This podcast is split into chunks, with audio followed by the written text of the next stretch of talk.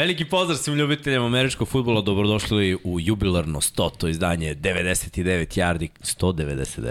199 yardi. Nekako, nekako čudno zvuči, ali nadam se da ste dobri, nadam se da ste raspoloženi kao i mi. Naravno, odmah vas pozivam da se subscribe-ujete na naš kanal, da udarite jedan like, da se pokrene algoritam i da pozdravimo sve naše svetioničare i naravno sve koji nas podržavaju putem Patreona. Ako želite da postanete jedan od naših članova, slobodno, nemojte ništa da vas prečava. Večera smo tu Jimmy, Vanja i ja, pa ćemo mm. onako pričati o svemu i svačemu. U NFL-u je zanimljivo, ima svega i svačega za priču, znači ne samo na terenu, nego je ono što je bilo van terena, ali ajde kao da, da prođemo ovaj deo uvoda pre nego što se bacimo na teren. Jimmy, nešto ti teo da kažeš možda? Ja, uvali ste, mislim to da kažem na taj način, ali hoću prvo da kažem jednu stvar, ljudi majice su tu, kao što vidite, ovo možda nije baš, ovaj, kako se zove, moje, moj prvi izbor, ali ja i preuzem neku zelenu sa nekim belim i to. Ali pogledajte, imamo različite varijante. Vidjet ćete, večera smo svi u, u, u majicama. Tu je čak i veliki srđan, iza njega ne vidite. Srđan skej majicu, bati on, on, je, on je ona žena iz Tommy Jerrya. Da. Gde se samo noge vide, njemu se čak ni noge ne vide, ali dobro. O, ne, šalno stranu, majice su već uh, uh, tu, mogu da se poručuju, tako? E, pa da, mislim, pitanje je samo da, da se utvrdi cena, ali ovaj, koliko je Pablo, Pablo koji je ovaj, El Jefe, Dom Pavlo sad je da. El Jefe, da. tako da El Jefe je rekao da, da je neka cena ko, koja je okvirna 2700, da, da će to biti cena za jednu majicu. Mi ovde imamo, osim džimijeve koji ste videli, bela sa zelenim, kao za, za filu, za džece, uh, moja koja je Minnesota ili Baltimore, imamo Vanjenu koja, koja je... straight charges, nema da, to okoliše. Da, da, da su malo, da je žuta druga malo bilo, mo, mogli su da budu u Remsi, ali Ma, ovako, da, da. nekako su charges i tu nam je Tampa. Tako je. Ili Atlanta. Da, Bravo. zavisi kako gledate, ko šta voli. E, tu nam je i Baltimore ili Minnesota, ali uh, Znači, ovo je, ovo je pozadi. Da. Da, ima, ima, bit će na sajtu svašta nešto, Infinity Lighthouse. Da, ali ono što kao... hoću da kažem da sve ove boje su prave boje timova, čisto da znate. Tako da smo da. zaista uzeli te prave boje. A, nije bilo lako da ih dobijemo, ali da, da. smo ih ovaj, na kraju E pa bilo je bilo je ovaj priča da ćemo imati special edition mm, i to će hoć, to će hoć, uslediti to ono što smo pričali zašto smo ovo stvari terali da glasate na onu anketu da bismo imali predstavu kojih 5-6 timova je nekako najzastupljeniji u Srbiji i u regionu. Tako da smo došli do, do neke ideje da nešto što ima veze sa timovima stavimo neki natpis na majicu, pošto logo ne smemo da koristimo u, u prodaji, te majice će tek biti u upotrebi. Ovo je ovako klasičan logo, mali znak da podržite 99 yardi. Dobro, ček i pivo. Evo su majice. Yes. možda su se čekalo dve godine. Ej, ali ko je probao pivo?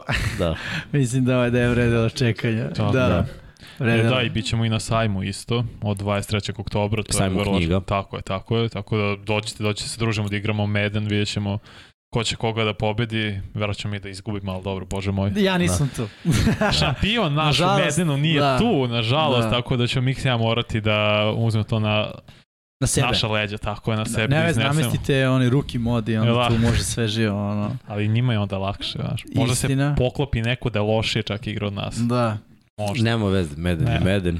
E, ali isto i prema što krenemo sa futbolskim temama, uh, ono što naš srđan uvek govori, a to je ono da se mazite, da se pazite, ali stvarno tako ljudi daj da brinemo jedni od drugima, jer ono, ovaj, uh, to, mi kao zajednica, ljudi koji volimo američku nismo samo to, treba da budemo i ljudi pre svega, a kao što znate, uh, partneri smo sa, sa UNICEF-om, mi kao, kao Infinity Lighthouse, to je sa UNICEF-om, ne znam što sam akcentom malo čudnije, ali eto, kogod je u prilici, uh, možete pošaljati poruku sa sadržajem 200 ili 500 na broj 9656, na taj način postajete mesečni uh, donatori uh, UNICEF-a, eto, ajde da svakom detetu pružimo priliku da, da ima ako ne skroz fair, ali što je više moguće fair šansu u, u životu i mislim da je to lep cilj i ovaj, eh, eto, pozivamo vas da, da postanete mesečni, mesečni donori, naravno koliko ste to u mogućnosti, jer to je jedna lepa stvar koju, koja, okupili smo se oko futbola, ali ajde sada da, da ovaj, isijavamo tu pozitivnu energiju na, na sva druga polja. Dobro, A? dobro, skoro. Nisam kao srđan, da? Blizu, da, blizu, bar, bar, da. Neki 75%, to ti Ok, pritom ja nemam skriptovan tekst, mislim nema ni srđan, ali on, on to govori toliko često da je to skoro... Pa već ne brini, ti ćeš. Srki, vrat. Ja, ništa, ajde, rekli smo ovo za majice, rekli smo, dobro nismo rekli za, za knjigu, Mislim, i to, to je uskoro. poenta sajma tako uskoro tako NFL, NFL dinastija, to, to je nešto što obećamo. Mislim, sve mi nešto obećamo, obećamo godinama već, ali eto sad je konačno došao trenutak da ispuštujemo neka naša obećanja i dobro, ove majice na nama, to je ono prvi znak. Hmm. Pivo je bilo onako čisto da skupimo malo. Da... Pivo nikad nismo obećali. Da, nismo. Pivo da, samo, samo da, bilo, pam, evo ga. Da. Tako da, dobro, šta, šta smo obećali večeras? Večeras smo obećali jedan thumbnail koji moramo da vidimo. Moramo da ga vidimo, da. Bilo je priče da oko thumbnaila, šta, kako i nekako smo se svi složili da nam je najveći utisak prošle nedelje ono, uh, ok, ovo nekako ne ide kontra thumbnaila, ali ok, a to su oni uh, uh, pass interference, ne, ne Racing the Passer, da, kolovi koje su sudije imale, jedan je bio na Bradyu, Tako je, Jedan je bio na, na Derekaru, Dereku Karu. Da, da, ali da. gledaj, bilo ih je mnogo... Bilo ih je mnogo tokom dosadašnjeg dela sezone. I bilo ih je mnogo koji nisu, koji nisu dosuđeni. Mm. I onda, nakon što onoga što se desilo tu i nekako su svi počeli da. da, da preteruju u donošenju ovih odluka šta jeste, šta nije. I ono, ono što je meni bilo jako smešno, to, to sam se šalio u prenosu sa, sa Nešom, jeste skeč Kevina Harta koji je jednom gostovao da, da, i da. bukvalno je ovo zahtevao. Da, znači, Tako jedan defanzivac mora da ima jastuk, drugi mora da ima ćebence i onda da. moraju polako da ga spuste na jastuče i ćebence, da. a sudija sve to gleda i drži zastavicu onako, da hoće, neće, hoće, neće, da li je bilo dovoljno nežno ili ne. Mislim, ako poredimo sa onim sportom koji smo mi počeli da treniramo, ti I ja, počeli da gledamo, i počeli da gledamo nekada gde je bilo ubi kotrbeka, da. ali bukvalno je bilo ubi, povredi, e, to toga ne danas da više nema ne, nego je ono ne smeš u noge, ne smeš gore, ne smeš sada ni da padneš preko njega. Tako jako je. je teško ti ti ti kaže ti si defanzivac, ja ja kao ofanzivac iskreno ako mogu da biram kako neko hoće da me udari, najviše sam mrzeo ono u letanju kolena, eto to je jedino da. što ostalo sve mi je bilo okej, okay, mislim trenujem kontakt sport.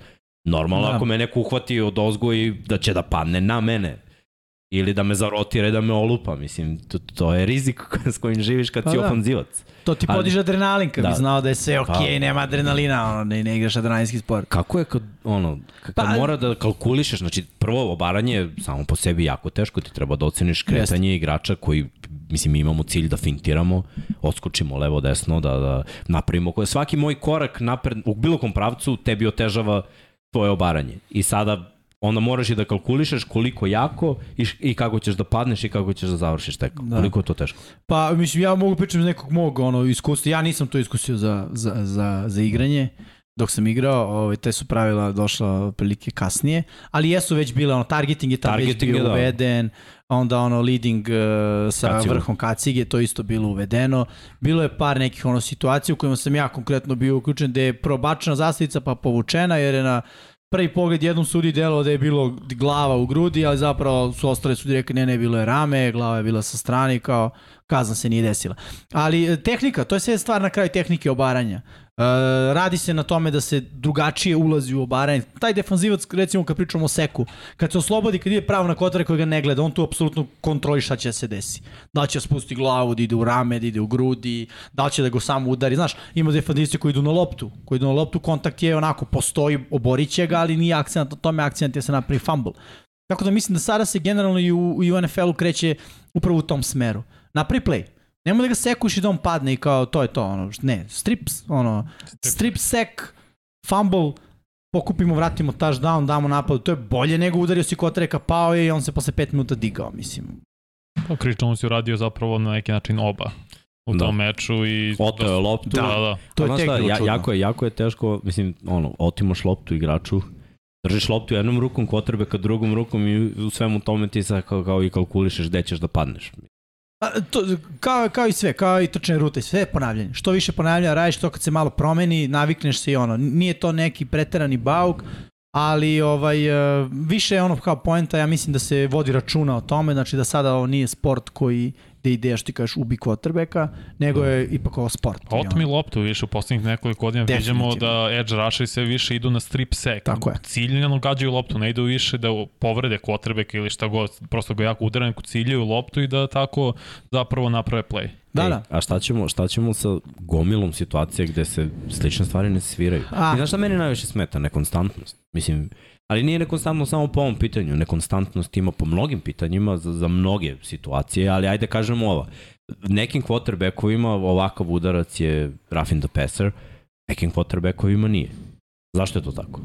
Mislim, tu kad je bio on oboren, nije bio roughing the passer. Nije, on je bio gurka, ko je tačno, prvi ili drugi? Ne, udarac? ovaj, Poslednji. Po, potres mozga. Da. da, da nije bio Raven the Best. Uh, za tu misliš? Da. Ne, da. nije, nije. Nije, nije definitivno. I onda, gledaj, ista slična situacija, rotiranje Brady-a je 15 yardi kad. Pa, to je pretrena reakcija na ovo za tu. To je to bukvalno. Dobro, evo i ove nedelje isto je bilo nekoliko situacija, Pickett je dobio. Mislim, ima mnogo quarterbackova koji su dobili udarac tu i tamo da, da sudije ne sviraju. Mislim, ja sam ubeđen da Brady da ima taj malo kredit. Do, do da, ima sigurno, sigurno. Brady ima taj kredit. Sudija je procenio da nema potrebe da to uradiš. Znaš, Sekovo si ga, ono, nije bilo potrebe da padneš na Toma Brady-a. Mm. Mislim, ono, Sigurno da ima to, znaš, prvo Brady zna te ljude, mislim, on je u, u ligi 20 godina. On neke od tih ljudi verovatno zna i lično i njihove porodice i sve živo. Kad si toliko dugo u ligi i ko zna koliko se od tih sudija, da mi ne znamo, i slikalo sa njimi i da im je on potpis. Znaš, ono, stvori se ta neka konekcija na ljudskoj osnovi. Naravno, svega toga ne bi trebalo da bude i, mislim, moje generalno mišljenje toga nema. I dalje sudije ne utiču na tok utakmice u toj meri. Pa uticao na Atlantu. Nije mi, nije mi uticao, nije sad, nisu oni njima oduzeli pobedu, ali su im oduzeli šansu da pobede. I to imam problem. Atlanta se zaletela da su tad, izustavili su tad je bio treći dan, zar ne?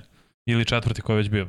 Bio bi lopta za Atlantu. Da, ali da li bi Atlanta su... bila bolja ekipa da je pobedila Tampu, znaš, na primjer. A ne veze, ali su im odlužili šansu od pobede. Pa ne, ne znam. Znaš... Zamisli sad da je obrnuto, da je slučajno su vidi. pobedili, pošto je bilo koliko 21-15, da su postigli ta žalna ekstra poen, Tampa 2-3. Da.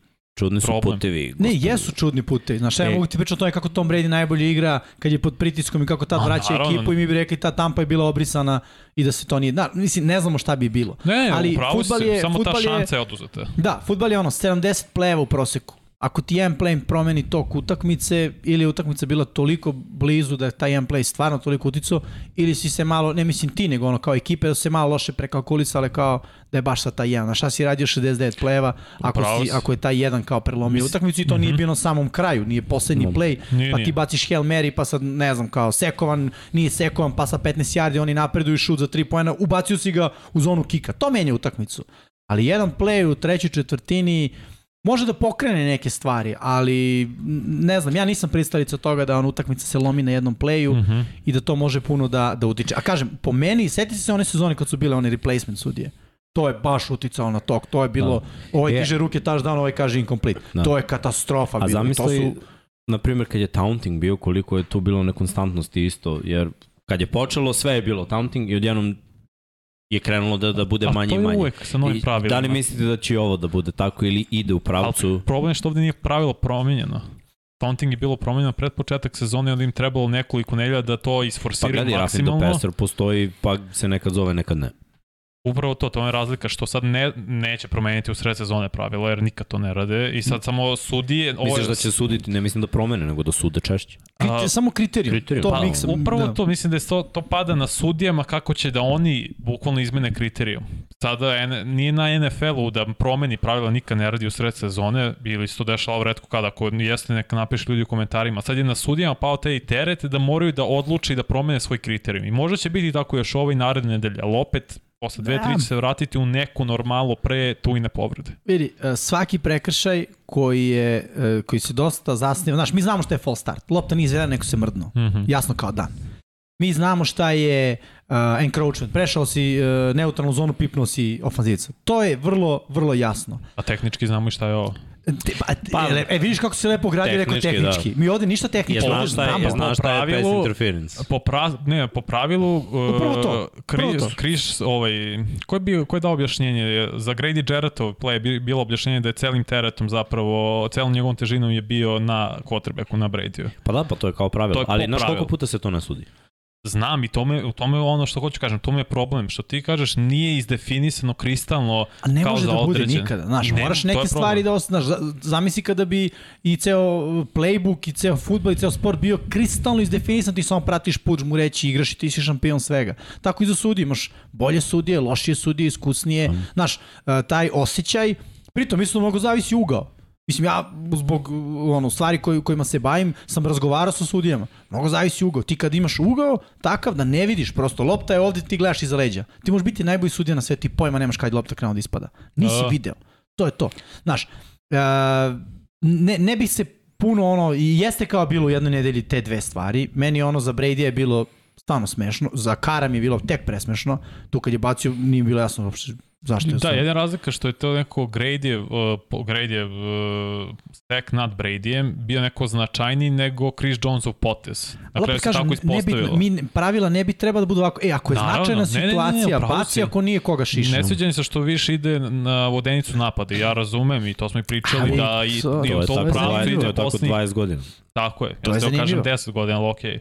20. kad se igrao rolovski futbal, NFL nije bio najgledaniji Bilo sport su u Americi. zvezde, running back koji su bili glavne zvezde. Da, ali nije je bio bilo- naj, najgledaniji sport da. u Americi, mislim da je bio NBA, to je bilo. N- NBA, baseball je Jeste, bilo. Bilo je dosadnije, znaš. Bilo je Da, da, dosadnije, znaš. A Plus, znaš šta je bio najveći problem? Quarterback koji su se mnogo povređivali. Jeste.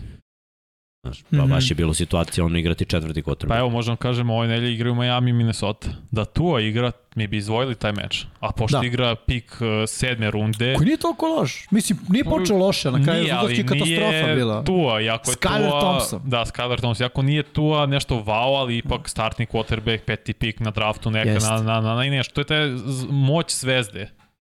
Pa I I sad moć, moć i de facto lidera po poziciji Mhm.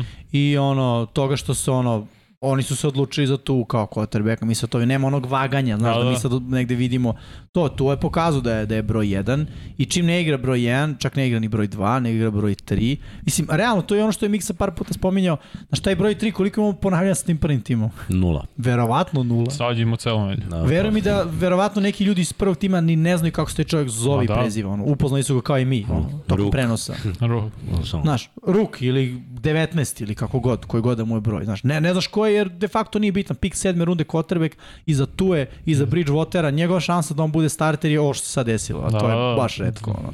Da Tue potresa ima dva konkašana, a da Teddy B, Isto. nažalost, on uvek ima konkašan. Svake godine manje više. Ili neku povredu. Ajde, ajde da se osvrnemo na utakmice prethodnog kola. Srki, to bi bilo lepo da vidimo malo šta se tu prvo što izdešavalo, ove mi što smo mi izdvojili. Izdvojili. Da krenemo odatle. Zašto uzdišeš? Oha. Aha. Jao, pa da, sve je krenulo iz Londona. London. meč smo i izdvojili zato što, da, bili smo sumnjičavi, ali ono kao prvi meč u Londonu sa dve ekipe sa pobedničkim skorom, bilo je kao Mm. moramo ovo da izdvojimo i kad smo izdvojili, krenulo je dominantno od strane Packersa. Jeste.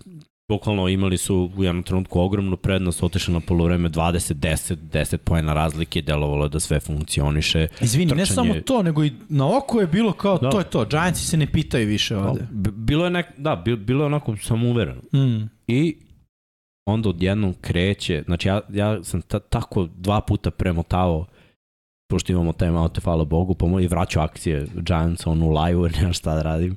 I kada pogledam još jednom kako su ovaj drive odradili da daju touchdown i bukvalno se ono divi. Moj Dable je kralj. Jeste. I Danny Dimes je odigrao vrhunski. Na- Znači, Dable ga je stavio u poziciju da on Da. igra dobar futbol. Bolji Poče, futbol. poče dobro da donosi odluke kada da trči, da ušuška loptu, kada Mhm. ne. Barkley, znači nakon hvatanja, kada Comeback izađe na otvoreno, aj tako da kažem. I kad trči kad izađe na otvoreno, ali dobro je da, da je trener video, ok, ako ne može uvek da dođe u poziciju da izađe na otvoreno kroz O-line, D-line, ajde da ga stavimo, ono, trčiš out cross. I daš mu loptu, on je već s linebackerima u liniji. Brži od linebackera i dok ispravi, veći od safety-a i ono, tehnički to je problem. I ima dobre finte. To, Ne znam to ko je to pričao, ima strpljenja. Sačeka lepo i, i ima stvarno odličan pregled celog terena. Sačeka ako vidi da se otvori rupa, bam prolazi. Jer deša, videli smo što se dešavalo prethodnih godina. Kad nema, kad linija ne radi svoj posao, on iza linije skrimidža 3-4 yardi prođe dvojicu, osvoji dva ili dođe jedva do nula i to je to. Nema nikakvog gejna. Cela postavka Giantsa u drugom poluvremenu, ono, prilagođavanje je bilo fantastično. A, počeli su, Danny Dimes nije trčao uopšte u prvom poluvremenu, zbog onog zloba koji je bio upitan. Ja pretpostavljam da je polovremenu bilo ono, Deni kako izgleda zglob, izgleda sjajno. Ok, cool. Posle je krenulo trčanje. Imao je dizajnirana trčanja, i imao je situacije gde on trčao jer je ono bežao. I odlično to radi. I ove godine ono, mislim da je, da je, da je to odgovor za Giantse. Taj Danny Dimes koji, jel, znaš, i, i, i kada to Kotorek ubaci u svoju igru, on automatski postaje odlučniji. Jer uh, taj moment kad ti treba da doneseš odluku da li ćeš da, ba, da pas akciju završiš pasom ili ćeš da spakuješ loptu i kreneš da trčiš kao bolju opciju, mm -hmm. sve je pokriveno, ti pomaže da generalno prvo budeš samouvereniji, ti trčiš realno te jardi kada se otvori, kada on istrči, to je 7-8 jardi lagan, on ukliza zaštićen kao beli medved, niko ne sme da ga pipne, nema udarca, osvojio je jarde, pomerio lance, na primer, to je boost samopouzdanja, ono, neverovatan. Mislim da, da to isto malo cr, onako dodatno upumpava tu pozitivnu energiju u, u Daniel pa, Johnson. Pa, Jimmy, pitanje za vas kao trenere. Gledam sa Green Bay i izvuko se nam zanimalo, Oni u 21 četvrtinu su odigrali do sad, računajući uh, produžetki sa Patriotama. U 8 nisu postigli poene. U 4 još su postigli 3 ili manje, računajući sad ovaj safety što je bio nameran od strane Giants. To je meni deluje da do game plana, jer oni imaju određen game plan i dešava se u par utakmica u drugom polovremenu nula protiv Patriot, protiv, pardon, Buccaneers 0, sad de facto 0. Da, gledaj. I to je, ne, kao da ne menjaju game plan uopšte i samo se drže onoga, Lefler kao zatocan se drži nečega I to je to. I pa nikakva uh, promena, pogotovo u ofanzivnoj šemi. Kada tri godine za redom imaš 13 pobjeda, onda naš, imaš jednu dozu konstantnosti u koju veruješ. Mm -hmm. I, I zato ne menjaš. Opet, kroz sve ove nedelje, mi gledamo loptu u rukama koja se ispušta. Svaki nedelje. Ne jednom, nego ono, dizajn akcije je super, sve je prošlo, fake je prošao, pas savršen, hvatač ispušta loptu. Svake nedelje neko od ovih ruke ispusti jednu ili dve. U svakoj utakmici jednu ili dve. Uhvate oni nešto, urade dobro, čak i veterani, ono, pa ispusti loptu, novi prvi down je bio. Umesto toga, punt i ne daju poene. Egzekucija, To je najteže navežbati u, u američkom futbolu. Čekaj, ako znaš zašto se ne forsira više Dillon i Jones? Ne, pa, Jones sve manje ima jardi je, trčanjem bez ikakvog razloga. Ovo je, ovo je savršen plan koji bi funkcionisao da svi odrade svoj posao. Znaš šta, najteže je da svi odrade svoj posao. Opravno. I mislim da to sve može da se promeni. Nije, nije ono, nije panika, a ako mene pitate, nije panike, jer ono, ima, u svakoj utakmici koju su izgubili, oni su imali manje više dva, tri pleja koji su mogli da promene totalno to utakmice moraš ove klince, ove hvatače da nateraš da se iskažu. Kako ćeš da, ako ih konstantno stavljaš ono, u spotlight, konstantan pritisak, i, znaš, oni kad gledaju film, treneri, Rodgers i oni su samokritični. Sigurno kada vide ono kao, ovde sam imao touchdown. Ovde sam imao prvi down. Ovde sam imao ovo, a nisam uradio ovo. To je, to je meni najveći problem. Zašto nema backup plana? To e, pa, telo mi kao da samo imaš glavni plan i ništa iza toga. Sad hoću ti kažem jednu stvar da, upravo za, vezano za to. Ti napraviš plan i završiš po vreme 20-10 i na oko kontrolišeš stvari. Šta, za, zašto, prvo pitanje je zašto menjaš? Mm -hmm. Znaš, to je mnogo nezgodna a, a, a, cela teorija, teorema, kako već da je nazovemo, ono, kada menjaš? Jel menjaš kad vodiš? Da, zašto kad on što radiš radi? Jer menjaš kad gubiš, moraš da menjaš. E sad, ti kao ekipa koja vodi, moraš da budeš spreman na to šta će da uradi ekipa koja gubi, kako će da prilagodi igru, a da ti dalje imaš odgovor e, na to. to. To je jako teža zadatak. Jer ti, znaš, ne znaš koje oni promene prave. Ti možeš da pretpostaviš, ali ako ti u drugom polovremenu potpunosti odbaciš game plan koji si imao u prvom, sasvim je legitimno pitanje da neko pita, a zašto kad si još si radio je prolazilo I ono, osvajao si jarde, postizao si poene, zašto menjaš? Ako ne promeniš, a oni napred promene koje su dobre, ti si zatvoren da je pitanje, a zašto nisi menjao? Znaš, to je stvarno onako vrlo nezgodno pitanje, ne, ne idem ništa u odbranu, znači oni su svi debelo plaćeni da sve te stvari gledaju, analiziraju, znaju, pretpostave koje će promene Giantsi da napravi u odbrani, ali prosto nekad i, ca, i, i, i cela ta realnost Green Bay, što kaže miksa mladih hvatači. Znaš, ti mentalno treba da znaš da vodiš i da završiš utakmicu, drugačije nego kad, znaš, ti kada gubiš, ti, ono, kažu ljudi imaš sreće, ne moraš da imaš sreće, ti malo više rizikuješ, a zakoni svi koje mi poznajemo što više rizikuješ, veća je potencijalna mm -hmm. nagrada, šansa je manja da je dobiješ, ali veća nagrada. I tako i onda ekipa koja više rizikuje počinje da potencijalno ono osvaja veću nagradu, ekipa koja manje rizikuje, znaš, igramo, ne znam, treći za 8, trčit ćemo sa draw Jonesa za 7 jadi, četvrti za 1 punt. E, ali to je problem što, možda ne znam koliko su puta trčali i Jones i Dillon. Ne, na oko nisu Dillon dovoljno. Dillon 6, Jones 3. Da. E, pa, ali to, zašto to nije da. bilo forsiranje u drugom polovremenu kad vodiš Dva, sa dva posle bilo je 20-10. Ali vidi ruku na srce nisu imali, Giants imali prvu loptu, postigli su svega 3 poena u toj četvrtini. No. Znači i dalje si imao touchdown prednost. Zašto nisi trošio više vreme? Nisi si više forsirao zašto ne trčanje? mogu osvoje novi prvi down. Znaš kako najviše trošiš vreme, ne samo zato što trčiš, nego što osvajaš novi prvi down. Tako je, Jer ti ako trčiš tri puta, koliko si potrošio? Dva minuta. maksimum, da. I a ako nisu svoj novi prvi down, šta radiš? Pantuješ. Da. I onda oni imaju novu šansu. Tako da ono, treba da trčiš, mora da osvojaš novi prvi down. I bilo je situacija, znači ovde kad pogledaš targete, Kob, 13 targeta, 7 hvatanja. To je 50% Loše. skoro, malo više. Malo A to je, to je najbolji hvatač na Mm. ovoj utakmici. Lazard isto, 50%. Četiri uhvaćeno, osam targeta. Malo. Znači, mo, mora da bude bolje. I ostatak ekipe, opet taj Dubs, on se već čeka šta ima, dva- 29 yardi, 3 od 5. Njima je potrebno da svako ispuni ono svoju kvotu. Znači imaš pet targeta, pet dizajneranih akcija za tebe. Ako je lopta pet puta uhvatljiva, ti mora uhvatiš loptu pet puta. 8 puta. Mora uhvatiš 8 puta. 13 puta. Ok, preko 10 računaš ono jedno, Ja, je, je, jedno, dva da, da ono, ako je dobra odbrana, jer gledaj, nije sve bilo odbranjen pas. Nije. Naravno. Oni imaju, oni imaju ono, ili dropove ili se ne otvaraju. Nekompletiranih Rodgersovih dodavanja, tih 14-10 su išli ka Kobu i La- Lazard. To, to je, šta ti to govori? To su dve prve hvatačke opcije. Trenutno. Znači, ne rade svoj posao. La, Lazard je trčao fade, izgurao ga čovek u out. Ko je kriv tu? Nije Rodgers. Postoji ono disciplina za trčanje fade koje se uči ono od malena. Znači ti možda ostaneš na brojevima i da daš potrebe kod brojeva do auta, to je ono, 4 jarde. Da. To je njegov prozor da on baci loptu s polja od tebe, da defanzivni bek ako krene tad da te gura, Mm -hmm. ne može ti izgura u aut, nego do auta da i dalje si u autu kad, kad hvataš tu loptu. Mislim, hiljadu falinki imaju još uvek. Znači, ok, Lazard je bio povređen, Kobe je mator, Sammy Watkins se povredio, naravno. Pa znamo, E, ko je priča Giantsa, Danny Dimes. ne, e, Giantsi imaju, koja je najuspešnija akcija trčanjem bila za Bilse posljednje dve godine? Late quarterback draw. Da, da, da. Spread, pet hvatača, odbrana se raširi, igraju unutra sa pet, ti imaš pet linijaša, 1-2, double team, otvore A gap, Josh Allen kroz A gap. Da, da. Šta je sad najbolja akcija Giantsa trčanjem koliko je ono najviše neočekivano. Znači, kad stane Barkley u backfield, ti popuniš boks, staviš 7-8 ljudi. Kada raširiš u spread, koliko ljudi u boksu? 5-6. Mm. Otvore A ili B gap i Danny Dimes sa sekundom, mislim, on pusti korak visoki, isto kao i Josh Allen. I kad pusti korak, to je 5 yardi. Uglavnom, zna da iskoristi ugo i to je 10 yardi. Green Bay to nije dobro branio. Znači, Green Bay prošle godine koje ubio, je, ubio ih je Huntley, da Fields ima malo bolju ofenzivnu liniju, ubio bi ih i on, verovatno. Verujem da, da ne znaju da brane kvotrbeka koji trči. Na, Mislim, na ovaj način. To je problem mnogim ekipama. To se teško brani, kao što si rekao, ti si out, ono, outnumbered. I ako staviš dva hvatača na jednu stranu, ti idealno hoćeš da imaš tri defanzivca da ih čuvaju, to je već tri otišlo. Staviš tri na drugu stranu, ti hoćeš da imaš četiri, to je već sedam i četiri u defanzivnoj liniji, 11. To je to, ti nemaš nikog u sredini.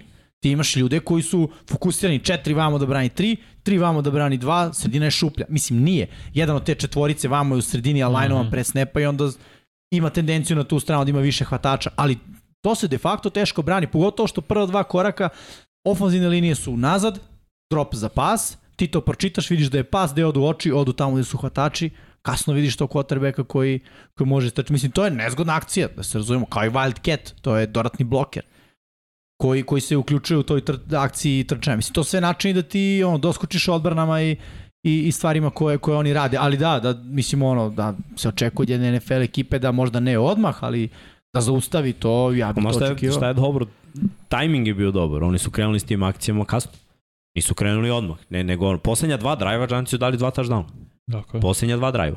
Znači, to, to je u stvari bila po, poenta njihova. Znači, u poslednjim trenucima kada je bilo važno, oni su odradili posao Green Bay stav.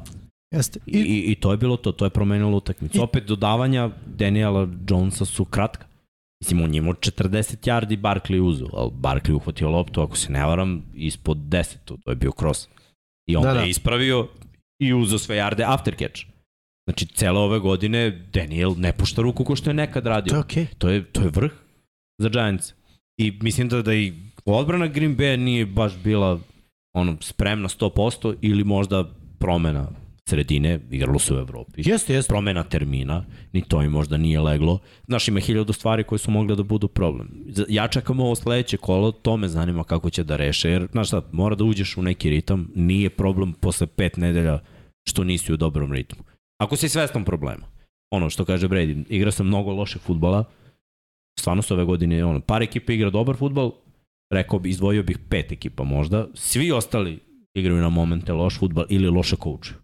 I možemo da pričamo o tome kako budemo ono prolazili dalje, ali ovde ne bi ne bi odmah rekao Lefler, Rodgers, Ne, ne, ne, Green ne, Bay. ne. Mislim da ima još vremena. Bravo Giantsi.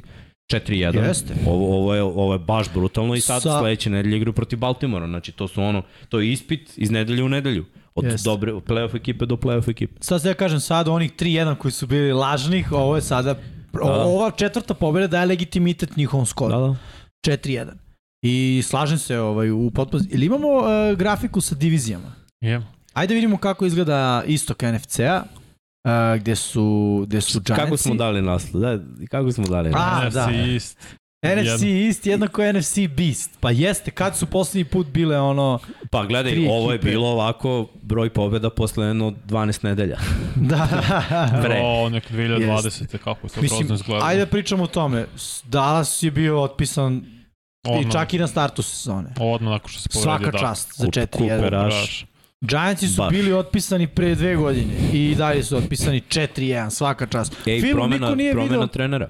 jeste, jeste, ali kažem, Philly niko nije video 5-0. Ne, videli, nismo brate, videli. rekli Ti smo. nisi, nas dvojica smo videli. A, Ti si bio da, kao, a smeškao se sve Da, vreme. da, kao, ma kao da, ne. kao možda, ali Pa dobro, ne, ajde. ajde. Pa, mi smo okay. priča od Marta, kad su sve one potpisali plus draft, Fila je najbolji tim u za diviziji. Dobro, vidjet ćemo. Philly je bio lakši raspored. Pazi konferenciju 4-0.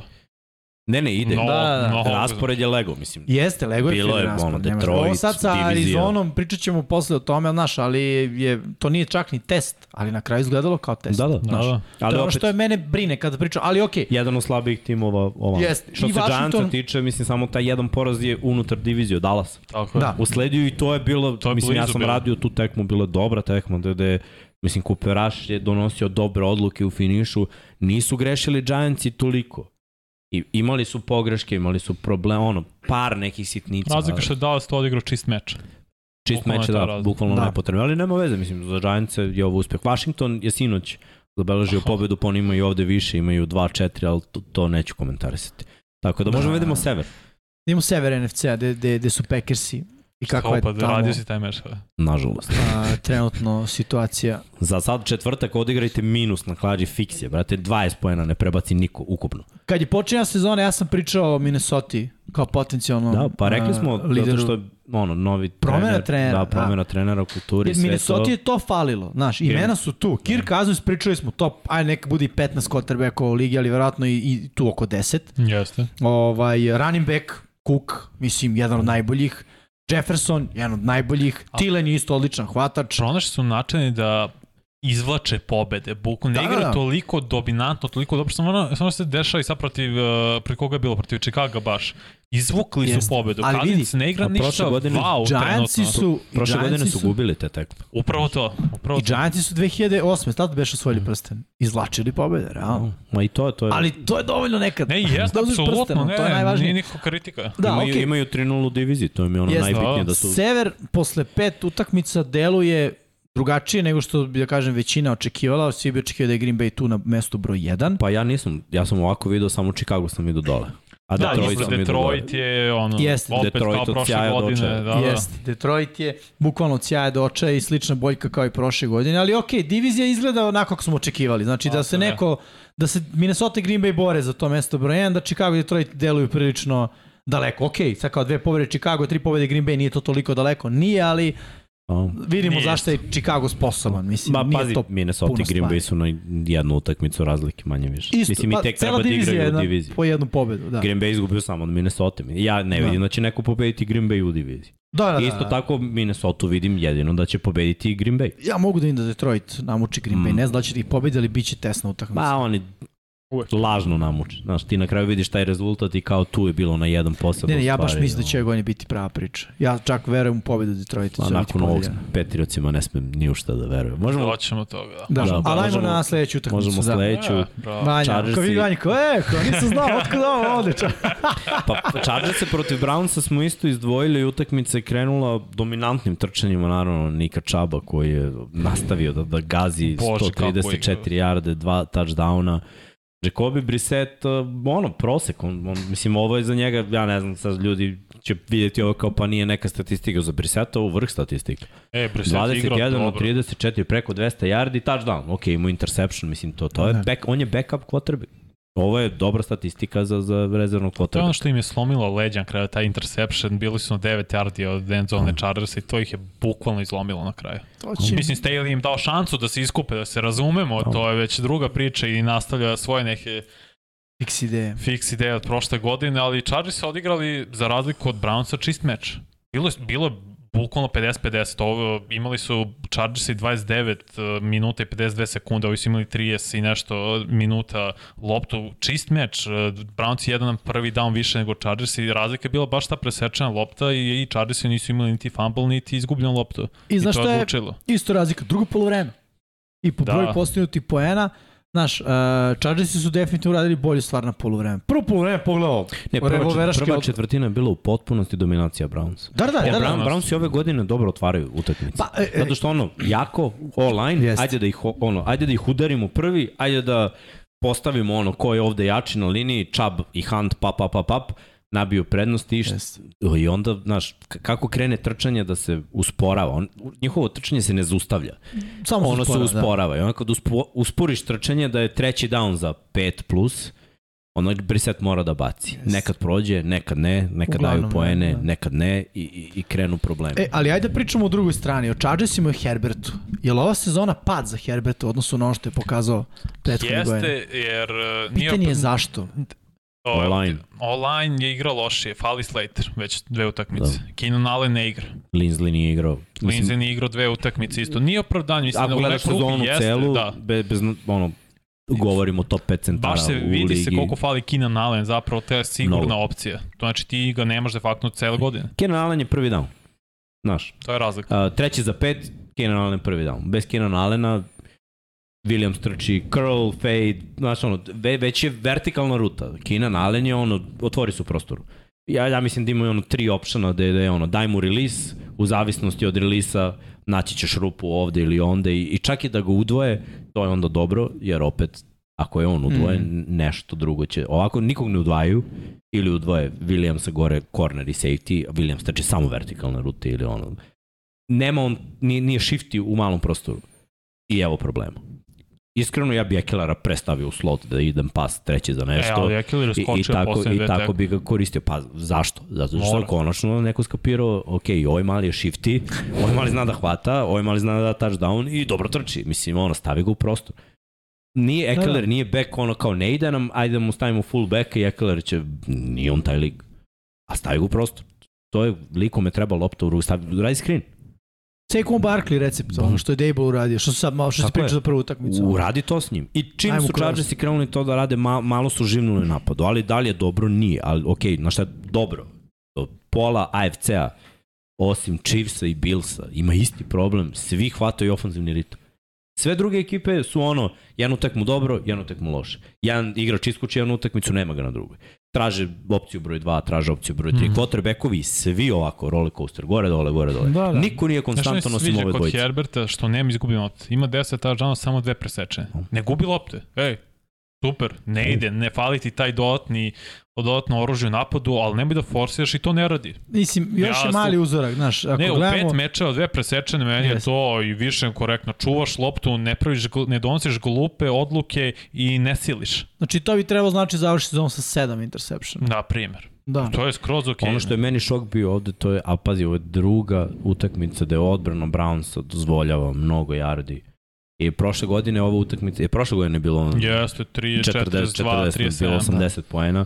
O, ove godine je bilo drugačija utakmica, ali opet su Chargers imali mnogo yardi. Prošle godine je Mike Williams imao 200, ove godine je Ekeler imao 200. Ekeler je Znači, ajde, odlučio si, pro, neće nas dobiti Williams, njega ćemo da zatvorimo, mislim, Williams je opet imao preko 100, 134.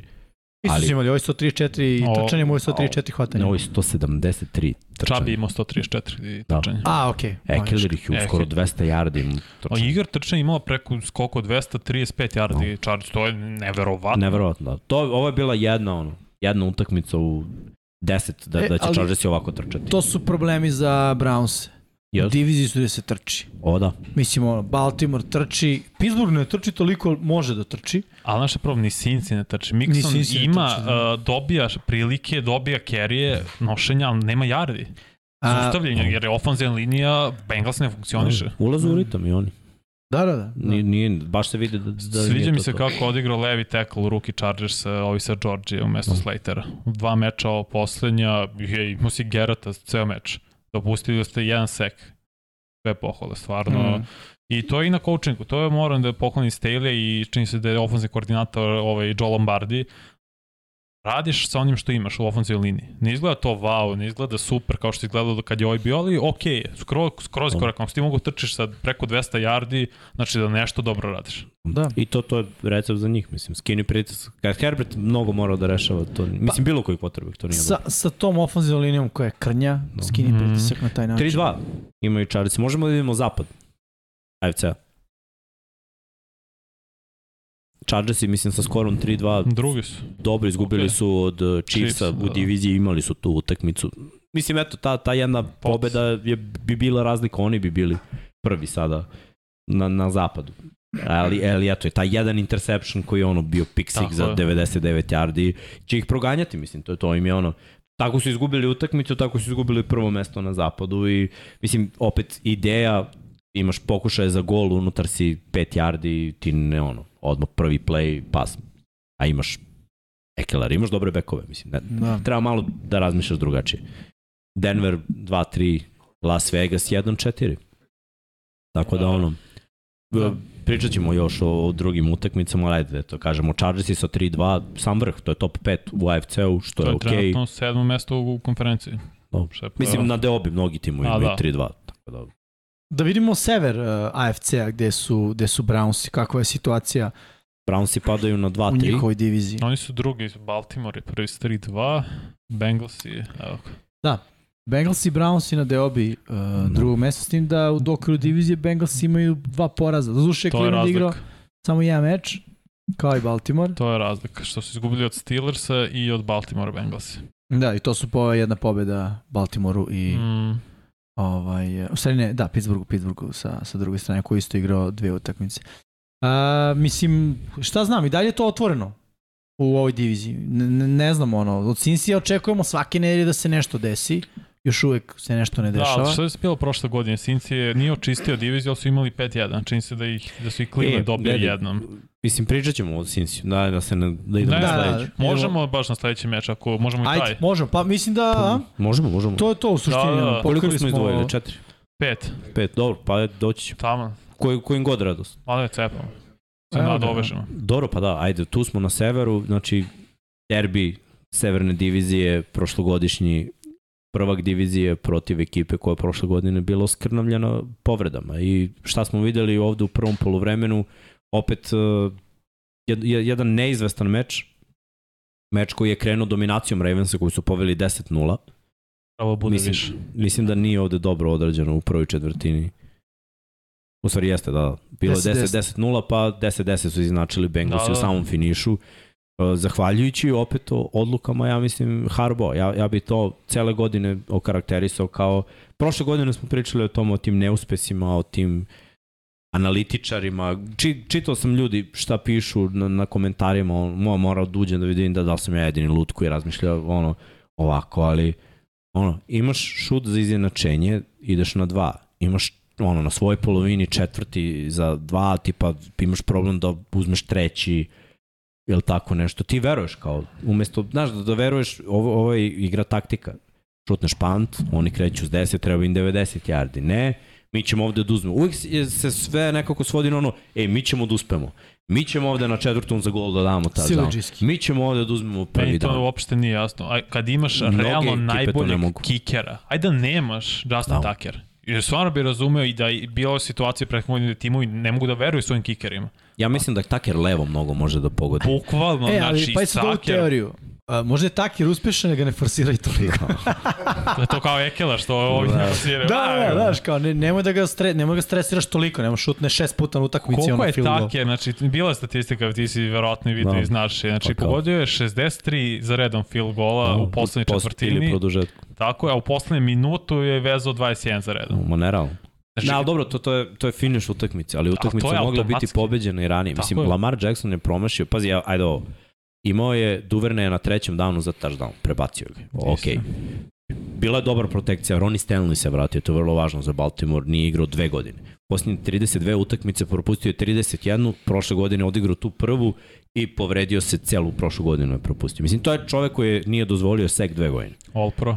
I, Pa dobro, ne možeš dozvoliš kad ne igraš. Ne, ne, ne, ne, on je, on, on je, Pa prethodne on je tamo. dve, On je znači četiri godine. I mislim, mi kad smo glasali za najboljeg Ja ofanzivnog... nisam nikad dozvolio seks, samo da znaš. Kad smo glasali za najboljeg ofanzivnog tekla onda, njega smo stavili na broj 1. Šalim Jer imao da. najbolju sezonu. Stvarno je odigrao bolest.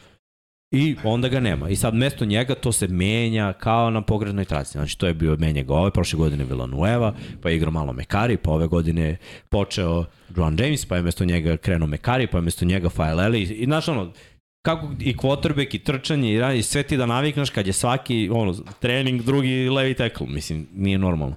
Čim je stao Stanley, krenulo je malo bolje. Trčanje, da kažemo, s obzirom da je rezervni backfield i dalje, da je Dobbins dobija na kašečicu, šanse krenulo nekako, ali Lamar ide se na četvrti, nakon toga on ima čoveka samo, samo, To mi nije znači jasno. Kako imao je vremena, imao je vremena, znači samo je trebalo ono, iz globa da ćušne to, jer gledaj, čak i da je bilo kompletirano da on je teo touchdown, kapira, ali mislim, četvrti je down, treba ti, treba ti prvi down, daš tu loptu koju on može da uhvati, pa makar i da ga stigne čovek i da ga obori, daj mu loptu čoveče na mesto, nemoj da mu daješ ispred, da, da postoji i ovolicni rizik da i on ne stigne, to ne sme da se uradi. Ist, na istu stranu je bacio interception, zato što je prebacio čoveka metar. I to ne samo da ga je prebacio, nego ga je Baš je bacio loše. iza i Mhm. visoko. Znači sve ono što ne smeš da uradiš kad gađaš korner ili out, znači ne sme da ode A, visoko, ne sme da da. Lamar ima lošu tehniku izbača i duboke lopte mu izgledaju mnogo lepo. Ali te, kad, bukvalno kad je niko, ni oko čoveka, on maši ta Mm. najprostije dodavanje i to ne mogu da sklopim u glavi kako je to moguće. Da. A, ne- može tu dosta stvari da bude, znaš, ofanzivna, defanzivna, mi gledamo sa strane iz perspektive prenosa i kao, kako ga nije video, znaš, možda ga Ne, ne, nije ne, video. nije stvarno. video, nego Ne, video je dobar, pazi, video je, imao je vremena, to je ono- dobar, ja sam gledao što je pričao, znaš, ono, gledao sam konferenciju za štampu i ono, mislim, vidim da se ono pojao za to i kao ono, kao mislim, ono, pobedili smo i ono, nemam sad šta da kritikujem sebe, ali bukvalno sve vreme ću da kritikujem sebe kad budemo gledali film, jer sam svestan šta sam promašio. I ono, imaš otvoreno dodavanje, nije bio pritisak, imao si vremena, da namestiš noge, namestiš ruku i promašio si dodavanje. Mislim, ono, ja kapiram da Lamar nije naviko da ima vremena i da namesti noge i ruke, jer konstantno beži i izmišlja neka dodavanja, ali mislim, nema opravdanja. Mislim, boriš se, ovo je godina ugovora. Mm. Ova utakmica mogla biti dobijena sa ono dva touchdowna razlike mnogo ranije. Nije moralo da se čeka posljednji drive da on krene da trči, jer trčanje njegovo uopšte nije išlo. Verujem da je, da je to čuvao Greg Roman za posljednji drive kako bi malo iznenadio Bengalsi, jer da su sve vreme to branili, mislim da, da bi bolje branio ovo na kraju im je bilo, oni nisu imali predstavu šta se dešava Da. i uspeo je da do- dovede ekipu do field goal zone i da se pointira opet s druge strane Buro je doveo ekipu do, do voćstva. Odradili su Čekaj, svoj posao. Joe Barrow u ovih pet mečeva igra iznad ispod, pardon, sv- svakih očekivanja. Igra, ali znaš šta, Joe, Joe Barrow je top neverovatno. 3 sekovan i udaren Ne, quarterback trenutno. jeste, i ligi. je 18 Bio je prošle puta. godine. čini mi 21 se. put je sekao. Spi- Sad sam pročitao 18. Bio, bila je ova grafika Ok, tamo da, da, da, da, da, je možda sam pogrešan, 21. nije važno. Bilo je ono kao uh, garaža Aha. i radnici su ofanzivna linija, razumeš, onako prljavi čađavi, on vozi kola neku olupinu kao, kao trabanta, razumeš da je ono, toliko je izlupan, toliko je izudaran da je u panici, drugo, play calling njihov, i opet i njihov play calling, Upravo to, čemu je double razlika? reverse pass, ono, Philly special, Ne, ne, ne, to... Videli smo Philly special mnogo puta, mislim, koliko odbrana se prošlo. sprema za to. Drugo, prošle godine 1000 yardi u dve utakmice protiv Baltimora.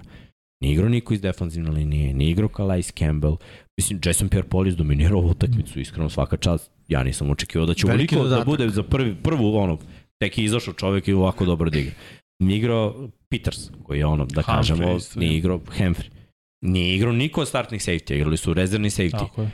Sa tim sekundarijem moglo je da se prangija mnogo. Znaš Ovde je? Jamar Chase bio maltretiran, mislim, bilo je par prekršaja, ali videlo se ono, bump na liniji skrimidža, sve vreme igraš pored njega, Boyd u nekim pokušajima da se iskaže, nije to bilo to. Higgins je bio povređen, to je bila velika falinka. Jest. Da je on igrao, bila bi razlika. Bilo bi, ali znaš šta je razlika od prošle godine? Sad imaju tape na Jamar Chase-u i na Baru sa svim oružjima.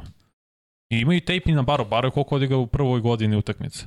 Pola možda sezone odigrao. Isto Možda neko napiše, šest, recimo. Da, nek neko napiše komentar na tačan broj. I sad od prošle godine imaju utakmice, imaju tape da rade scouting zapravo na njih.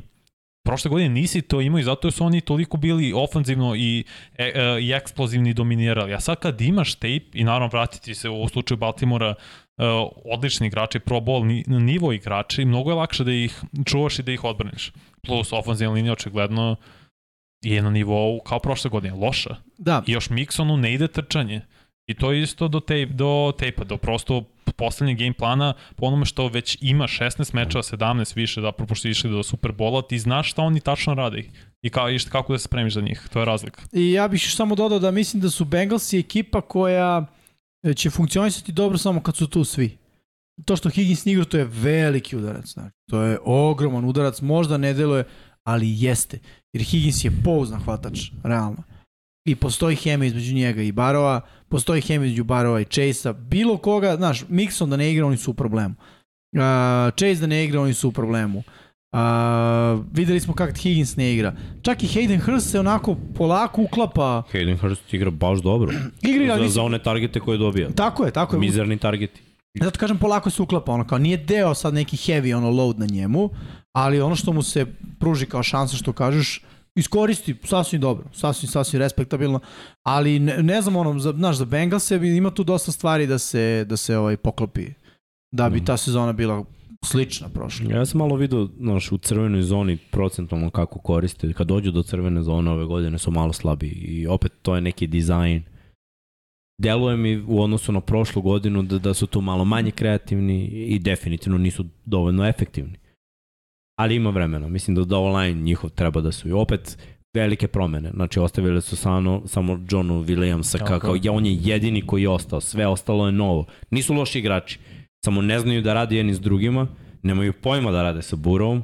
Vidi se da se s Miksonom još uvek nalaze kad, kad je trčanje. I to je meni problem. Inače, John Williams je odigrao najgoru utakmicu svih linijaša. Ovu. I nije samo ovu. Bilo, bilo je utakmica gde je on, znaš ono, kao da nije tu. On duh, duh koji stoji na, Da. le, na levom teklu. Prolaze ga ljudi, dolaze do udaraca, do, do seka i, i remete apsolutno sve. Da li je za Bengalse ovo zabrinjavajuće što su trenutno, što je trenutno Cleveland sa ono polu quarterbackom ispred njih? Pa na šta, Zabrinjavajuće što Barrow igraće- igra loše. Igraće, to je igraće međusobno, znaš, i onda to, to i nije toliki problem. Imaju Mislim, to da li je panic mod već sada za, za Bengals? Prvi tim ima Ne. 3-2, oni imaju 2-3. Da. Ono, to se Ok, promeni. ali ono, posle se pitanje koje su ti ambicije, da budeš prvi u diviziji, odeš u playoff i odeš kući, ili da A ideš... gledaj druge divizije. Gledaj druge divizije. Druge ekipe, u svakoj diviziji. Znači, Billsi i Chiefs imaju 4-1. Ko ima 3-2? Ima Tennessee Tennessee, Baltimore, Chargersi, i to je to. Miami, Ma, Miami, da. Jetsi. Gledaj, gledaj, Jets. gledaj, to su ekipe sve koje imaju jednu pobedu više. To su playoff, da kažeš onda Da, da, da. playoff ekipa. Toga Baltimore je, na primjer, prvi u diviziji. Pa misliš da je nedostižno? To nije. Nije, nije. Plus Bengalsi kako su izgubili ovu utakmicu. Na field goal u posljednjoj Da. sekundi 1%. Kako, sve utakmice koje su gubili, E, ali, gubili su ono, 1%. da, ali neka taj jedan posjed te dovede do prvog pika na draftu, tipa Detroit, Da, znaš, koji ali je gubio da, mislim da, jedan da, da su Bengalsi prošli tu fazu. Znaš, Detroit fazu. Ja, jesu, prosto samo mislim da neće biti toliko u napadu ek, eksplozivni kao prošle godine. Neće to izgledati toliko Delim wow. njegovu, nje, delim Jimmyvo mišljenje. Ako budu kompletni, bit će. Mm. Ali Ako bili budu su, nisu, kompletni. bili Nije nije Bili meču. igrao- su igrao- nedeljama 1-2, Da. koje su ono, nedelju igravanje, novo online i Da. sve. Gle, Higgins njima toliko znači. Jer, gle, imaš Higginsa i Chase-a, Boyd ostaje sam. Njega će da uzme nickel cornerback, jer on Ako igra u ima dovoljno slotu. vremena. Humphrey će da uzme višeg, a Peters će da uzme Chase. To otvara i Hursta i Boyd. Razumeš? Plus on dva najbolja kornera outside koji rade obaranja dosta.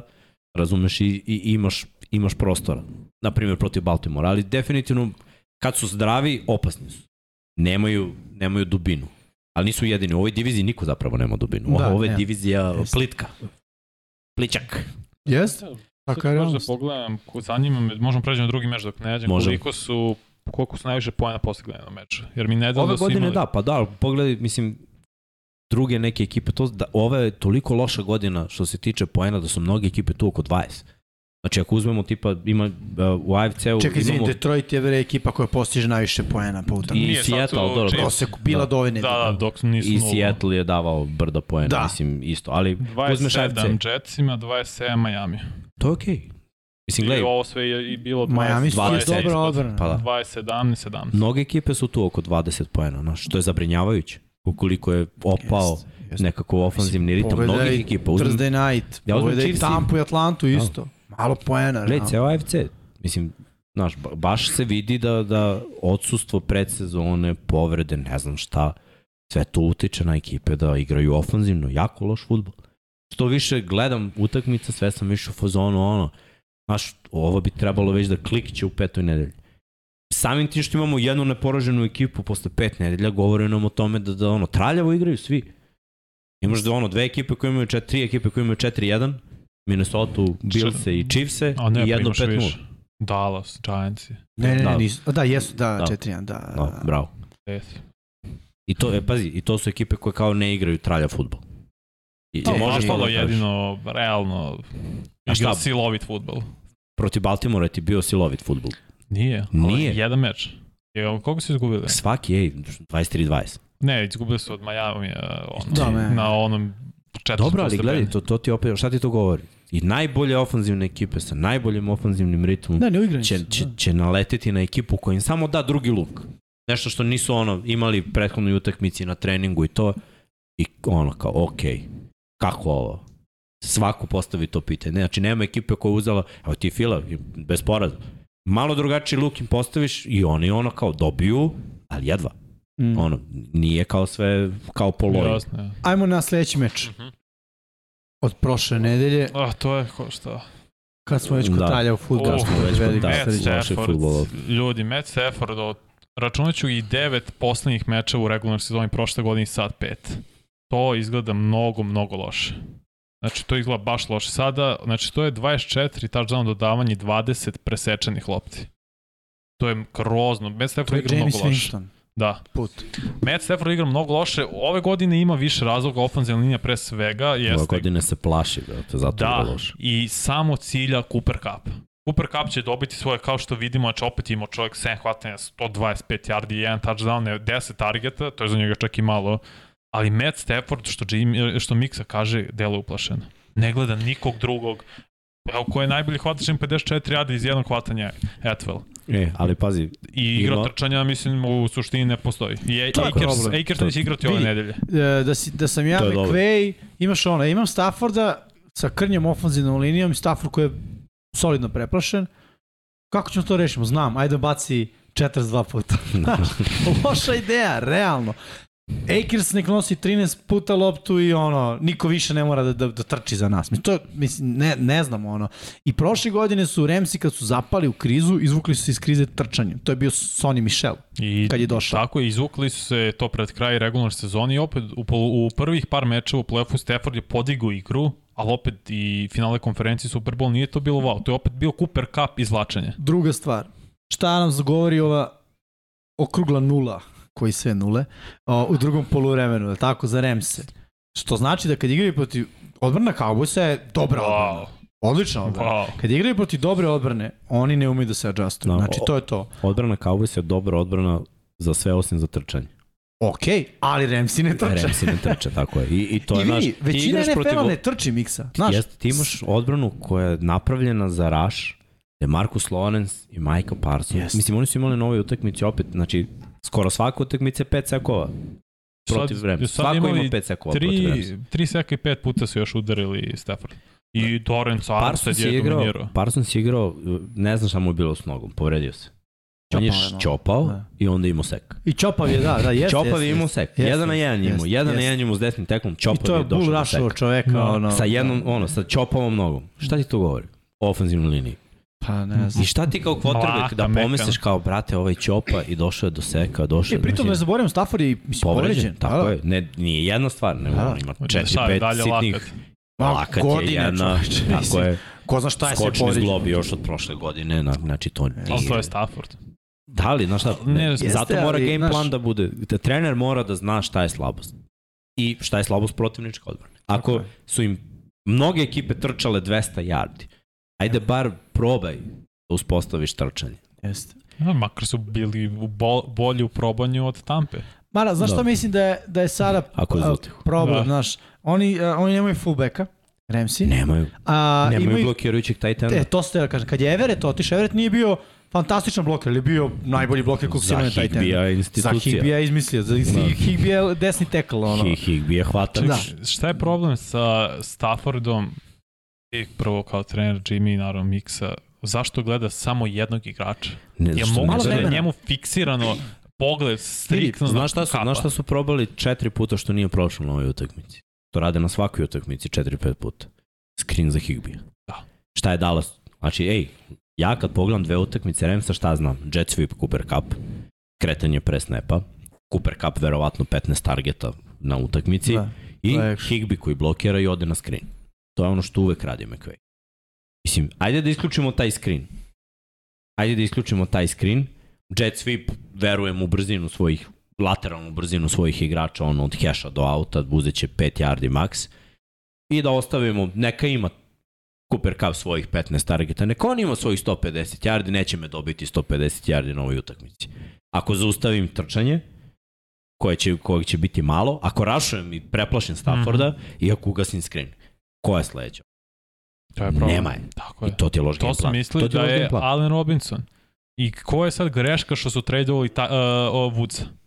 Nisu verovali da će Woods da se oporavi. Neverovatno Da, koja je da. to sad ispala Znaš, greška. To je Ali gledaj sad, jako bez veze. Odell Beckham kad je došao u Rams.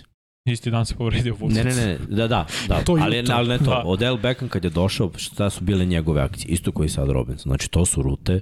Znači, stavite na backside i ono, bukvalno imaš slant, Ali Odell to dobro krki, radi. Ne kažem da dobro radio Robinson opening to... tekmu. Nije, nije, nije, to je istina. Da. Razumeš, prve tri tekme on nije imao ništa. Onda je tipa treću ili četvrtu tekmu imao Jeste. jedan uh, slant, trčao je pet puta slant, uhvatio je jednom ili dva puta, jednom je dobio udarac, ovaj ga je rešašavio, onda je trčao slago.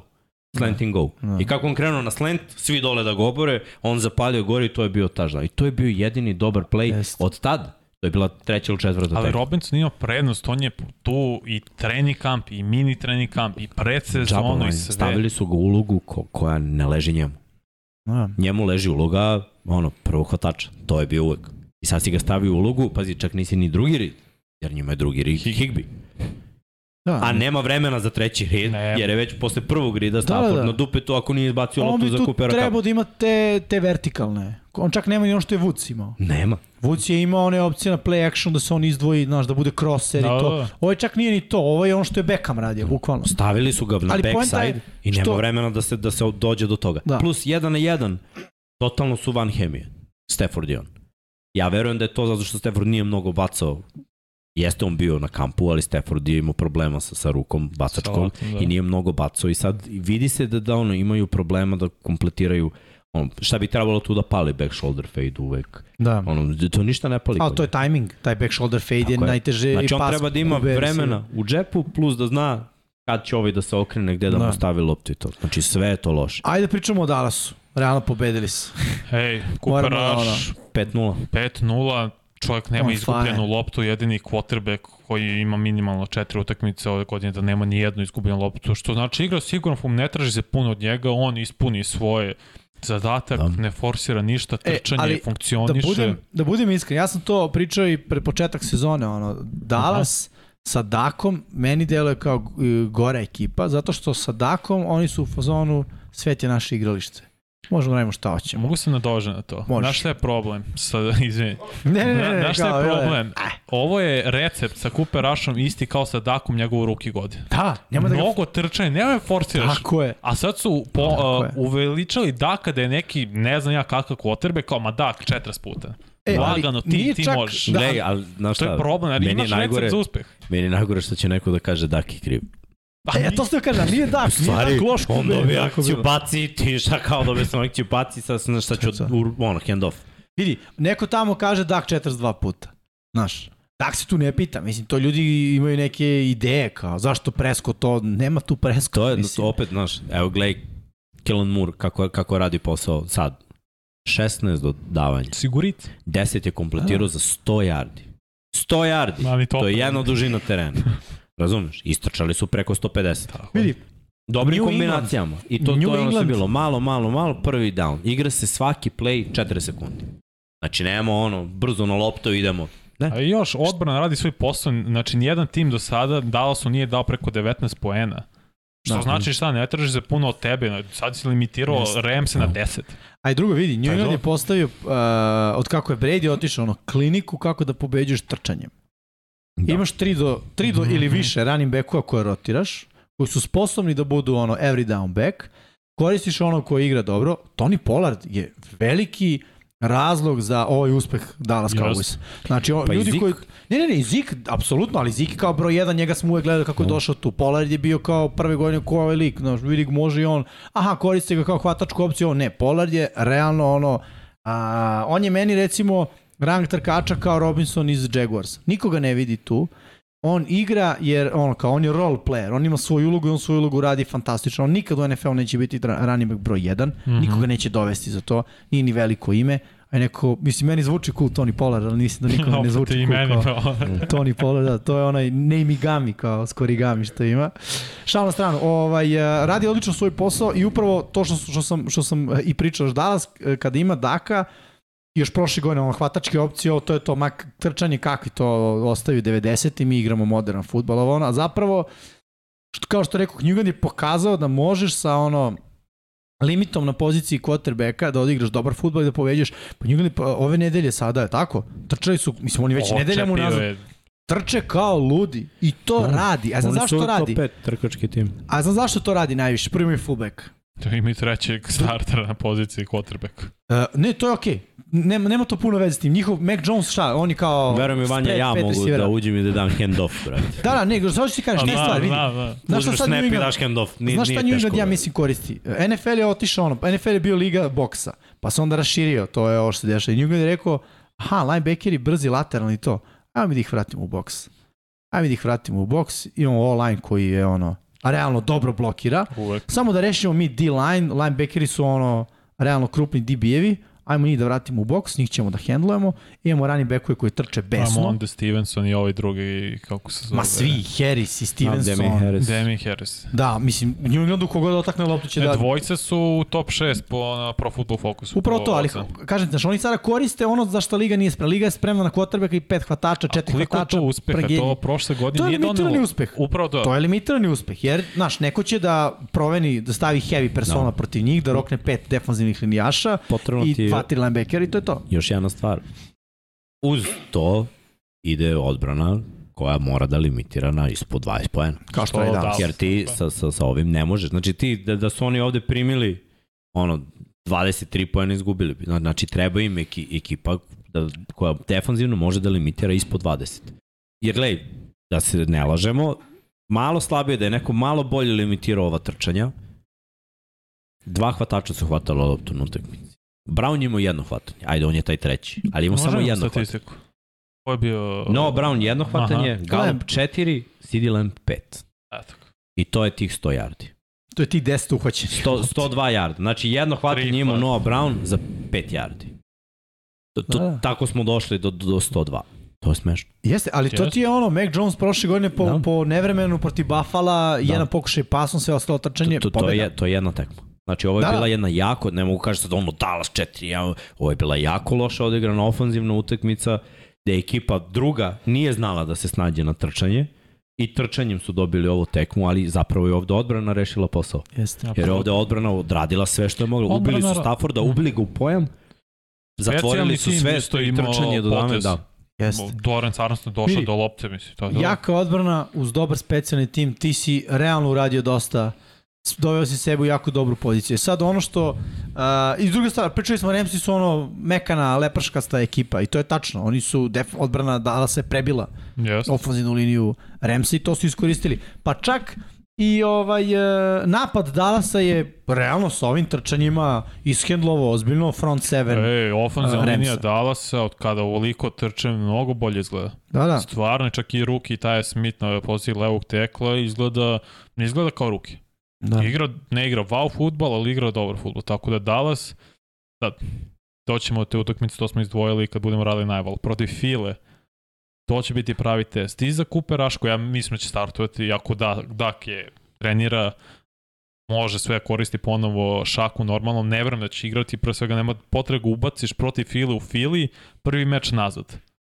Da. Zašto bi to radio kad imaš uspeha sa Cooperašom? Ali doćemo do toga svakako sa, da, sa Cooperašom. Tako. da. Aj pogledamo diviziju da počnemo od Remsa, pošto smo već imali priliku da bacimo Mhm. pogled na istog uh, NFC-a, da pogledamo zapad Kukulela. NFC-a i kako tamo stvari stoje. Pa Nekada... oni su se tradovali s istokom. Da, da, pa sad se da kažem, nekada kao ono najbrutalnija divizija u NFC-u. Mislim, gledaj, Okej, Pa dobro, unutar divizije i dalje je sve brutalno. Da. Svaki tim ima makar dve pobjede. Ali siguran sam da nismo baš videli da, su, da će 49ersi nakon pet nedelja biti na mestu broj 1. Ono. Kao što s druge strane, Znaš zašto nismo videli? Ja sam vidio Treja Lensa kao quarterback. Jimmy G. Znaš, došao je Jimmy G, on ima konekciju s ovim ljudima. ima. O, o, E, ima, konekciju, ima konekciju s ofanzivnom i od Jimmya, znaš, sad ti promeniš game plan, vratiš onaj game plan. Ne, znači, s Trejom si imao i trčanja, imao si neke greške za koje... Kad imaš mladog quarterbacka, ti nikad ne znaš kad će on da pogreši, ali znaš da će da pogreši. To ono ko mi kad treniramo klince. Ja znam Da. koliko god da mu sažvaćem, ono, i stavim u kljun, nešto će tu da, pro, znaš, ono, da, da pođe po zlu. Neće čovjek. Znaš ono, da, da, krenut će nešto, brate. Krenut će nešto po zlu, čovk mora da se desi. Ne znam kada, ali znam da hoće. Sa Garopolom isto znaš da hoće, ali uglavnom on radi, ako imaš game plan, rad, radi šta treba. I opet, šta, šta je karakteristika u ovim dobijenim partijama? On ništa ne prangija vertikalno. Znači, to su Dobro, sve ono, to je kratko, ono- yards after catch, trčanje funkcioniše i Sve to je to. za trenera.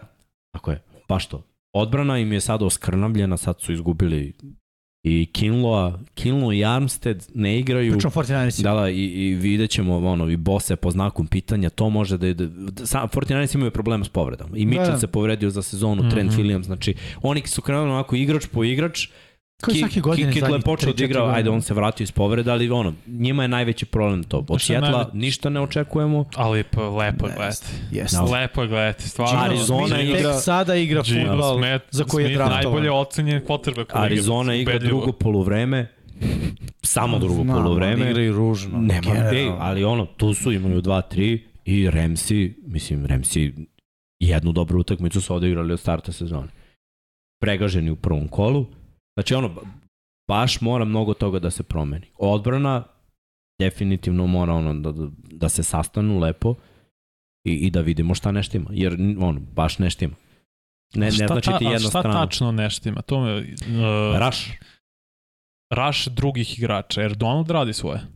Tebi zapravo fali je Koliko ih ima? Floyd, pardon. Floyd ne radi svoje. Ništa. Floyd igra jako lošu sezonu. Da. Niko Znači, drugi, ne igra. Ajde, rač. Gaines se pojavi s vremena na vreme i on je na teklu. Tako je. Ali, edge rusher ti fali. Ostatak ekipe je jako slabo. Znači, to je prva falinka. Druga falinka je ono pozadi. Nema hemije, ja mislim da nema hemije u Remsima. Da. Da je to to. Ovi što su osvojili Super Bowl su konkretno, ono, relativno su zadovoljni u smislu, e, imam prsten, šta god da se desi, ja imam prsten. A, imaju i Kintu, su isto top igrači, ono, Remzi i kompanije. Ja mislim da su oni, ono, kao što sam rekao na početku sezone, banda. Da su oni banda individualaca. I Mhm. to je to, ono, vrlo moguće da će u, za dve godine se potpuno raspuste, da krenu u rebuild i da će ono odbrana da, da se po celom svetu, kao Legion, Legion of Boom, ono što je nakon par godina, ćao, ono, daj dalje svakoga, idemo. Idemo dalje. Baš to. Sa I evo, tim- mislim da da pogledamo protiv Billsa, to je bio blowout. Jeste. Protiv Falconsa dali su 30 poena. Protiv Cardinalsa, 27. protiv Cardinalsa, ajde da kažemo, odbrana je bila na visini zadatka i oni. Dobar raš, dobar pritisak, Kyler Myers se nije snašao, oni dali 20. To je okej. Okay. Nije ništa posebno, ono, 20-12. Ja vidim to kao identitet Ramsa ove godine. Da. Odbrana mora spusti ispod 20, oni će dati tipa 21.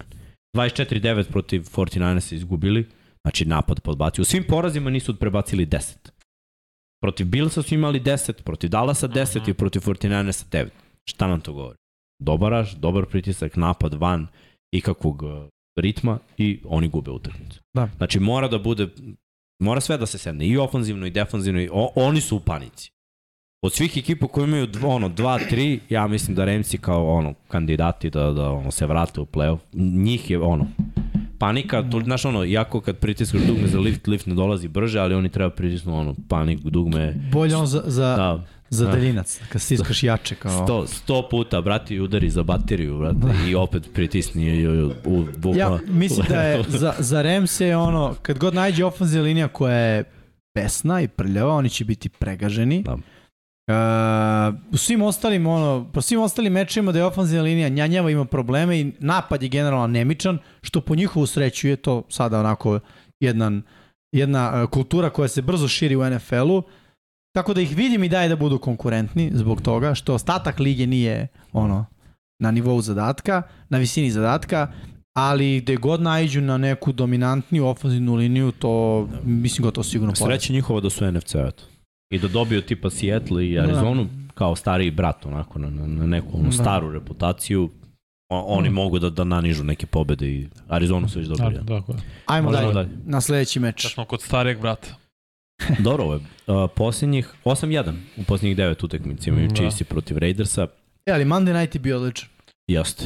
Bio. Konačno, znaš, ono, rad, radiš utakmicu i ono ima poen, ima dešavanje, ima A svega. čini mi se da ove godine, mislim ti znaš, ti radiš svaki Monday Night, da je Monday Night bolji. Mnogo, Mnogo bolje. mnogo. Za razliku od Thursday Nighta koji je solidno tri- grozan. Poslednja tri četvrtka ni, ni jednom nisu oba tima prebacila 25. Tebra, znači ko Nick Foles treba da Noćnicu. dobijamo Neše ja statue.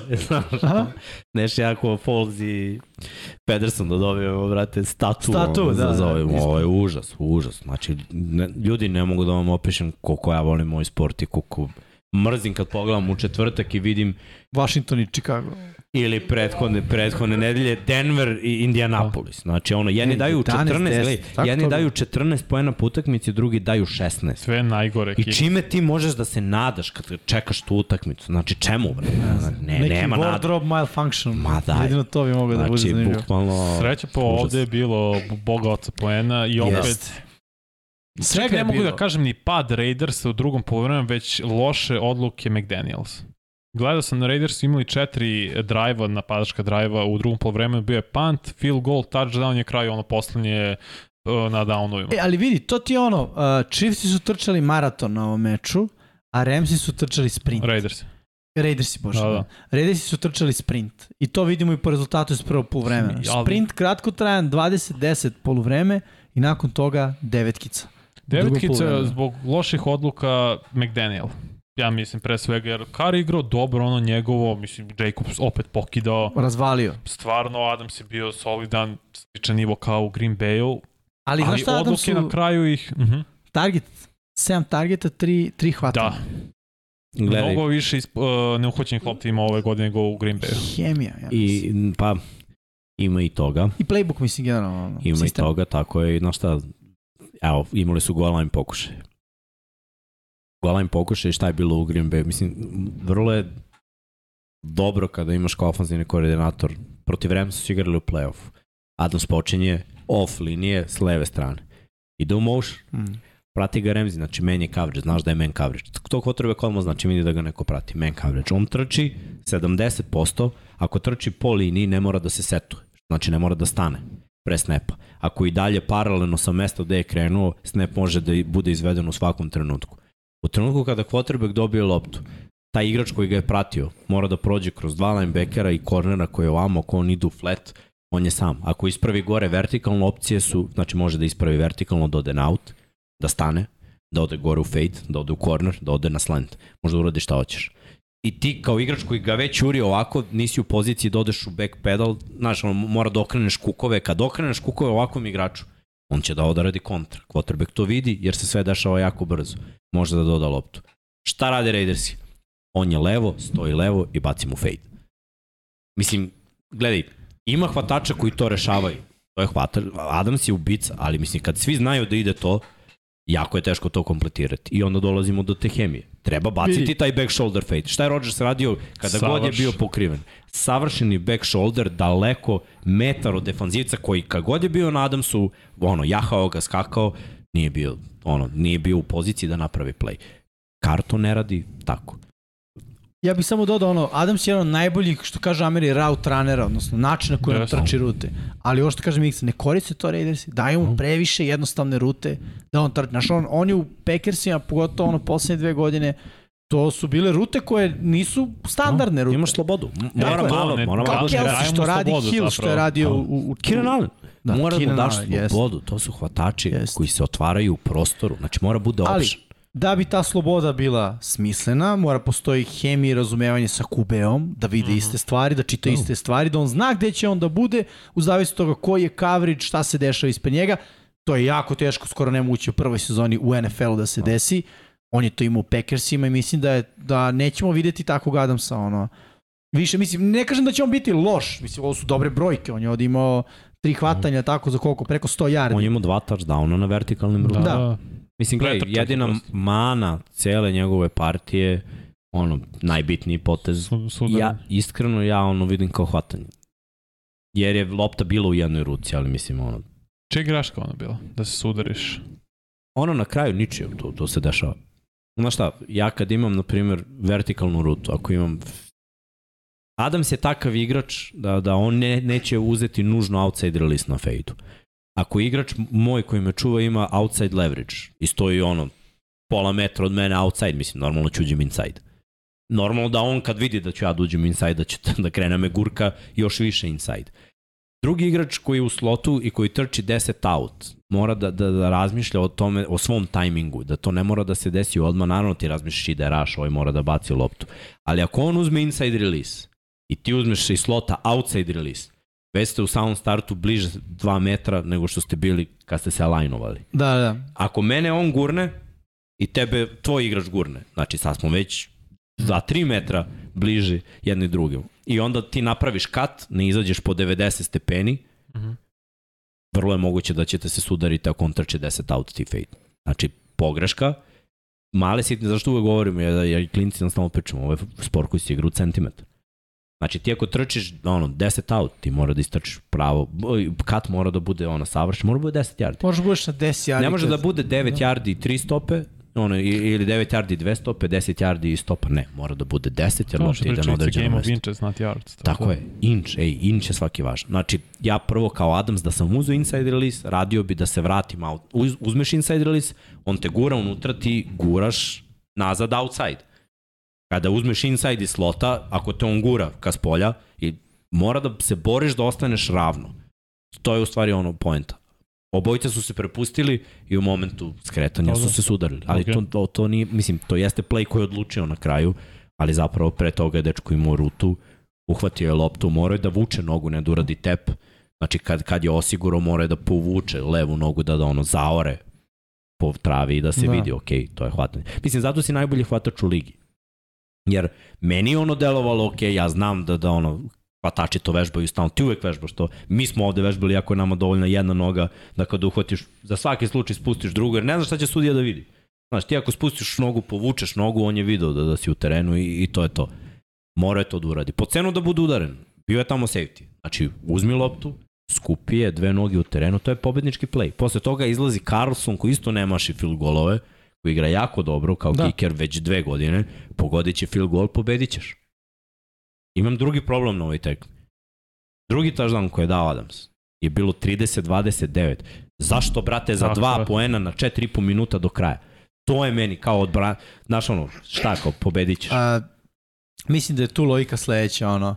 Ispred nas imamo dovoljno utakmica da i dalje kontrolišemo svoju sudbinu ove sezone. A, a ako dobijemo Chiefse u Kansasu, u Kansasu, ono, super je stvar. Drugo, bilo je dosta vremena koje je ostalo. Sad ja kapiram šta je logika. Logika je ovo, pazi ovo. Znači, daš jedan poen, nerešeno, tako. I koliko je bilo? Bilo je oko 3 minuta do kraja. Možda i više. 4,5. 4,5. Ok, šta to znači? Mahomes je kadar i Chiefsi da ti postignu touchdown za 4,20. Realno, znaš, da ti Dobro. potroše vreme. Ti si igrao ovako, ok, to je dosta vremena. Prvo sad napadnem dva poena, stavim pritisak na njih. Koji, čekaj, čekaj. Ajde. Koji pritisak?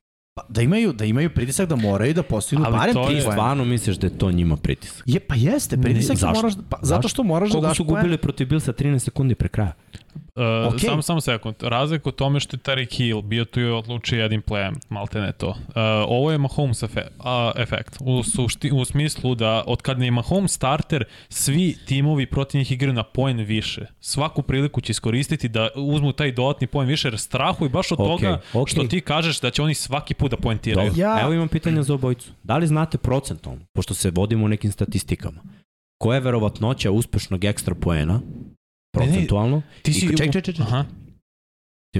i koja je verovatnoća da se realizuje dva poena u NFL? Ja da da li znate ekstra- koja je verovatnoća realizacije dva poena, pošto mnoge ekipe idu na dva poena, Da. koliko su uspešni zapravo? Ja mislim da su oko 40% ili manje.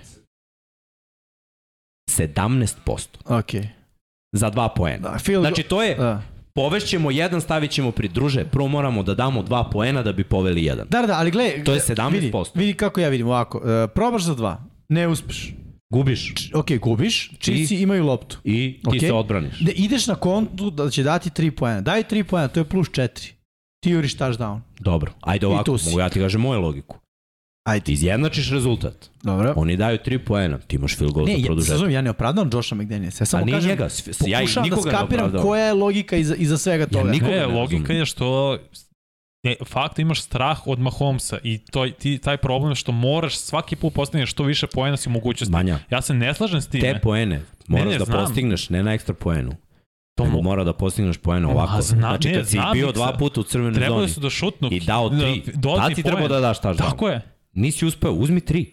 Svaki poen je važan. Znaš ko je, koliko ekipa gubi zato što, znaš, hoće veće. Da, da. Izgube ono ti- iz veće, hoće ho- To je ono što hoću ti golova na objasniti. grani, a vrabac Mahomes crkuće kriv. ovde u ruci. To je Mahomes kriv, jer oni kad igra protiv Chiefs, oni ih teraju da rizikuju da idu na više ako se nekad ne isplati. Ej. Jer se dešavalo na početku Ne, da idu na nikad neću da krivim drugog za stvari, on, Ne, ne, ne, za svoje nije, greške. Nije krivljenje Ja drugog. krivim, ja krivim On trenere, ja sve trenere toga, krivim. nije on kriv. Da. To je samo uzrok toga. Nisu oni i o su uzrok toga. Nisu oni krivi. Imam- to nije njihov problem. Imam ospice od ovih analitičara novih. Pa znam. zato što ne znaju da pogledaju. Znaš, a ako je 17% uspešnost ovoga, a 90% uspešnost onoga, ako već igramo igru brojeva i Da. verovatnoće, ajde malo da igramo igru logike. Šta je, ono, mislim, kao šta, ako pretvorimo ovo za dva verovatnoća da pobedimo je 57%. Gde, brate? U- Gde to piše? Šta, šta, kako smo izvukli taj broj? Na kontu čega? Gledali, analizirali smo futbol u posljednjih 80 godina, izvlačili statističku sredinu iz 1920. A dobro, Mislim- ne verujem da je tako, mislim. Ne, ja ti to je baš kažem, daleko bilo. Mislim. Znam, nego, znaš ono, to, to, takve neke gluposti. Ja ti kažem, Miksa, ovo nije bilo dok se nisu pojavili Chiefs i, i njihov napad. Dok nisu počeli da daju svima 30 Gledaj. i nešto, onda je problem, jer ne možeš da ih ispratiš. Baltimore nije ni igrao protiv Chiefsa u svim situacijama kad su probali da idu Znam. za dva poena s najboljim godine, kikerom znam. prošle godine. Koliko puta su pobedili u utakmicu? Koliko? Nula. Nijedno. I nisu jedini. Tenis je dobio jednom od svih tih rizika za dva poena. ne. Mene je nevjerojatno da ljudi, gledaj, da imaš neku akciju, da imaš neki specijal, da imaš nešto da ih nasamariš. Znaš šta, Chiefsi Šta kad idu za bila dva, akcija? Bilo je trčanje, tako? trčaj. Pa Dobro, ali trčanje je radilo, znaš, nije da nije. Je, jeste, kad je nije bilo za gol. Ja razumeš? Tad kad nije bilo za... Ovo je dva jarda gde su svi u svakoj rupi. Ono, mislim, ti igraš goal line tu, u toj situaciji. I kažeš Karu, ono, ako hoćeš da baciš nešto, baci. Ali ono, svi znamo da ideš na Da, trčanje. ja, ja mislim da je samo bilo ono što sam prvo rekao, znači ovo je dosta rano u sezoni, da ovo može ti se obio glav. Ne kažem da ne može, viđali smo stvari koje se obijaju prve nedelje, ono, kolci gube od koga su gubili Houston. od Houstona i to ih na Nerešeno. kraju košta i to i poraz od Jacksa ih u zadnjoj nedelji košta Da. prošle godine da odu u play-off. Uh, ali mislim da je ono to bio ono što bi rekli amerikanci calculated risk ili ti ono preračunate rizik u smislu cost benefit analiza brzinska E, ali u tom je trenutku je bila i ako kapital ne prođemo, i, ali ako izgubiš od Chiefsa, a, da li je to očekivan scenarij? To je očekivan Ne, scenarij. jeste, ali problem je što nemaš kapital iza toga, jer ti sad 1-4. Da. Znam, To je- ali gledaj, vidi, da si- drugačije- kako se da menja dva- 1-4, da tako si što tri. siguricu.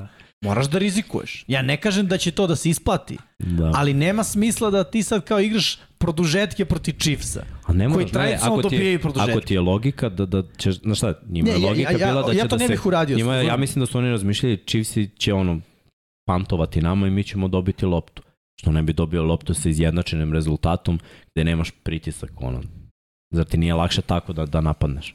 Mnoge ekipe, Ravensi su išli protiv Billsa Da, ove da. sezone na 20-20 na touchdown.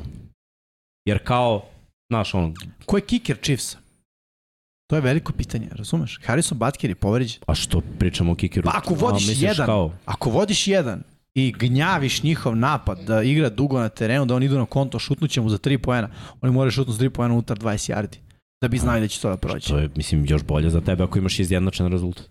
Pa, A Ako, ako ne znam, mislim da su potroše- se uplašili toga da će na kraju da se svede da ih pobede šutom za 3 poena sa ono 3 yarda snepa, razumeš? Ne, nemam pojma, dosta je sad tu teorija. ono- Imate, pa tako je, mi možemo Da. polemišemo do preko sutra. Šta, Da. šta, je, šta mi je ono, u situaciji kad imaš 1-3, ne, ne,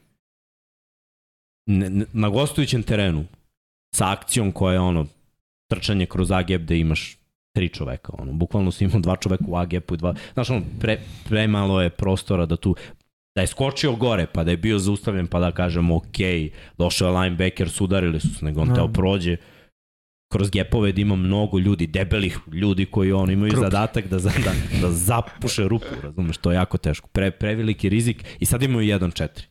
Da. Imaju bolesnu sreću da im je raspored katastrofa Ej, možda u je to sledećih sve pet kalkulisano, znaš. Razumeš? ne verujem. E, zašto ne? Pa Ali oni znaju jedan- raspar, nemoj da se zezamo. ali su- sa 1-4 Valjda ideš meč To- po meč, ne ideš e, Ne, ne, ideš, ali... Ideš ono kao, da, vidi, kao- Ti možeš pre početak meča da kažeš ovako, vidi, narednih pet nedelja su lakši. Proti Chiefsa idemo na pobedu. Idemo na, ono, faktor iznenađenja Koji na su taj sledeći način. pet meča? Evo, sad ću ono Hvala. da ti kažem. Sledeći meč koji oni imaju, pošto su sad na baj nedelji, Sad su na baju. da, pa idu Texansi, Dobro. Saintsi, Jaguarsi, Coltsi, Broncosi, Seahawksi. Mislim, realno, dobar nije to, streč. ne, ali, Ali gledaj, ali ne, ne. nije, što Gledaj, nije to je samo, to, je- to je bolji da nije. streč, nije, ono, nije kao dobit će sigurno, okej, ali ali mislim imaju Saintsi mogu da ih ekipe. mogu da ih... Mogu mnoge ekipe odavde da ih Mogu. dobiju. Ljudi, ne mogu da u napadu, misli kako igra Smith. Ne, ne, može, to će biti zanimljiv meč. Siguran sam. Meni ovo nije dobro. 1-4 za Raiders ja ih otpisujem iz play-offa. Sad odmah, eto. Moguće. Čuli ste, čuli Ej. ste ovde. Za Chiefs. Ajde da pričamo malo o Chiefsima. Ja mislim da je ključni, prvo po vreme Chiefsa je bilo onako traljavo prilično. I mislim da play koji je doneo promenu Chiefsima, to je onaj McKinnon i ono kada ga je 7 ljudi probalo da ga obori, kad nisu mogli da ga Znaš šta je dobra stvar za Chiefs? McKinnona su koristi, oni su sada u Tri fazi... beka. E, to. Tri različita beka. Da. Jedan mali shifty back koji ono i ne trči toliko dobro power. Ovaj Pacheco koji je besan, koji dobro Pa. trči power. Ali on je i back i receiver Da, i sve pa dobro. Tako oni vole. I McKinnon koji isto receiver, third down back, ali njegova eksplozivnost i snalaženje na malom prostoru. To su ovi punt returneri backovi. Jest. Oni su opasni. Znači, jednom promašiš tekl jedan, on je video nešto što niko drugi nije video. Znači, ču, ču, ču, ču, 10 yardi. Mm. Znači, a opet je dovoljno jak da skine još neki tekl na drugom nivou. linija pravi rupe. Ofanzivna Igra linija- veoma dobro. Igra mnogo bolje kad oni trče Tako je. i opet imaju tog, znaš, imaju go-to guy, kod njih postoje ono, lik, ok, imamo pokušaj za gol, oni imaju lik. Oni godinama imaju lik. Travis Kelce. Kad si uhutio 4 tažda, on ima 30 yardi, 25. 25. Nikad se to nije desilo. Marvin Da. Harrison imao 93 Da. Samo Mike Ditka imao 5 touchdownova kao taj ten na jednoj tekmi. Travis Kelce je sad imao 4. Da, da. Znači, dobro, nije jedini, bilo je još. Da, da, da. Winslow je imao 4. Ne, Moj je bre i, i Voler, ja Da. mislim. Kelce Čini je sa najmanje yardi ubedljivo od Da. bilo kog igrača. Ali gledaj, dao je 4 touchdowna, imao je više hvatanja, mislim da je imao 5 ili 6, ova dva hvatanja su bila za prvi down. Mislim, ono, treći down bila je frka, kađe njega. Valdez Scantling ponovo ispustio No. je, ali opet je ih hvatao. Ima dovoljno. Znači on ima ono svoje.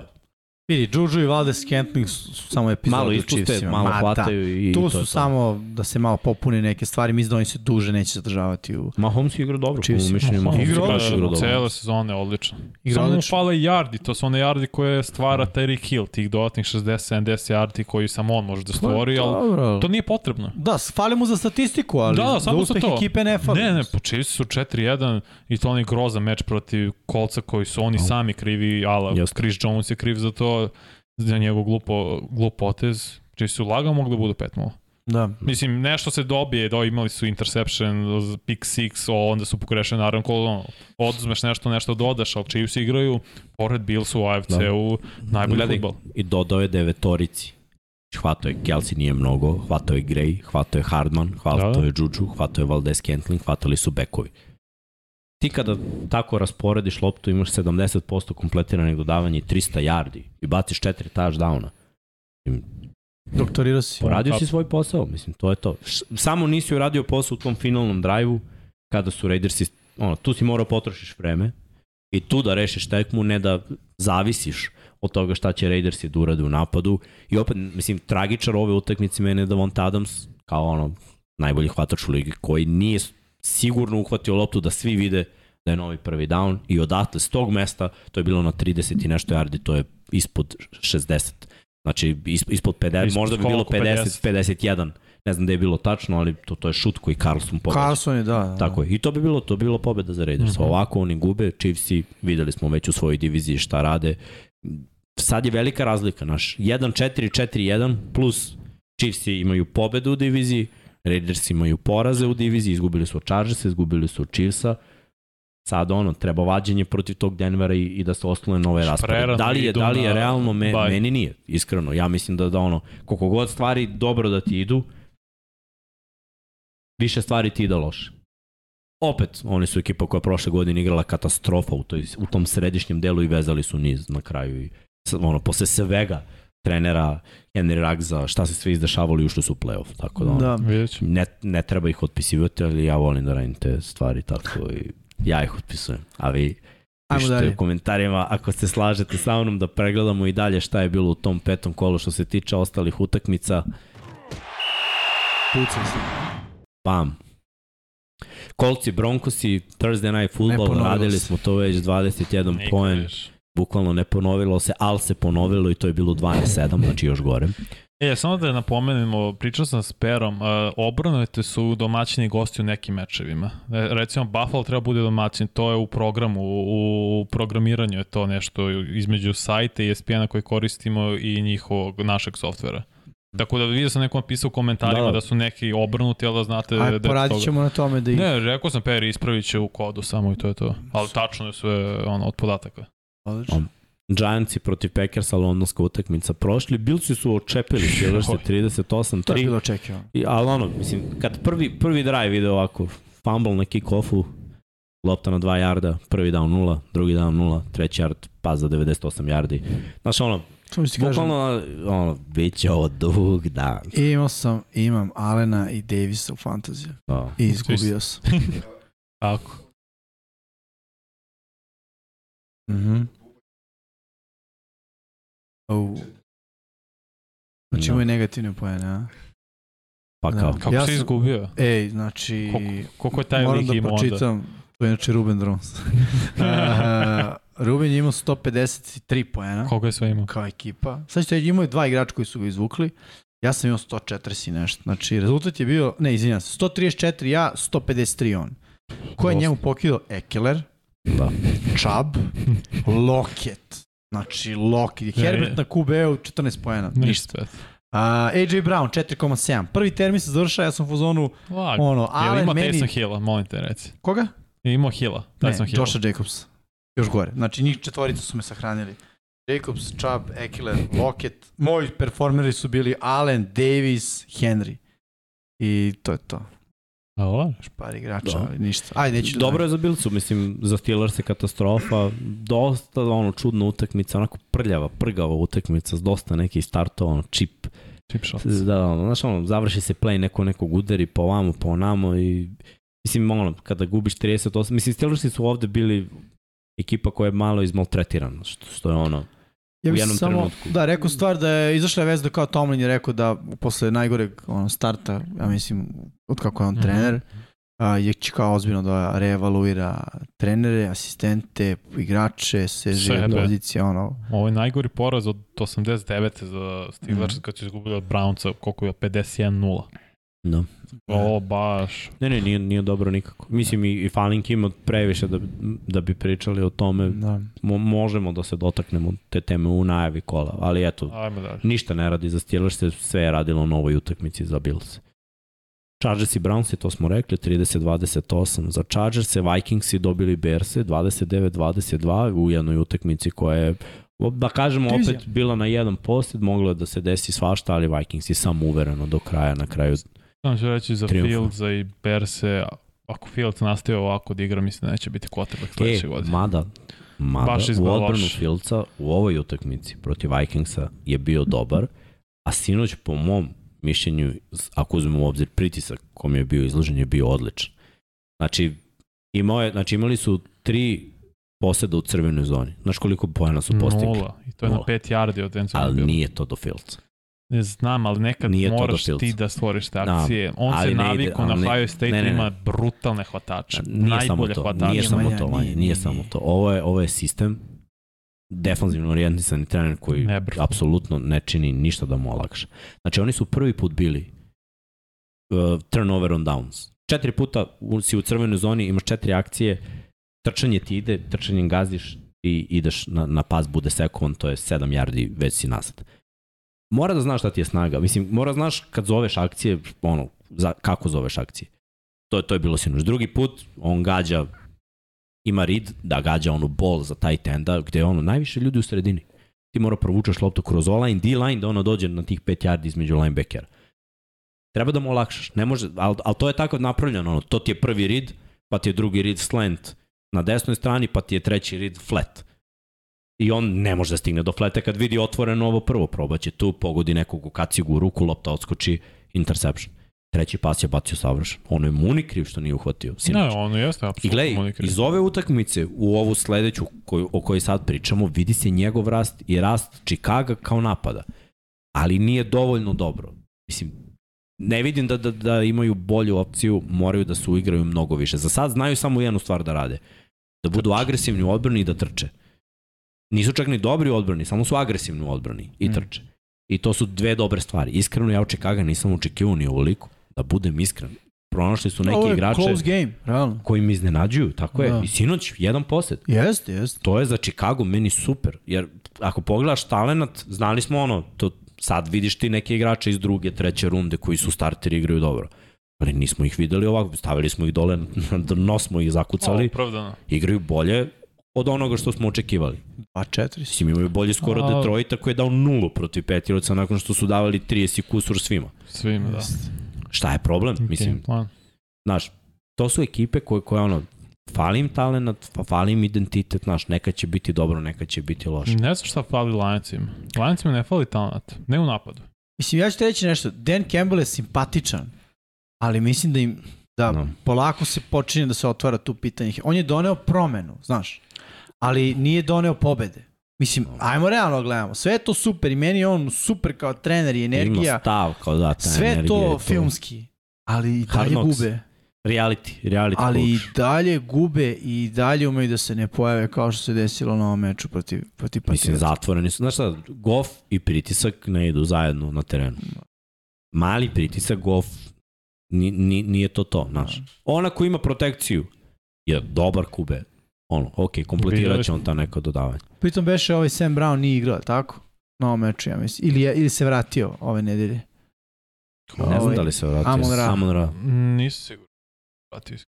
Mislim, i da je, i, aj možemo pogledamo kad sam ga već ovaj... Si bila je defanzivna klinika Patriota i deo defanzivna klinika zapravo I bio vraćam, Beličeka. vraćam fumble za touchdown i u je. napadu su i gazili trčanje. Mislim, to je najgore, to je, znaš, kad demorališete, kad ne možeš da zaustaviš nešto što je prosto.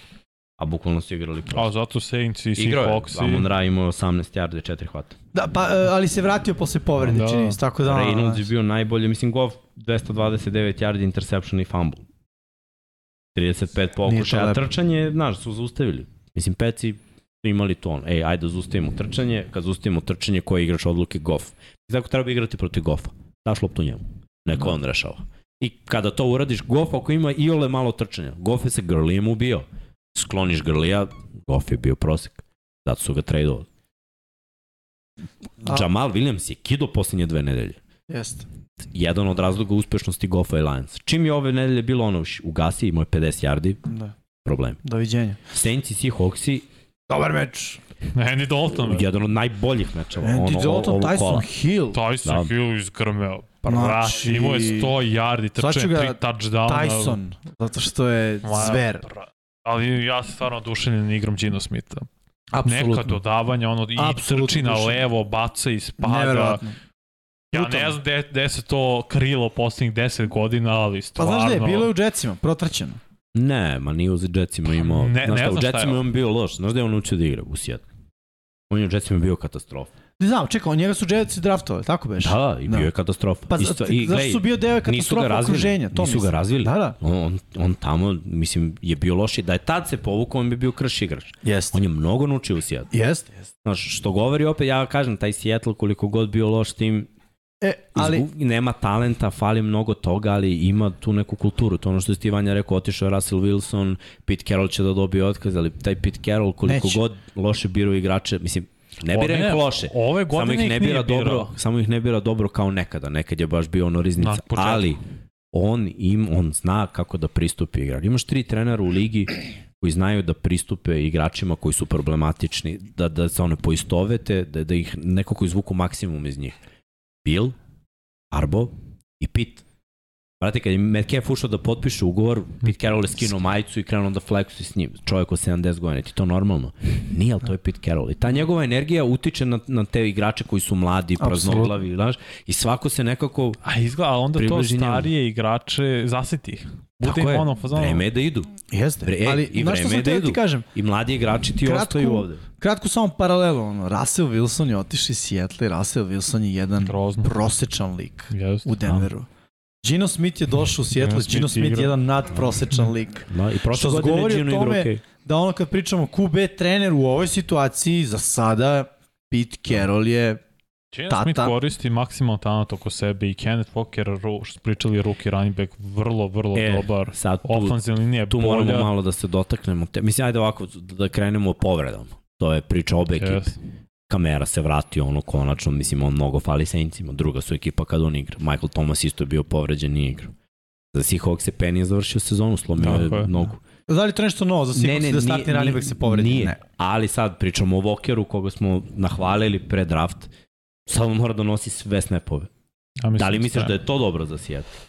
Odmah ću ti reći nije. Oni, igraju, oni kad igraju power football sa ovim play actionom i dodavanjima, tad je Seattle uvijek bio uspešan. Čak i ono, kad su imali Maršona i kad je Carson igrao dobro, tad su oni bili Ali najuspešniji. nikad nisu od, od Marshawn Lyncha imali ovoliko talenta ovog beka kao što je Kenneth Walker. Dobro sa A gledaj, Carsonom, pusti- ali, pusti- nije, ne, ne, ali nije Carson ovom nivou. Pusti, pusti talent. Znaš šta, meni, Nije šta je meni bitnije od talenta? A, best ability, Availability. availability. Yes. Samo ti, brate, budi zdrav. Koliko god da si talentovan, igraš sve utakmice ove sezone. Ako se, ako se ozledi, ne mora ni da se povredi. Razumeš, mo- može ga ono boli, propusti jednu utakmicu. Mm Mhm. -hmm. Seahawksi gube. Za više nikog. Šta je ono, Dobro, nije, DJ, Dallas, Dallas, videli, je videli Homer. smo ga. Videli smo ih. Ne, ne, sve smo ih videli. Imao je Godinama DJ tu. Dallas utakmice jednu, Da. ali imao je. Ubode je Ćorava koka. Da, da. po ne, ne kažem da njihov backfield deluje sjajno. Njihov backfield ima skoro ono, 100, 200 yardi ovde. 88 Walker, 54 Penny, dodao je Smith 13, Dallas je trčao isto, znaš, ono, A, radili su posao. Dodaš tu još neki screen, što ja ono, mislim, to je pas, ali gledamo ga i kao trčanje. kad, kad pas akcija, da. I na play action imaš vertikalu Da. gde Lockett hvata, ne mislim, gledaj, ono uhvatiti u sandviču. To, Ma dobro, to je Lockett. To je Lockett koji to, je radi Jest. svake godine. To, to je bolesno. Da. S druge strane, Saintsi, mislim, najbolji odgovor moguće. Oni su imali loš start. Sad su 2-3. Vraćamo. Mogli bi taj jug da, da pogledamo malo. Jug NFC-a, da. To nismo pogledali tu diviziju. Nismo, nismo. Tu, Nismo tu pogledali isto ni isto KFC-a. Da, da, doći ćemo. Ali aj, doćemo kako Pa ne je ovo navijali. sledeća utakmica na istu KFC. Da. Evo, Drže se Saintsi, da, mislim. Tampa je 3-2, Saints i Atlanta imaju 2-3. Mislim, nedefinisana divizija ako mene Da. pitaš. Ja Tampu ne vidim ovde kao šampiona. To hoću da kažem da je Karolina jedino, o, Karolina otpustila Meta Rula. Da, to je vest. To je prvi otkaz što se Baker trenera Mayfield neće tiče. igrati narednih par nedelja zbog Da, povrede. mislim da će PJ Walker biti startni pa quarterback, ko. tako, tako sam nešto čitao, Mo, ali vidjet ne ćemo će još. Matt Corral, istina, da Istina. bude starter. U, to je bilo zanimljivo. Ali, Ruki. mislim, znaš, ono, dešava se svašta za Karolinu tektonske promene, verovatno će, ono, čitav stav. Kažu da je svaki igrač available. Da, da. Sad za trade. Pa da, pa sve se menja, znaš. I, o, i opet CMC to je šansa. broja. Problem je što nemaju pikova, imaju četiri pika E pa sledeće zato godine. će da Zato verovatno da- po da meni utope da ode da. CMC. Da, da. Što je Mada, dobro, mislim, da i za? Saints, i za Falcons, i za Bucks, jer svi treba da igraju protiv njih i, i bit će, znaš, jedna utakmica bar lakša. Opet, znamo unutar ove divizije da, da je sve moguće i u, u NFC-u generalno. Nis, ne bi ja otpesio vode ni Atlantu ni New Orleans. Svašta može da se desi do kraja. Ovo je bila dobra tekma da vidiš, ok, čak i bez Winstona, kada igra Dalton i uđe Tyson Hill i kad su ti tu svi igrači da si dovoljno talentovan da do odbrana može da odigra ono, dovoljno da pobediš, ali odbrana je meni ovde ve, u odnosu na sve one godine nekad najslabija karika zapravo, jer su nekonstantni. Ja Da, više ne znam šta da očekujemo down. od odbrane Saintsa. Nije to više ona ekipa koja A znaš šta spusti mislim ispod da je? 20. Umor. Umor od neproduktivnog napada. Moguće. Znaš, i da Moguće. jednostavno ono, stignete, do, dođe u jednom trenutku i oni sada igraju onako kako igra protivnik. Znaš, protivnik sipa poene, oni ono, moraju da bi ostali u meču da sipaju Da. poene. Zato vidim, mnogi su pisali u komentarima isto o tim krađama sudijskim, mislim, to kako mi sad ima u svakoj utakmici. On, da li je bilo ovo, da li je bilo ono, sad ulazimo u svaku situaciju. Moraš kao igrač da ono, pređeš preko toga. Znači, dva pleja, ne? tri pleja, ako sudije presude, ono, ne u tvoju korist, nego u korist protivnika. Imao si sigurno dva, tri pleja koje si mogao da odradiš bolje, da ono, dovedeš sebe u situaciju da pobediš, daš poene, dođeš u dobru, dobru poziciju, šutneš field goal ili, Da. ili šta god. 39 poena Saintsi da postignu, mislim, Sam Nisam to video, iskreno. da, Da. isto, isto. Da na ovoj tekmi bude preko 70, Ali tekmi sam. 39 sencija, 40 Jetsi, Dobro, na šta? to ni u srđanovim najluđim snovima. Ej, Da, Dolphinsi sa Ali vidi, odbrana trećim, Dolfinsa. trećim Sve jedno, ali odbrana Dolfinsa je nije... sve vreme na terenu. Ok, sve to stoji, ali mislim da je ovo ono, uspeh za, za Jetsi. Mislim, Jetsi su 40 talentovani u napadu. Da se ne lažem. Vrlo. E, i Jet, ja sve vreme pričam, ja sa Šonetom sam pričao i sad on kaže, njegov sin se kladi i sad ga pita kao, čao, koji su dobri timovi da odigram na Jetsa, a imaju 3-2. Ovo je kao, jo, Jets je dobar tim, znaš, kažem, čekaj bre Šone, nisu dobar tim, okej, zato što smo navikli da budu loš tim. I ne postaje se dobar tim preko noći. Da. Ali, ajde da pogledamo talent koji oni imaju. Kad si godinama loš, Još I ako znaš da izabereš, u teoriji ti imaš mnogo dobrih igrača. Mislim, oni su sad u, ove godine izabrali tri startera. Jeste. Startera u defensivnoj liniji, startera u backfieldu, startera hvatača Kornera. i startera kornera. Četiri. Četiri. Četiri dobra startera su izabrali. Prošle godine su dobili startera quarterbacka, Ni, Hvatača. nisu pogodili sa starterom ofenzivnom linijašem jednim i da. drugim jesu. Mala i Javera Takir. Tako da ono, malo po malo, ti kad pogledaš, taj tim je pun i first roundera iz drugih ekipa koji su došli. Da. I San Francisco, uh, San Francisco dvojica, trojica, Tako CJ je. Mosley, first rounder sa Alabama iz Baltimora. Da, da. I ono, malo po malo, malo, to je talenat. To je ono što im je falilo. Jeste. I sad kad imaš sad taj silni talent, kao i Dolphinsi na drugoj strani, mislim, s tim što imaju, eto, falinku na, na, falinka na quarterbacku, kad ti sa prvog padneš na drugog, je ono, ozbiljna, a sa drugog na trećeg, Do pika sedme runde, Da, koji je to- to je bukvalno draftovan kao ono... i, i tu se sve završava. Da, mislim, da, bravo za Jets. Ej, 3-2 imati u, u Jeste. ovom DJ trenutku. da. Reed, Sos Gardner, Da. wow. Sauce Gardner prvi interception. Ali Da, ne ali ciljaju ga. zaključava ljude. U single coverage-u passer rating protiv njega je 17, koma nešto. Da, dobro, Mislim, to gledaj, Wow. jedina loša utakmica odbrane Jetsa je bila prva utakmica ono protiv Baltimore. I to Ok. su igrali ok prvo polovreme jer ono pljuštala kiša, kako je kiša stala i oni ono kako su se valjda ono ok igramo solidno, tu su se ugasili. I, i tu su ono dozvolili mnogo yardi i dodavanjem i trčanjem. Tu, tu je ono bio problem za Jetsa. Ostale utakmice meni su skroz ok. Zaista nemam nikakav problem kako Pa su igrali protiv 3-2. protivnika. To je Da. dobar skor. To i svrš- svrstava u uh, trenutni skor boljih ekipa u Mislim, NFL. pazi, porazi od Bengalsa 27-12 i, i taj, kažem, prvi od Ravensa 24-9. Ali ovaj protiv Bengalsa nije bio meni toliko strašan. To su ono ne, I neiskorišćene sa- prilike, igro, je. je, igro je flako. E, upravo, to je rezervni Ono, kod. flako da. je bacao interception. Flako je bacao mlako. Da, e, bravo. Sa Ajmo dalje. Ej, nismo videli diviziju. E, da, istok. istok, istok AFC-a, samo da bacimo pogled. Sa 3-2 Jetsi, 3-2 Miami, Jeti su dobili i Miami i Patriot. To Buffalo, je 2-0. da, je U stvari nisu 4-1, dobili Patrioti. Patriote su 2-3. Da.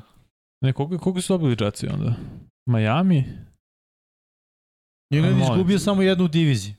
Da, to je... Jetsi su Miami. dobili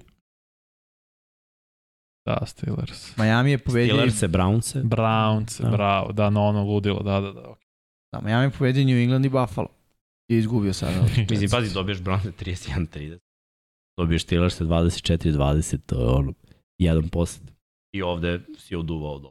Sledeće, pazi, sledeća nedelja, reality check. Može. Green Green Bay opet protiv New York ekipe. Da. Ali ovaj put ne u Londonu. Istina. Sinovi, jeste bili u Engleskoj?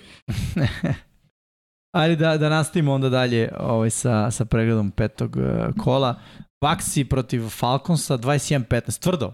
Malo smo se dotakli kad smo pričali o onome uh, roughing the passer uh, kolu koji se desio, ali videli smo malo pre i njihovu diviziju. Ono, I tu, kao što si rekao, mislim, ne trebaju se Falconsi ovaj, otpisivati. Igraju onako, za, za trenutnu situaciju u NFC-u, a i generalno u NFL izgledaju korektan futbol. Igraju. I to i oni imaju povrede. Treba Da. to reći. Znaš, staviš Cordella Pattersona, staviš Drakea koji je postao nekako tu opcija za Mariotu u ovaj sistem i ono, bolje od ovoga. Znači, Jeste. da su 100% zdravi, kao u nekim utakmicama koje smo gledali ove sezone, ne bi bilo ovako lako. I opet, A opet, naravno, ima tu nekih situacija. ali- Mariota je stvarno toliko limitiran quarterback. Ja vidim To je- Ridera u jednom trenutku. Ha, Ne, ist, ne. U Pa sezoni. ne znam, vidim Njima, novo znaš šta? quarterback od nove sezone. Ovo je Sada tako, je, će ovo je promjena ali- kulture za Atlantu, mislim da je to traženo od strane vlasnika da se ide u tom smeru. Ajde da svi oko Mariote postanu ono bolji i bitniji igrači od Mariote i onda ćemo ovako zamenimo Mariotu. Jer Rider koliko ima sposobnost trenutno kao ruki da izdigne ove druge igrače. Teško. Nema veću, Mariota neće da uradi ništa spektakularno, ali će uraditi, ja mislim, bolje donošenje odluka jer se nagladu. Najgore su u ovom sistemu, to je meni najvažnije. Da. Jer je on bio u ovom sistemu, isti sistem iz Tennessee. Znači njega je doveo trener iz Tennessee, on zna ovo, znači kad spava, ono, da žmuri, zna koje rute su gde i u odnosu na koji coverage ko će gde biti otvoren. Što znači da stavlja svoje saigrače u dobru poziciju, ako je protekcija dobra, on će doneti dobru odluku. Što znači da će drugi klinci koji igraju postati malo bolji igrači. E onda, nije bila dobra. e onda, tako je, protiv Baksa koji Pet puta je bio je. I Za meni, za meni tek nakon toga, kad svi budu bili ono, ej, ovo je nam je starter ovde, ovo je ovde, za meni onda Mariotu. Da, dobro, Kada klinac da. nauči ono, ovaj sistem i sve to, onda možeš da mu daš šansu. Sad, sad je bespotrebno. Imaš 2-3, mislim, O. u igri si, 2-3 u NFC-u. Yes, s druge strane, mi mogu si kažete da je, nije bilo ovo kola, možda si mogu pobediš, no bateri, ove Patriote, Bakaniri su igrali ok futbol, Brady opet bacio previše puta, mada su dosta tih dodavanja bilo Fornetu za kratka, tako Da. da, si na neki način nadomestio trčanje koje je opet falilo. I odigrali su, kažete, sad ništa wow meč, odbrana odradila svoj Radi, ali. Baxi će pobeđivati, čini mi se, ove, ove sezone samo Ovako. mali broj pojena. Da. Da. Gledaj, To je neki recept. ružan futbol se igra širom. Znači Jest. ovo je ono, kažem, pet ekipa ne igra ružan Da. futbol. Možda. Što, ali vidi, ne mora da znači da Baxi neće eksplodirati negde sredinom sezone i u drugoj polovini, jer ono, Brady, Godwin, ako ofenzivna linija bude zdravija, onda će biti to, Da. mislim, Ma, lepše. gledaj, ono, ima lepih poteza s vremena na vreme. jest. Ali uglavnom je ono, Da, još Traje. jedan ružan futbol. Titans i Commandersi, ono, neko je mora da pobedi. U Pa gledaj, bolji sistem. To je ono što ja kažem. Ja kad Titans kad biram, sistem, Vrabel, trener i ono, verujem u taj sistem. Tu je ono i prosečan igrač će više da doprinese nego dobar igrač u lošem sistemu. Mislim, da. Washington ima nekoliko dobrih igrača. Mislim, ono sino što su pobedili, ono je užasno, na jedvite jade. Re, realni, ono, realno da, da imaju jednu pobedu do Da. sada, ali dobro. Ovde su bili opet i oni na posed i Vance je napravio glupost kao što Vance radi u ono drive-u koji odluči. Mogli su da daju touchdown i da pobede. Ne igra je toliko bacio loše, što je najgore. Ali Stvarno znaš šta, ne. Vance nikad ne igra toliko loše, ali kad je najvažnije, kada je lopta u njegovim Jest. rukama, kada je ono treći za gol, četvrti ili nemam pojma, treba se osvoji prvi down, Ne može to. tad nemoj od njega da očekuješ ništa. I, i to je priča, to je prosek.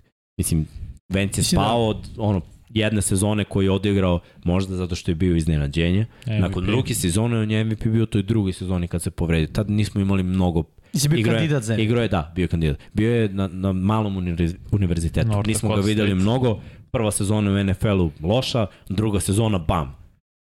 Možda je samo ta sezona bila anomalija u da jednoj prosečnoj karijeri. Samo jedna onako fun fact, uh, Carson Wentz ima trenutno najviše bačenih touchdownova na istoku NFC-a. Više od Coopera Rasha, više od Jelena Hrca i više od Daniela Ne, Jonesa. igra dobro, ali u tim E sad, ključnim koliko je ta momentima... statistika bitna? Da, ne, kad je najvažnije, znaš, Da. to ti sve pada u vodu. Možda baciš pet touchdownova i kad je najvažnije ti, ti ono, imaš taj posljednji posljed i baciš interception.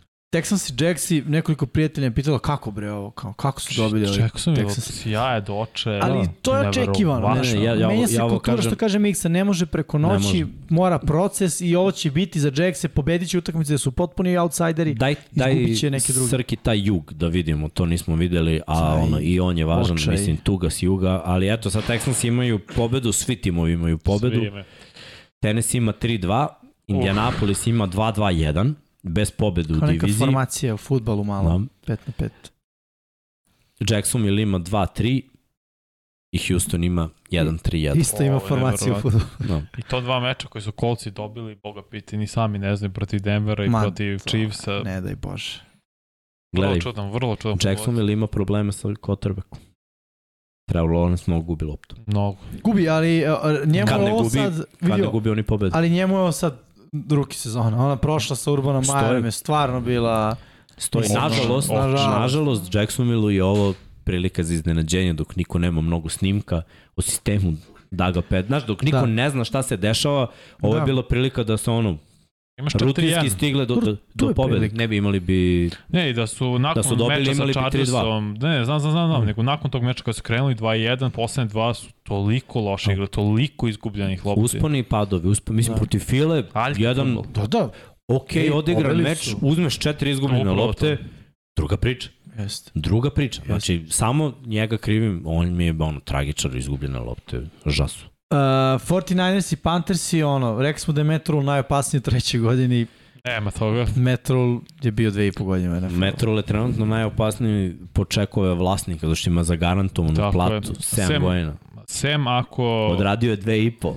Brate, Sem A? što mi ne nađemo neki takav posao? Znači, Ne ne mora 40 čovjek da radi. Znam, dobija parice. A ne, to se ne, ne važi se ako dobije da. ugovor sa nekim koleđem. A Da. Matt Rule je trenutno najtrženiji... Šta bi radio si. Metrol? Ej, sedao kući četiri Šta bi radio? Ne, sad bi ovu sezonu ne bi trenirao niko. Kad se završe koleđ sezona vidim koje su mi opcije, dobit ću neku super ponudu od nekog visokog Ja je bio CBS analitičar, realno, naredne četiri godine.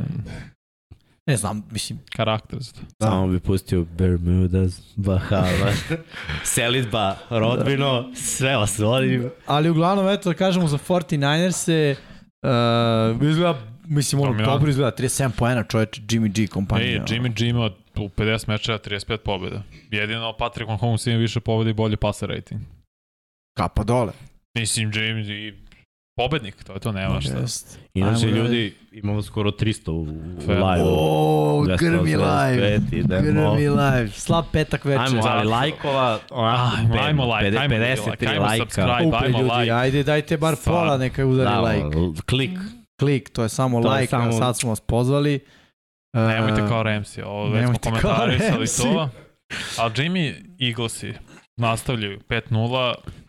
Malo su usporili, malo je napad usporio, pre Ej, svega ja mislim vidim- na Hrca. Ja to vidim od početka sezone. Meni oni nisu bedljiva ekipa. Mislim, kako god možemo da ih rangiramo i da to sve deluje lepo i sve, mora to da bude bolje. Mislim, ja kao fan Eaglesa e, bojim se te jedne nedelje kad će neko da nas naduva. I to igramo protiv Dallasa. Igramo. Mislim da nas naduva kao Konačno sam ga balon. opustio, ej. Kao balon. Trebalo nam je balon. godinu dana. Ja sam mislio kao balon da nas naduva. Mhm, Do. Da nas naduva helijumom. Da nas naduva vazduhom ili helijumom, brate. Helijum još gore, ja ćemo da odletimo ako nas mislio. naduvaju. U svakom je- slučaju, igramo protiv Dallasa. Mnogo nezgodan meč. Ali Dobro, pričam istina, posle Da. o tome. Uh, Ajde, ovde ajde. protiv Cardinalsa, ono, realno anemičan napad Cardinalsa i odjednom Eaglesi imamo prednost, bam, interception. Uh, to je ono što uh, u drugom poluvremenu pogotovo uh, odbrana može mnogo da promeni momentum. Odbrana Cardinalsa je realno započela promenu momentuma. Eaglesi su imali Da. solidnu ubedljivu prednost i od tog momenta i tog interceptiona su stvari krenule da se menjaju u korist Karoline. Na kraju ono šut za tri poena Korist, koji je... Arizona. Cardinalsa, da, to, to sam mislio, da. O, na kraju šut za 3 poena, mislim za, za Filu, koji je ono, bilo je 17-17 pobeda, ono, idemo dalje, ali ima tu dosta... Ne, ima. Pita, Cardinals su nezgodni, to je definitivno. Mislim, ono, što si, što si ti Miksa rekao, drugo polovreme za njih bolje. Drugo, da. Kyler Murray je težak za scout, mislim, mi možemo mislimo o njemu šta god. Ma bubica mala. Čik, čik, čik. Upravo tako. I ljudi on kompletira bre. on, on, ono, preko si nekim zakonima, razumeš? Nizak si, znaš, a imaš dobre odluke i dobre paseve, ne uvek, ali imaš. I nije uopšte lako njega skautovati. Tako da ja mogu i to da pripišem ovde, ono, K- Koliko sam kritikovao Mare kad izlazi uh, sa drafta, ja sam rekao scouting report, on je mix Bakera i Lamara, tada. Baker preciznost, Lamar ta mobilnost. To je bilo tada, Da. to je bilo 2019. Obojci su bili i završili ruki ne, taj godina. Baker mi se nije uklapao sad, ali ok, u Sad tom trenutku da. U tom da, trenutku da, i da. na koleđu vrlo precizni Lamar, Da. znamo šta, i bilo mi to miks njih dvojice. No, ali znaš šta, znaš šta, dve stvari mi se baš ne sviđaju kod Kylera Mare. Prvo, gubi loptu svaku tekmu. I sad ima interception. Kad god ne kompletira dodavanje, ona kao, brate, trebao si ovo. Preuzima vidiš. To je ono, de, brate, ok, i da misliš tako. Pa ima, vre, znaš, postoji onaj surface gde se vidi ta akcija, pozoveš ga i kažeš, e, ovde smo mogli ovo, ovo, trebali smo to i tako, u konsultaciji sa ofenzivnim koordinatorom. Uh, sad trenutno igraš sa rezervnom postavom hvatača, još uvijek se neki dokazuju, mislim, AJ Green kao Starkelja ti je tu jedna opcija, ti ti dalje tražiš. Se veše uh, Hopkins vraća ili se vraća Šest. sedmoj? Šest je, šest je kazna. da, Znači da, još jedno je. tamo. Znaš, s druge strane, Eaglesi pričaju se o tome, ima tu probleme. Uvek ima problema, u, svakoj ekipi nijedna nije dominirala Da. koliko god bila. Sedi se Steelers sa 11-0, pa smo pričali, samo smo svake nedelje čekali Čeka. kad će padnu opet. Ono, sad će da izgube, sad će, sad će, sad. vrlo dobro. svake nedelje. Ej, Da, da. 5-0 imaju Eaglesi, imaju dobar D-line, imaju solidan secondary, igra trčanjem funkcioniše i Jalen Hurts je sazreo kao dodavač. Mislim, on imao preko do 250 yardi, 10 nije kompletirao 3-6. To je super. Ono, ima, ima falinki, Znaš koja mu je falinka? ali je, bolja je falinka da Što? bude ono, dok ekipa ima 5-0 i dok ekipa nalazi načine da dobija, pa čak i ove utakmice kad ne ide sve kako Jeste. treba. Mislim da mu je falinka što ume da baci bezvezan interception. Ovo interception što Da. ovde bacio je bio nepotrebno. Dobro, i on ima svega dva, mislim ima samo i dva da, i samo četiri touchdown dodavanja, ali mislim dok god funkcioniš igra trčanja Eaglesa, on će biti precizan. Da, Doći će neko posle dovoljno To filma. ćemo i- sad baš pričati kao Da. protiv Cowboysa, ali ove ostale dve i Ravens i Bengals i Chiefs i protiv Raiders smo ustanovili, da. tako da možemo pređemo na heroje. Bam, Ajmo. bam. Pričamo o prvo pozitivnim stvarima. Ko su nam Oj. heroji za nedelju broj 5? A, ja sam rekao Justin Tucker. Mislim da ne moram puno da, No. da tužim. Znači, čovjek je stvarno, ono, ne samo ove nedelje, svake nedelje je bog otac, ali ove nedelje mi nekako bio posebno Znaš simpatičan. kako ga zovu Baltimore? Automatak. Automatak. Cool. Meni je Brian Robinson, running back Washingtona koji je bio upucan u avgustu u nogu, je da su izgubili, to je totalno nevažno, on je u petom nedelji igrao. Sinoć je postigao touchdown jedin za Washington, se ispostavilo se, ispostavilo se odlučujućim, ali skidam kapu stvarno, evo ga ovaj mučenik Keenan Allen, imam povredu u zadnje lože, čovjek ne igra već i neće igrati šesta nedelja, Da. Hawk su upucali i igra. I Čudni kako je izašao na terenu s pesmu Many Man od strane 50 Da. Cent, to je bilo na Da, meni to bilo too much. Na Man, man, wish that on me. idealno, Ah. idealno, idealno, idealno, tako je Brian Robinson, Znači, stvarno, ja. svaka čast. Ok, ok. Vanja voli Hollywood. Dobro, da, ovo je priča. Mislim, ako je neko heroj, onda je ovaj brat koji ima 25 yardi i 4 touchdowna. Kako je Znaš šta, imao bi on više yardi, ako bi se računali yardi u endzoni gde je Da, hvata, da. ali pošto je to samo 1, 2, da. Ej, uh, samo jedna ekipa zna da čuva Travisa Kelsey. To su, to su Chargersi i to je to. Raidersi, ovo je ubica Raiders. Travis Kelsey, Da, da. moj heroj. Srki izabrao Josh Allena, mislim da znamo koji je Josh Allen, Da. pošto ih ima dva u NFL-u, ovo je Buffalo Bills i Josh Allen. Tako je. Mislim, da. Da MVP Da. kandidat broj 1. Ma da. Kako igra? Uh, pitao me drugar uh, Mare, Plažić ga, da li da odigram Josh Allena na plus yardi 250 protiv Steelers. Lagano. Igraj. Kuću se. Igraj stavio. lagano. I eto, A da, pogotovo posle prvog drive. Posle pas od prvo 90. polovremena Osam 250. yardi. I ja sam igrao 3 300 yardi, nešto. 248 je bila Da, granica, ma, mislim, ja sam bio u fazonu To je za njega Da. ovsene pahuljice za doručak.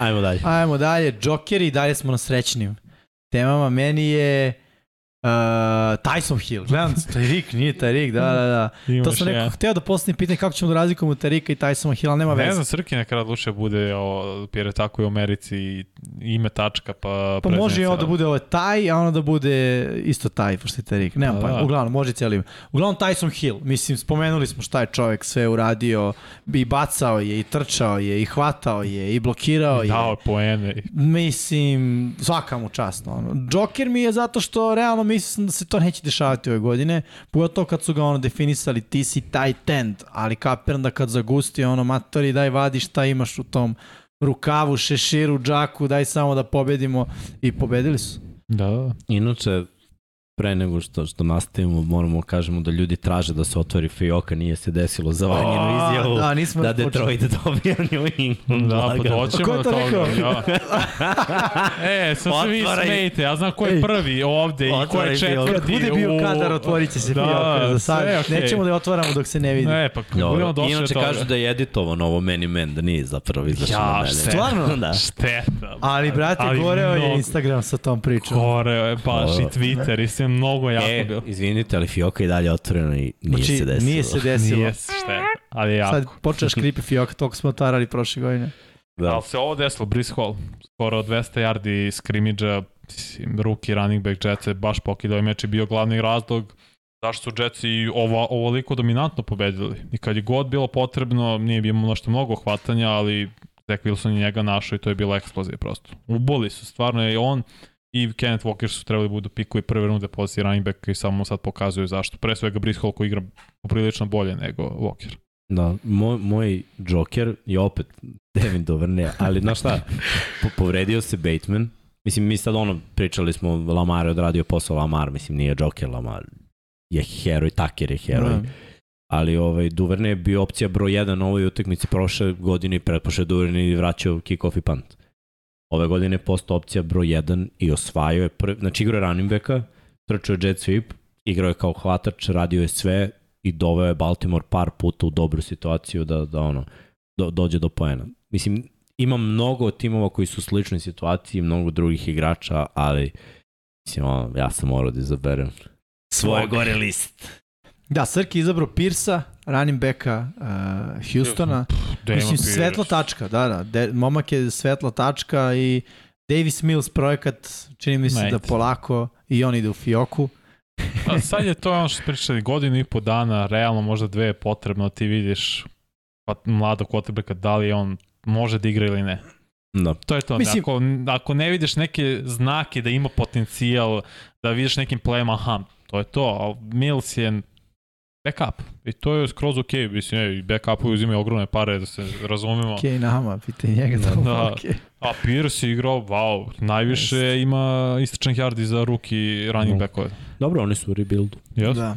E, Ajmo, sad ajmo na moramo i na... Inače, crne pre nego što krenemo da vas pohvalim, ljudi, od kada sam vas upomenuo za lajkove, 148, Idemo Skoro ljudi, 100 više, bravo, Tako bravo, je. svaka čast. tako da vas još jednom pozivam slobodno.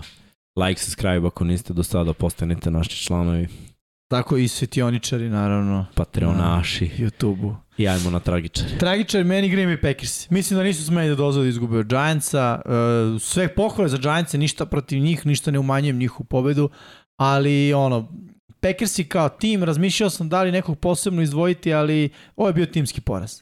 I tu nema šta. Od onog što smo pričali game plan u drugom poluvremenu, od neuhoćenih lopti, od odbrane koja se prilično gubila. Ej, inače, gledam sa drugarom, pošto sam prošle nedelje za vikend bio u Švedskoj za tu utakmicu, spomenut ću je malo kasnije.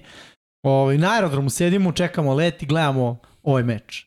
I Giantsi postižu prvi touchdown na poslednje dva, uh, brane se uh, od uh, napada Packers i ja kažem tom drugaru, rekao, ej, nema šanse. Giants, ja ne, ne sjećam se kad su postigli touchdown back to back. Poene back to back. Opiši propalo. Pam, touchdown. Tako da, ovaj, ono, Packersi nisu bili spremni za taj meč. Mislim, pripisat ćemo to i Londonu i putovanju i sve, ali nisu se Giantsi teleportovali i oni su Mhm. Da. imali Mislim, i imali su Packersi na kraju, pošto se izdvojio ceo tim, ne Mhm. samo, samo odbranu, imali su napad na kraju, došli su do gol pokušaja. I dva puta je bio izblokiran Rodgers. Jest. Mislim što šta Tako govori. Kacigu i Da, da, Thibodeau je išla lov. Daj, providno. Ono. I ti znaš, ako ne možeš dosekati, to je ono što uče nove mlade igrače s polješnje linebackera defensivne. Vidiš da ide pas, vidiš da ide na tvoju stranu, skoči, digni ruke i ono, nadaj se će Jeste. te pogodi. Ogroman si. Je vidi, Tako je. ti time kad skočiš zatvori sve rute osim fejda. Mora taj korner nešto da uradi. Mislim, realno, znaš. Onako bilo šta, ona ima in breaking rutu, slant, bilo koji pet in, dig, ti si tim kad skočiš. Ali to vidiš odmah, Rodgers uzima loptu, okaće se na tu stranu i kreće za zapinjač. To je realno slant. Ili nešto što je ono, paralelno sa linijom, sa gol linijom. Ali ajde da ne dužim dalje. Packersi? Meni Matt Stafford. Presečena lopta, dva fumbla imao dve, znači ukupno tri izgubljene lopte. To izgleda loše. Gađaš se konstantno samo Cooper Cupa, ostale kao da ne vidiš ili ne želiš ili je to game plan šta god, ti kao quarterback moraš da igraš bolje. A Stafford igra loše već 14 utakmica u regularnoj sezoni. Nije to samo ovih pet. No, Blisto je do neklu play-offu, ali ovako stvarno Stafford da li je do godine ili toliko povreda, ne znam, ali prosto igra loše. ja ću da kažem Josh McDaniels, glavni trener Raidersa, jer je bilo dosta diskutabilnih odluka na ovoj utakmici koja je mogla da se dobije. 17-0 su vodili Raidersi i to isto nismo rekli, ali okej, mislim, svi smo znali na 17-0 da, da će Chiefsi da prorade i, da, i, i, i da postignu neke poene, ali ne, ne pobediti na kraju, rizikovati na četvrtom downu, uh, igrati to za dva poena. Ok, svako ima svoje mišljenje, ja nikad uvek volim da imam svoje mišljenje, ljudi poštujem tuđe, ali imam svoje i mislim da, da je to ok, da, da svako ima. Ne dobijaš ih u poslednji, jeste da si ti novi trener, ali znaš istoriju, znaš skoriju istoriju u poslednjih četiri godine, oni gospodare, dobio si ih jednom jer si odigrao savršen meč i jednom. Imaju 8-1 sad protiv tebe u Kad je poslednjih devet Mahomes utakmica. quarterback dobio Samo ostatak, jednu su Ne, izgubili. ostatak konf- Da. divizije Da. je dobio svega tri puta. Tako je. Da, da. Znaš, taj jedan poen Što neće, rekli, neće napraviti do razliku. your homework. Da. Z- Ovako si tragičan. Srki je izabrao Lions-e, mislim, Nula. kad god je Krompir, ono, pote, kandidat si za tragičara. I to si izgubio i primio si 29, znači nije Jest. bilo ono 6-0, to baš si, Baš nisi, si nisi se- bio u igri. Da, bio si demontiran, Da, da. u svakom smislu. Dobro, Dobro. okej. E, smo došli do prognoza, tako? Jesmo? Ili prognoze ćemo... Pa prognoze prošle, Prošle, pa da. Da, najave. ajde, pa ćemo onda da najavimo kasnije. Ajde vidimo kako smo... Pa ne znam, ja super prošao, ja sam jesi? prvi, brate, ja znaš da sam četvrti u ovoj runner pool. Ih, od svih ljudi. Skoče, pa sad imamo jedan. Mislim, gledaj, Ja, inače, ja sam inače nisam stigao da napravim pick comp, mi izabrao Chicago. Mislim, brate, ko šta dobro, ja sam izabrao Chicago. Aha, šalim se, šalim se. Pa Okej. i taj Manchester mora nekad izgubi. E, pa, Ovaj, znaš šta, fioka. mogu da ti kažem, free drive u crvenoj zoni. Bilo je Očekivao sam to, da. Ali ajde da se osvrnemo na ovaj grafik i koliko smo svi bili nemaštoviti. Ono. Svi smo rekli Denver više, protiv Indianapolisa nikad i više Denver. zlajznuli smo, Indianapolis je pobedio. Vanja kaže nikad više Denver, Nikad vidjet više ćemo, Denver. možda budu A igrali. ove nedelje sigurno neće biti. Da. Onda Green Bay uh, Giants i niko nije verovao u Giantse, osim Dejbola i Denija Dimesa, svaka im čast, mi smo failovali kao ekipa. Uh, Buffalo, Pittsburgh, svi smo rekli Buffalo, svi smo ovaj, tu pogodili, dobro prošli. Chargersi protiv Clevelanda, svi smo izabrali Chargerse i tu smo ovaj, svi pogodili. Uh, Minnesota, Chicago, svi smo birali Minnesota, svi pogodili. New England i Detroit, Vanja je birao. Detroit Ogroman kiks. pogrešna plava boja. Ovaj, vi- vuče na Chargerse, ali nisu Chargersi. Mislim, između njih i. New Englanda. Mi smo svi ostali izabrali New England i, i pogodili. A New Orleans proti Sijetla, veliki Srk izabrao Seattle. Nije nelogična uh, odluka. Jesi. Šta si, Har? Harbo? Fa, fakat jesi. Ok, Harbo. A, mi smo svi ostali izabrali New Orleans i tu smo pogodili. Jetsi protiv Majamija, Srki i Pavlo E, su znaš nam šta Ja sam birao, mislio da igra Teddy Bridgewater, Hm? kad sam birao pik. Pa on Pa je igrao, igrao. on je počeo i... Počeo Jeste, i- da, dobio i udarac i bio i- out. da, da. Onda je Aha, Skyler ja sam- Thompson je ušao, Tako ali je. pričao rano, kraj Da, da, da, da. čini mi se. Igrao je, igrao, je, počeo No. je Teddy. Ja sam igrao na, na ono runner poolu na Jets. Jer sam igrao če- stvarno pobjediš posle. Nije mi isto. Na, trebalo sam bi da bude isto. Ali nije. Kaka se poništava. No, mi ja nemam pojma kako igram jedno i drugo, majke. Mi lupo. Ne, ja, Zašto u, ja u glavu, dan? ne, ja, Ja igram sve. Ne, ne igram ni, znaš kad o- odradim za, za ovu statistiku kad moram. Da. Ja igram sve isto, samo sam Jetse tada i onda, jer sam prvo odigrao runner pool, pa sam onda naše prognoze. I vidio Hmm. sam da ste vas dvojici izabrali Miami i dvomi oko rekao, ok, ja ovde ću Miami. Ja sam isto da. dvomio bio u fazonu, ako će Jetsi da pobede, pobedit će oni. Mada posle bitke svi su generali. Ma za mnoge, za mnoge da. utakmice, bre, Da. lupam. Dobro, ali Tampa i Tennessee, to su oni su ispoštovali dok Pa, Jacksonville... Jacksonville, baš nisam Ne, vidio Houston da dobije ovo, iskreno. Da, da. Mm. Ali Ja. to su te ekipe, mislim. Pa je moguće si igrao Srki, veliki, na Karolinu i zašto? Šta radiš to? Pa ne, ali mi smo pričali od prošle nedelje da ne ideš svaku baš e, ekstremno, da, da neku malo, znaš, iskočiš, a ne baš, a dobro. Pa dobro, Pablo ima neku svoju priču i logiku koju... U to više ne ulazimo. Da. Samo čitamo. Da, ali smo birali svi osim Pablo i Velikog Srke San Francisco proti Karoline i oni nisu Nismo bili preskočili smo Preskočili jedno. Skočili smo jedno sigurno. U- Mhm. Malo mi Stalno je bilo. nas ljudi kritikuju. Da, Da, ja. da. Dallas protiv Remsa. Bravo, Vanja. Vanja je pogodio Dallas, Da. bravo Vanja. Bila protiv Arizone, s, Srki i Pablo su rekli Arizona i po mojoj sreći nisu bili pravo. A, mi ostali smo izabrali Phil, logično. Baltimore protiv Cinsija, Živeo Miksa tako. je biro kontra. Da, ja sam bio ubeđen da, znaš šta, Jason Pierre-Paul Jeste bio faktor. iznenadio. Da, Jer da. Baltimore igrao bez tri defanzivna linijaša, što je meni zaburao kad on ima vremena. Umesto toga Pierre-Paul Alal Vera, brate. Znači, Da. u onim godinama, znači on, je sada već veteran, veteran, nije da. bio uopšte na kampu, ništa nije trenirao. Ima tri prsta manje. Mislim, realno, ne, Ima. okay, neko- nije čak ni Da. ono, smešno stvarno Gle, čovjek. on je sta, on je stalno bio, Da, on je, on je ceo dan znali, bio u backfieldu. Ja, ja ovako, mislim, iskreno, znaš ono kad se smeješ i kad ti je drago da si ubao slobodnog agenta, Da. iako nije trenirao s ekipom i sve to, instant si ga stavio u poziciju da bude dobar. Znači, Da. ovo je jedan od najboljih. E sad treba takav hvataš da se potpiše još. I... Da, pa, Bateman To je je to. inače out za ovu nedelju, ali nema veze, to ćemo Da. posle. A, znači, Miksa, Srki, uh, Erceg i Pablo su birali, u Pablo se crveni ovaj, ovaj, ovaj, ovaj Pablo je... a, kako se to zove, grafika o naš. Uglavnom, oni su bili Cincinnati, nisu bili u pravu. Kansas City protiv Las Vegasa, Pablo je išao za, sa svojima i otišao je u tunel zajedno sa Adamsom. E sad, Sanford prognoza, Vanja je prvi, 50, 50-30, dobro, delo je okruglo.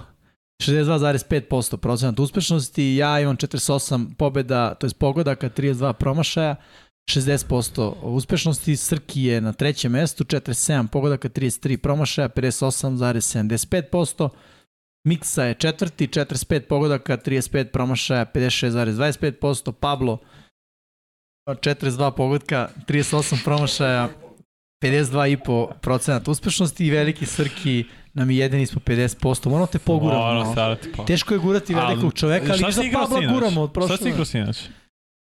Washington? A dobro, ovo nismo uračeno još sinoć. Ok, da, da, nije, nije, ovo je za prošle. Da, da, da. da. Uglavnom 38 povraka, 42 promašaja, 47,5%. Nema deobe mesta, za sad svako je uzeo svoju, svoju sigurnu. Ali vidi, svi smo tu na 2% razlike. Skoro. Jedina razlika između Miksa i Pabla. Da. Dobri Pabla i Srke, to je 5%. Da. Ali okej, borimo se, trudimo se da budemo preko 60. Miksa je imao sjajnu ideju ovaj, da Šta? budemo preko 70.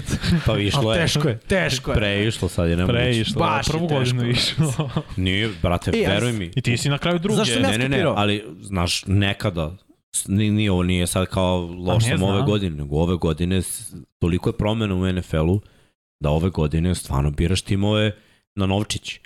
Da, da. Ne postoji analiza kojom ti sigurno možeš da dođeš do pobednika nekog. Evo Teško sinoć, je. uzmi.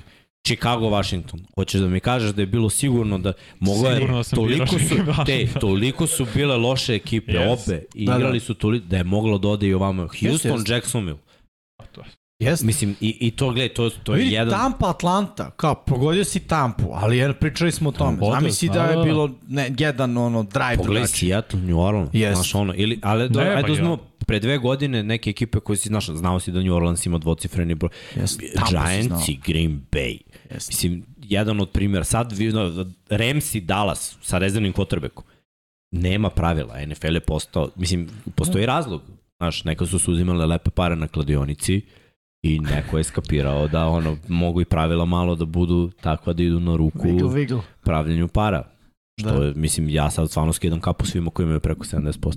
Ne, ne, teško je i svaka čast stvarno ljudima koji, koji pogađaju. Neću kažem ubadaju. Sad je lakše po, pogoditi minus poene. Pa Pa nego da. ikada pre. Da. Nekad je bilo ne smeš da igraš minus, evo, sada imaš utakmice koje su ti fiks. Da. Jer, znaš, ono, koliko god da stave granu 30, ti kažeš 30 poena. Ovi, Inače, nikad nisam mislio da ćemo nas trojica da uh, Trajamo uh, idemo lagano, ćemo boriti rekord. Nećemo, ono. ima Luka Ne. Kuzma, posle, ne ti ništa brineš. Jel? Pa i mora. Znači, biće izbacivanje na glavačke. Pa Ajmo da. da ubrzamo onda. Ajde, run your pool i najavu. Da, daj nam run your pool Da vidimo kakvi su. da vidimo gde smo. Bata je prvi, bravo, Bato. 55 pogodaka, 25 promašaja. Metal Crumb uh, deli drugo mesto sa Nixijem 97 sa 53 pogodaka, 26. Kako možda imam 26 Neko je promašaja? od, neko, on nije odigrao. Da, Ne, ne, ne, ne, nije, a nije, nije oni odigrao... A ne bi trebao komp da izabere sam, ali nema veze. Ne. Metal Crumb nije odigrao nešto, Mhm. sigurno. A Me, me ja kad nisam odigrao... Ali komp, ja nisam odigrao sinoći komp mi izabrao Chicago. A meni kasnije. nije, recimo, pre par nedelja kad nisam odi- odigrao Da. Thursday night. Nema veze, ajde. Mikin Hos uh, deli četvrto mesto sa Gangula Lagano. Opa, dobar nik. Uh, 52 pogodaka, Mikin Hos 27 promašaja, a Gangula Lagano 28 promašaja. Opet se tu nešto, ne znam šta, ali okej. To je sa sajta, ne znam.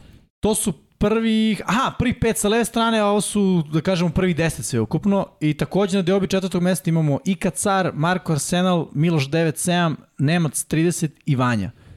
Nice. To nije ovaj Vanja. Nice. To si ti? Ja sam. To si ti. O, Vanja, bravo Vanja. De facto broj 10, ali ovako u paralelnom To smo, univerzumu to broj smo. 4. Da, smo, tu smo. Da, pa ono, ako verujemo u teoriji s- ovih struna i da multi, mu, više univerzuma, ti si četvrti, realno. Da. Da. U nekom univerzumu si čista četvorka. Gde smo mi, Vanja, najbolji, rekli smo je četvorka, Miksa, nemoj da se žališ toliko, 26. Pa si. ja ti kažem lupom. Kunem ti se pola, igram na ono, Da. I, eci peci i lupi, brate. Ne, Da, da. ne, nema pravila, ne, ne mogu, ne, Kao ono, Ne kontrol vodim nikad se- nisi učio. Može malo po da, Zaokružit. ćemo po C. ja razumeš, Realno nema, nikad nije po D.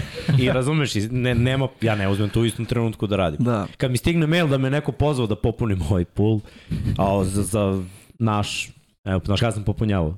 Sinoć pred kick-off. Dobro. Tad sam izlupao, pa, pa, pa, pa, pa, rekao, ajde, i to nisam sve, A da znaš da, da Thursday night možeš samo da popuniš, a ove A ne ostale može, možeš kako? kasnije. ne, mo- Ne može. Ne može, a? ne može. Ne može. Pa evo, ja to kad sam Za, vidio za sam- nas, Da. Za nas lupim može. četvrtak, većinu Da, da. za koje mislim i Da. u petak kad se probudim Da, dodam, danas da. sam dodao četiri Da, utakmice. da. Ha? Da. Pa, E, znači, mi pazi, i to što ti kažeš, i to što sam dodatno razmišljao kao danas, to, to će verovatno biti četiri fela. Čekaj, crk, kako si ovako dobar ovde, izvini. Ne filozofiram tebe, mnogo, znaš. Moramo smislimo neke negativne poene za to nešto. a? I nije fair. Srki Veliki, 70. Ja sam 134. Uh, RCG je 202. I Dom Pablo je 586. Šta nam je cilj do kraja godine? Da budemo svi u prvi 100. To moguće. Pa moguće. Koliko imamo ljudi čoveče kad je Pablo 700 i 586? nešto. 700 i nešto. Ajde ovako, da budemo, a ne, sad sam da zadao lažnog zadatak, budemo u gornjoj polovini. Sto. Gornjoj trećini. 150. Gornjoj četvrtini. 150. Hoćeš ti još da ideš na 150. dole, mislim. Polovina, trećina, četvrtina. Pa ti smanjujem nam ono, da nam bude... A zar nije point da imamo makar 60? Ja Ne, point da je imamo zapravo- oko 65. Poenta je da ljudima, da kažem, e, damo šansu da se svi zajedno igramo. To je poenta. Dobro, I pošto već sada očigledno ono, otpisujte nas. Niko nas neće doći. Mada ovaj Miksa držiš se. Tu sam. Ti imaš šansu. Vanja da. je tu, bre, u vrhu i kod nas je ovamo. Bože, Vanja, da, ja sam pomešao da si ti. Da. Ja sam samo ovamo dobar. Mislim, Da. gledaj, ovde nije pet tekmi je razlika. Mislim, do 17. kola ti šta ako failuješ, Da, ja napravim neku kola. seriju. ćemo. Da. Morat ću da igram kolo jedno. protiv Vanje. da. Ali tamo u finišu nekih. Nije to Da. svake nedelje računi po jednu se zamena šta je. Pa prošle nedelje sam uspeo, ove nisam. Ali dobro, znaš šta? Ok, s obzirom- su za 50 minuta. Ajmo, S obzirom, s obzirom da sam imao jednu nedelju sa 6 i jednu sa 7, ova dvocifrene nedelje Vraćaš, pa to je Da, ne. da. već je bolje. Meni ti je svake nedelje u proseku bude 10 barem 10. minimum. Da, da, to je dobar cilj. Ajmo. A evo, Idemo na najavu prvi kola, meč? utakmice koje smo mi izdvojili za nedelju broj 6, to su, uh, prva utakmica su Ravensi protiv Giantsa. Giantsa 4-1, već smo rekli. Ovo je legi, dajem pobjeda protiv Green Bay legitimitet. S druge strane, Ravensi imaju jednu pobedu manje nego Giantsi, ali na papiru deluju kao bolja ekipa. To je moj utisak. Miksa je začutao. Očekivao sam sad ćeš da ono, uletiš i da ti prepustim. E, teška tekma. Prvo igra se na MetLife. MetLife je stadion koji odnosi najviše najviše da, kol, ACL. kolena ACL-ova, Ahilovih tetiva Da, u da. NFL-u. A Ravensi ove godine igraju dve utakmice. Igrali su protiv Jetsa prvu, gde, gde je ono stradao starter. Ko, mislim, dvojice igrača su se povredila za sezonu. U prvoj utakmici sad opet idu na MetLife. divot. Gde, gde imaju ono tekmu. Neće biti lako, Dable zna kako da igra protiv Ravensa, znao je to u Billsima, zna kako da uspostavi trčanje. Uh, znaš šta je meni jako zanimljivo? Defanzivni koordinator Giantsa do prošle godine bio defanzivni koordinator Baltimore, uh, Don Martindale. Mhm. I on je karakterističan po najvećem broju bliceva od svih defanzivnih koordinatora u NFL-u. Uh, Lamar se inače ne, sla, ne snalazi dobro za bliceve. Uh, Martindelov sistem je bio najbolji, od, najbolja odbrana protiv trčanja. I to smo videli prošle godine. Da Ali Lamara? To je- 29. odbrana protiv dodavanja. Znači šta je potrebno u Ravensima? Ofanzivna linija s jednim tight endom ili dodatnom protekcijom fullbackom, da odradi dovoljno da Lamar može da, da, da baci loptu na, na ono drugi nivo. I, i to, ono, to je plan Baltimora i po svaku cenu probati da se uspostavi trčanje, jer Martindale zapravo je bio dobar protiv svih timova u kojima ne igra Lamar. Mislim, ono, to, to je faktor, ima faktor promene. Znači, rešenje, Ti nikad ne možeš, znači pričao je Bill Belichick, ono, mi smo imali kao scouting team gde, gde smo tražili ono brze hvatače da igraju Lamara kao scouti, onda došla utakmica i e, još je brži od toga. E, da spomenemo ono što sam već rekao na trenutku. Rashad Bateman definitivno ne igra Da, da. ovaj meč. To je sad Biće oslabljen. Znači, igraju be, bez jednog hvatača, morat će neki klinci da, da prorade Duverne i naravno Mark Andrews. To, to, to je ono šta mora da Baltimore da uradi ofanzivno, defanzivno. Pritisak. Daniel Jones je loš pod pritiskom. Osvojene lopte Baltimore, ne znam kako ove godine, ubija. Znači, igraju dominantno sa osvojenim loptama. Imaju u, u plusu su pet. Da. Naj, najviše mi Eagles Daniel i pa Jones Cowboys i oni. nije izgubio loptu dve utakmice. Meni to Mora miriše nešto, kao turnover koji može da promeni meč. Tako da ono, bit će Da. zanimljivo. E, još par informacija za taj meč. Saquon Barkley good to go. Da. Znači on će igrati. Daniel Jones igra isto. Da, Golada i Tony, Kaderius Tony ne igraju. To je već Da, ne igraju, i da igraju, ne igraju. Da, da, istina. Ok, ali dobro, znaš kada je Kaderius Tony ume da, mislim, prošle godine imao neke No, meče gde je bio sad ne igra uopšte. Ne, pa kao i Golada i Sad igra. Golada i mora da se penzioniše. I, i James, Richie James. Richie. Mislim, ništa protiv tih momaka, ali ono, I oni su nepoznati. Ali slažem se sa tobom, jeste vrlo interesantno to što je Martindale bio u Baltimoru. Da. Mnogo je gledao Lamara na treningu, ako mnogo je gledao Lamara generalno. Znaš, zanima me kako će da bude postavka ove E, odbrane. I uh, Greg Roman je mnogo gledao Martinela. Jeste. I zna da je agresivan. I Ali vidi, ja, To je sad na vlakuša, ko bolje. Ovo je bitka trenera i, znaš, ali po meni ovo je, uh, za Giants je ovo je zaustavi Lamara. Zaustavi trčanje pa Baltimore Ravensa. Kako Što se... se, Baltimore zaustavlja generalno zaustavila Mara. Tako je, tako je, ali kažem, ovo je sad ta kao neka novina koju pre nismo imali. Nismo imali defazni koordinator koji je bio deo stručnog štaba Baltimora. Evo, bit će igra šaha, to je ono. Biće. I za, zato, zato jedva čekam ovaj, ovaj meč, zaista. Sad sa druge strane što se tiče uh, uh, ono kao šta treba Giantsi da rade u napadu, mislim, forsiraju Barkley. treba da forsiraju Barkleya, i, ali ne samo trčanje, nego sve ono što smo videli. I ona Wildcat formacija što rade, to je isto Za jako dobra da. stvar. Jako, jako dobra stvar. Mislim da će biti jako zanimljiv meč. Iako pred početak sezone mi ovo bih rekao, ma nema šta, ovde se ne javljaju, vreme si dobiju. Teško je ovo za prvo. Teško. Da. Jako teško. A jako da, teško, ali jel te napravili smo 19 prognozu. časova ne gledamo to na sport klubu. Ponovo, mi ne biramo mečeve, mečeve samo dobijemo. To je to. A ovo me tek danio. O, derbi kola. 5-0-4-1. Ko Nema Sunday bolje. night. E, ko, Devet pobjeda između ove dve ekipe. Sunday ko night. pobedi prvi u diviziji? Prvi u Ko pobedi? konferenciji. Dallas Prvi u ima... diviziji, da. Dobro, ali znaš šta, pazi, imaš 5-0, izgubiš jednu i nisi prvi. Da, to je Prvi, slap in the mentalne face, strane da. isto, to je ogromno To, to je ono, i još Dallas, mislim. Ono, mržnja, mržnja. Ali aj sad da popričamo o matchupu. Znači imaš odbranu Dallasa, Trči. koja je odbrana? Ozbiljna. Međutim, loši su protiv trčanja. To Trči. smo rekli. Fila mora trči. Fila Fila da trči, odlično. Fila zna trči. Svi. Znači on od quarterbacka do pomoćnog trenera. I taj. I taj game plan koji si dao Fili, kopiraj u dva primjerke i daj Dallasu. Da. Jer ako Kuperaš bude čučao tamo sa ovim rašom Filadelfije i pokušavao da baca, neće bude dobro. Kakva je Fila protiv trčanja? Šta nam je tu osjećaj? Gledaj, Fila protiv trčanja je dobra, ali Dallas mora da, Dallas. da proba da uspostavi balans i da uspostavi trčanje. Jer ako uspeju u tome da bar prosečno bude trčanje, mogu da ostanu dovoljno na terenu. Znaš, i, i taj play action i, i samim tim, ako stalno pustiš rašere da sve vreme idu napred i da idu okolo široko, na kraju će to biti loš dan za Kupera Raša. Ali ako ih nateraš da razmišljaju o tome možda i ovo trčanje, i da bar postoji jedan moment oklevanja, trap blokovi, counteri i tako neke stvari koje leže bekovima, skrinovi. Znaš, ono, mo- moraju da probaju nekako da nadom... Ako trčanje ne bude išlo, probaj skrinovima, probaj bilo šta. Ne, nemoj po svaku cenu kupe raš i vertikale. Nemaš kome vertikale. Mislim, ono, no, no Brown i CD Lamb. Nemaš Tako kome- nećeš dobiti Filadelfiju. Odbrana Fila mora da učini to da Cooper Rush bude neudobno u džepu, konstantno, jer Cooper Rush kao što nijednom nije izgubio E. loptu, a šta Fila super radi, otuzima loptu. Najviše od, oduzetih, oduzetih lopti ima. Ali trend Coopera Raša je malo pokušaja dodavanjem. I E, ne vidim ja tu... e, Po meni je ključ što se tiče Eaglesa, Jalen Hurts, da nema prodavanja lopti i da to njegovo trčanje funkcioniše sa ostatkom trčanja koje oni imaju. Što tiče Dallasa, ja mislim da je neki ono, da kažem, a, ključ za njih u napadu Tony Pollard. Ne Elliot, od Elliota znamo šta je, ali Tony Pollard. Tony Pollard ako bude imao mnogo yardi, Giantsi, ovi, Cowboysi vjerojatno pobeđuju taj Ja meč. hoću da vidim izazov Cooper Rusha, jer nismo sad, on je imao tehnički priliku da bude u poziciji da juri rezultat konstantno. Nijedan tim mu nije sad postigao više od ove godine, više od 20 pojena. Ni blizu. Misliš da su Eaglesi sposobni da I postignu? mislim da jesu zbog Protiv igre trčanja. Ne, zbog- njima moraju da nametnu svoj ritam Protiv tim ove- trčanjem, moraju konstantno. Ali vidi, ja već vidim kako će taj meč da ide, kao i svaki meč ove dve ekipe. Taj meč dobija underdog. E sad je ovde pitanje što sa 5-0 i 4-1, blagi underdog je Dallas, nije potpuni underdog, ali Fila, ono, Fila mora da, ka, da natera Rusha da igra, da baca više od 25 puta. vidi, Konstantno, znači to oduzmi znači da trčanje. Fila mora stvori prednost od Da li- znaš šta, ali 24 plus poena Fila- razlike što se desiti neće. Fila, Fila ima dva recepta, Dallas ima jedan. Dallas mora da defanzivno limitira Filu na, do 20. Ali mislim Sve da to nije preko puno 20 teško. Dallas neće dati 20 plus poena Tako je. na ovoj utakmici. Istina.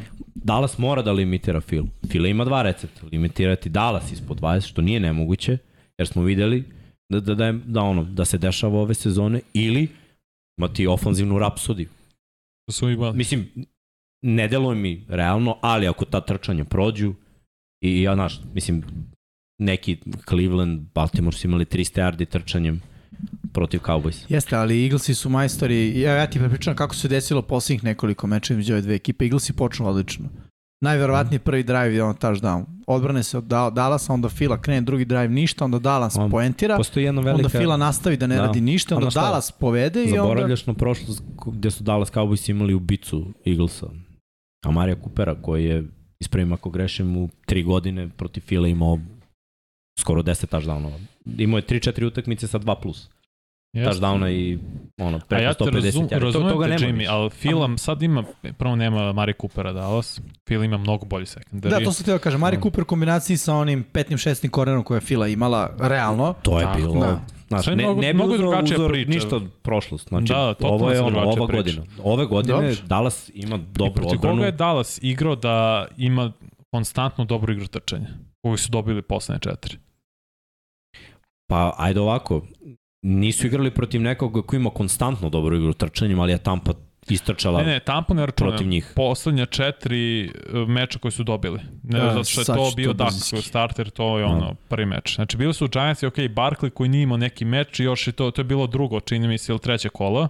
Treće. To je bio okej, okay, Znači imali su Remse, to je prošle nedelje Ništa, bilo. Nisu trčali. Da, nedelja broj 4, Dallas je igrao protiv, ajde, ajde čoveče, pojavi se, što ne bi prošlo sve mečeve i nisam, protiv Washingtona, Mhm, nije ok, rana ekipa, ništa. realno. Bar ne ove godine, Giantsi. Giantsi. Ok, Bila Eagle tak mali. da, Ok, ali I I možemo li svrstamo u relativno ok, ono, da, i. Sinci kome ne ide trčanje. Imaju Sinci- Mixona, ali ne ide trčanje. Bucks. protiv kojih su igrali odbrane uradila posao. Znači da budu dole. Znači Eagle se mora da držiš ko, ko ovo Arizona. Mhm. 20, ono, 17, Da, da. 20 i imaš šansu da pobediš. Ista je priča za Dallas. I Fila u Eaglesi daju ima 24 najbolju plus ofenzivnu. poena, Da, ti si u problemu. Ne, nećeš ali dati 24 plus Pritisak poena. odbrane Cowboysa je bolji od pritiska odbrane Karoline. Jest. O, i Cardinals, nešto izdajem Karolina celo veče. I s druge strane igra po zemlji, trčanje Dallasa je mnogo bolja. Od Jeste, Cardinals. ali o, Phil ima najbolju ofanzivnu liniju u ligi. I to meni nije pitanje. Dallas se nisu s tim. Sorry, koliko god, je, koliko god je Giants i imaju do, bolju ofanzivnu Da. liniju i Thomas igra super na left tackle, ovi ostali timovi, uh, Washington, Cincy i Rams imaju slabe. I to je eksploatisala odbrana Dallasa. a To ne može sad Dobro, ima smisla. Da, ima smisla. I opet, znaš, ti stavi, stavi matchup. Me, matchupovi su dobri, mislim. Staviš cornerbacka koji ima najviše interceptiona, koji dozvoljava hvatanja touchdownova protiv ono pro bowler hvatača koji pravi razliku Fili ove godine. I drugi mnogo slabiji korner protiv hvatača koji je onom jako brzo ima osjećaj u prostoru i imaju Gadarta. Ali se ne koristi ove godine Ne Devonta. koristi se toliko, koristi se dovoljno. Mislim, ko koristi da? Jesi vidio koliko su imali hvatanja? 102 yarda. Na drugoj strani Da. ista priča, Jimmy. Da, Znači, stavit ćeš CD Lamba protiv koja, go, koga god od, od ove dvojice, Bradberija ili Sleja, Dallas mora trči. I bit će Da, da, da. ružna, ja, bit će minus utakmica, to je moje mišljenje. Ne znam koja je grana, ali ono, kad pogledam ovo... a Kaepernick je 38 do 40. Tako je. To, to, to je realno za očekivati. Ono, tvrda play, ovo kod da je playoff. Da. Tako će meč da bude. Ajmo dalje, da vidimo ko je treći meč koji smo izdvojili. To su Jetsi protiv Packersa. Izdvajamo Jetse. Prvi A, put srđan, imaju- srđan je ponosan. Pobednički skoro 2015. U bilo kom momentu u nekoj sezoni, tako da moramo izdvojimo. Da, I, I- Packers igraju protiv druge New York ekipe u dve nedelje. Ono, Da, New York da. back to back. Dobro, ali... Nije u New Yorku, mislim, o, jedna je u Londonu, druga je u Wisconsinu. Ovo je kod kuće, to, to im je preko Da. potrebno. Kod kuće je ekipa koja je neiskusna. Neće biti, neće biti lako jer se Packers uigravaju ofanzivno, ali ono, to je ono što smo pričali, nije trenutak za paniku, dobijaš ovo, imaš 4-2, Ali vidi 4-2 je sad ovo, pričali smo o tim pikovima prve runde koji imaju Jetsi. S druge Da. strane, Packersi. Hvataču. A, Mercedes Lewis je inače prvi pik, uh, prvi igrač koji je pik prve runde, koji je ikada uhvatio touchdown dodavanje Arona To Rodgersa. ti sve govori. Nestvarna statistika. Mm. Znači, ono, Donald Driver, I nije uhvatio Sammy. Watkins da ono ove godine. Ne, Dobro. ne. Da, Mercedes jedini- Lewis je broj jedan. Da, haos. Ikad, mislim, ikad, od kad igra Aaron Rodgers, logično. Da, posle Da. 19 godina karijere. Nije a, 19. Sve Nije jedno. 2015, 2005. Ajde ovako, da zvuči dramatično. Ikada. Nikada zvuči. Ali Jetsi imaju kornera, Sos, I Gardner. DJ Reed imaju dobro. Da, da, da, ali hoću ti kažem, znaš, bit će čupa, ovi ispuštaju lopte, ovi ne rade šta treba, ajde krenimo protiv ovih. To je razlika, znaš. Mislim, ja verujem da, ofan, da može da se pokupi sve i da, da Packersi mogu, i jedni i drugi mogu da trče. Uh, Packers igraju kod kuće mnogo bolje nego što igraju na strani. Ako budu hvatali, mislim, ja sam ako. Moraju da hvataju, nekad moraju da počnu da hvataju. Pa Ako jest. budu rešili te, te situacije i jedni i drugi, oni imaju šansu za pobedu. Neko će ovde da, da ono failuje, da čoukuje, da buljira. Mislim, vidi, ima još jedna je. stvar, znaš, Packersi su se vratili iz Londona. To je opet realno koji dan navikavanja na vremensku razliku. To je opet ono, kasnije si krenuo nazad od ostalih, ovi su bili u Americi. Mislim, e, ovo sve govorim kao uh, da zapravo stvari koje idu u prilog da ovo bude jako zbudljiv meč. I mene ovde ne bi iznenadio po, pobeda Jetsa. Niko. A, u, ovoj, u ovoj sezoni me ništa ne iznenađuje više. Iskreno. Da. Ne mogu, ni, ne mogu da se ono kao, wow, kao Jetsi dobili. Da. E sad, šta tu Svi može da bude pobedili. faktor za Packerse? Odbrana. Uh, jer Jetsi kada trče, čini mi se da uglavnom trče ove šire opcije, da ne trče previše uh, ono, na Imaju. centar guard. Imaju, Imaju, ok, imaju i mora da imaju NFL su ekipa, ali sva velika trčanja koje sam gledao čini mi se su bila ono break outside. Možda nisu dizajnirana da odu s polja, ali se, ali se završe s polja. Baš ću pogledati, ima to Pro Football Focus, sjajno, mm -hmm. vidio sam glasno za Nick Chubb, on na right edge ima najviše Da. yardi kod levo garda Da, isto. ali njihov sistem, njihov sistem je zonsko blokiranje, znaš, a kad nije, mislim, oni zona, zona, zona, pa lupe counter, što je isto outside, mislim, Mm. imaš pull i onda imaju kick out, ali Da. da. svi drugi blokiraju zonu. mislim ide na I- back gap, ali može lako da ode Da, s polja. I oni imaju slobodu cutbacka, znači on kad ide s polja, dizajn jeste s sjajno. polja, ali ti možeš da uđeš cutback i onda opet da završiš s polja. Ali to Ne, je njihov sistem, Jetsi nemaju taj Ne, sistem. samo kažem, pogledat ću baš za. Breeze Halla i za I Michael vidi- Cartera, baš me zanima u kom Kao i pravcu 49ers, idu. ta lateralna, ta Mhm. lateralna, eh, lateralna kretnja pre izvođenja lopte uh, ima za cilj misdirection i da kažemo da malo raširi odbranu, pomeri na jednu stranu, što bi trebalo stvori prostor zapravo na drugu stranu i nek nužno oko centra, ali taj back gap da kažem da se, da se ovaj, uh, Jasno. udari. A i odbrana želi da kad vidite kretnje da se skupi, jel kao očekuje nešto kao sredinu. U svakom slučaju kažem, ne bi mi iznenadio da Jetsi, da Jetsi ovo, ovo pobede. Da bi to bilo crvena uzmena za, pak, za Packers? Da. I dalje mislim da ne. Ja mislim da ne zbog divizije. Mm. I zbog činjenice da će igrati još jednom sa Minnesota, je tako? Da, da, su da, samo da, Da, sada. Minnesota ode na 5-1, oni 3-3. Dobro, to je jako. I, mislim, jeste jako, ali i dalje ne mora da znači ništa. Znaš, Nima, ima, mogu oni kao broj 2 da odu iz svoje ima divizije mnogo play-off. da se igra još. Ima. Mislim, opet, odbrana mora da odradi svoj posao. Mora. Ove ključ 20 odbrana. poena, mislim, da, kakav je NFL trenutno, kakvi su napadi trenutno, svakoj odbrani cilj treba da bude 20 minus Da. za protivnički napad. Mislim, imaš ekipa, imaš pet ekipa koje prebacuju to, ostale ekipe ne smeju da ti prebace to i, i kraj priče. Jeste. Ajmo dalje. 27 od Giantsa dobiješ, to je Billsi, Chiefs. Stvarno, ovo je der- derbi. Tu staviš plus i ne razmišljaš. Da, ovde će da pršti. Bukvalno igra se u Kansasu. Revanš. Da, da. Da. Revanš promenjenog pravila. Znači, ovo je baš ono... Ovo je tre, do sada meč sezone. Mislim, do sada. Ovo je meč šeste. sezone, buk, ništa drugo im nije važno. Mislim da su ultra motivisani samo zbog tog faktora revanš. Da. I da su spremni i ne bi me čudilo da oduvaju, kao što su uradili Ramsey, da oduvaju prosto Chiefs. I ja mislim da će ključ pobjede ovde biti korišćenje running backa. Ne nužno trčanje, nego korišćenje running backa. Sad iz ove perspektive Chiefs imaju prednost. Mm -hmm. Iako po kladionicama su under, ono, underdog ekipa. Prvi put Da. u eri Mahomes, oni Mahomes kod su, kuće. da, kod kuće da nisu Wow. favoriti. Pa zašto tu postoji jedan faktor koji nema veze sa onim na terenu. To je faktor osvete. Je Da, da. faktor tu na tom terenu smo izgubili finale konferencije, tu na tom terenu smo izgubili divisional prošle godine i ono, tu na tom terenu to mora da se prekine. I ja verujem da, da to može da se prekine, jer ono, gledao sam Baltimore protiv Chiefsa tri godine za redom, znači ono, poraz, poraz, poraz i sve vreme si tu na jedan posjed i gubiš, gubiš, gubiš.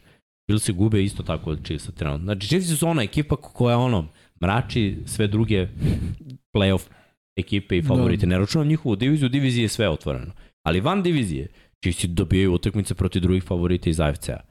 I ti favoriti drugi iz AFC-a da bi se uspostavili kao playoff timovi favoriti, Da, da. moraju da ih pobede. Dok ih ne pobediš, znači bili si prvi kandidat za Super Bowl. Super, u razveru, dokaži. Evo ti prilika. Koje poslednje godine, čet, četiri godine poslednje bio u finalu AFC-a? Chiefs. Gde Da. si igralo? Na Arrowheadu. Ok, evo ti, zamisli, ono, imagine, da, da, da, da si tamo, da je finale i pobedi Chiefs. Konačno pobedi Chiefs. Konačno Josh Allen da je veći od Mahomesa. Konačno ti Billsi da su Super Bowl kontenderi. Ja, postoji neka fobija od poglavica, kao neka zvanična, znaš, kao fobija strah Pa od poglavice su lovile ono, bizone.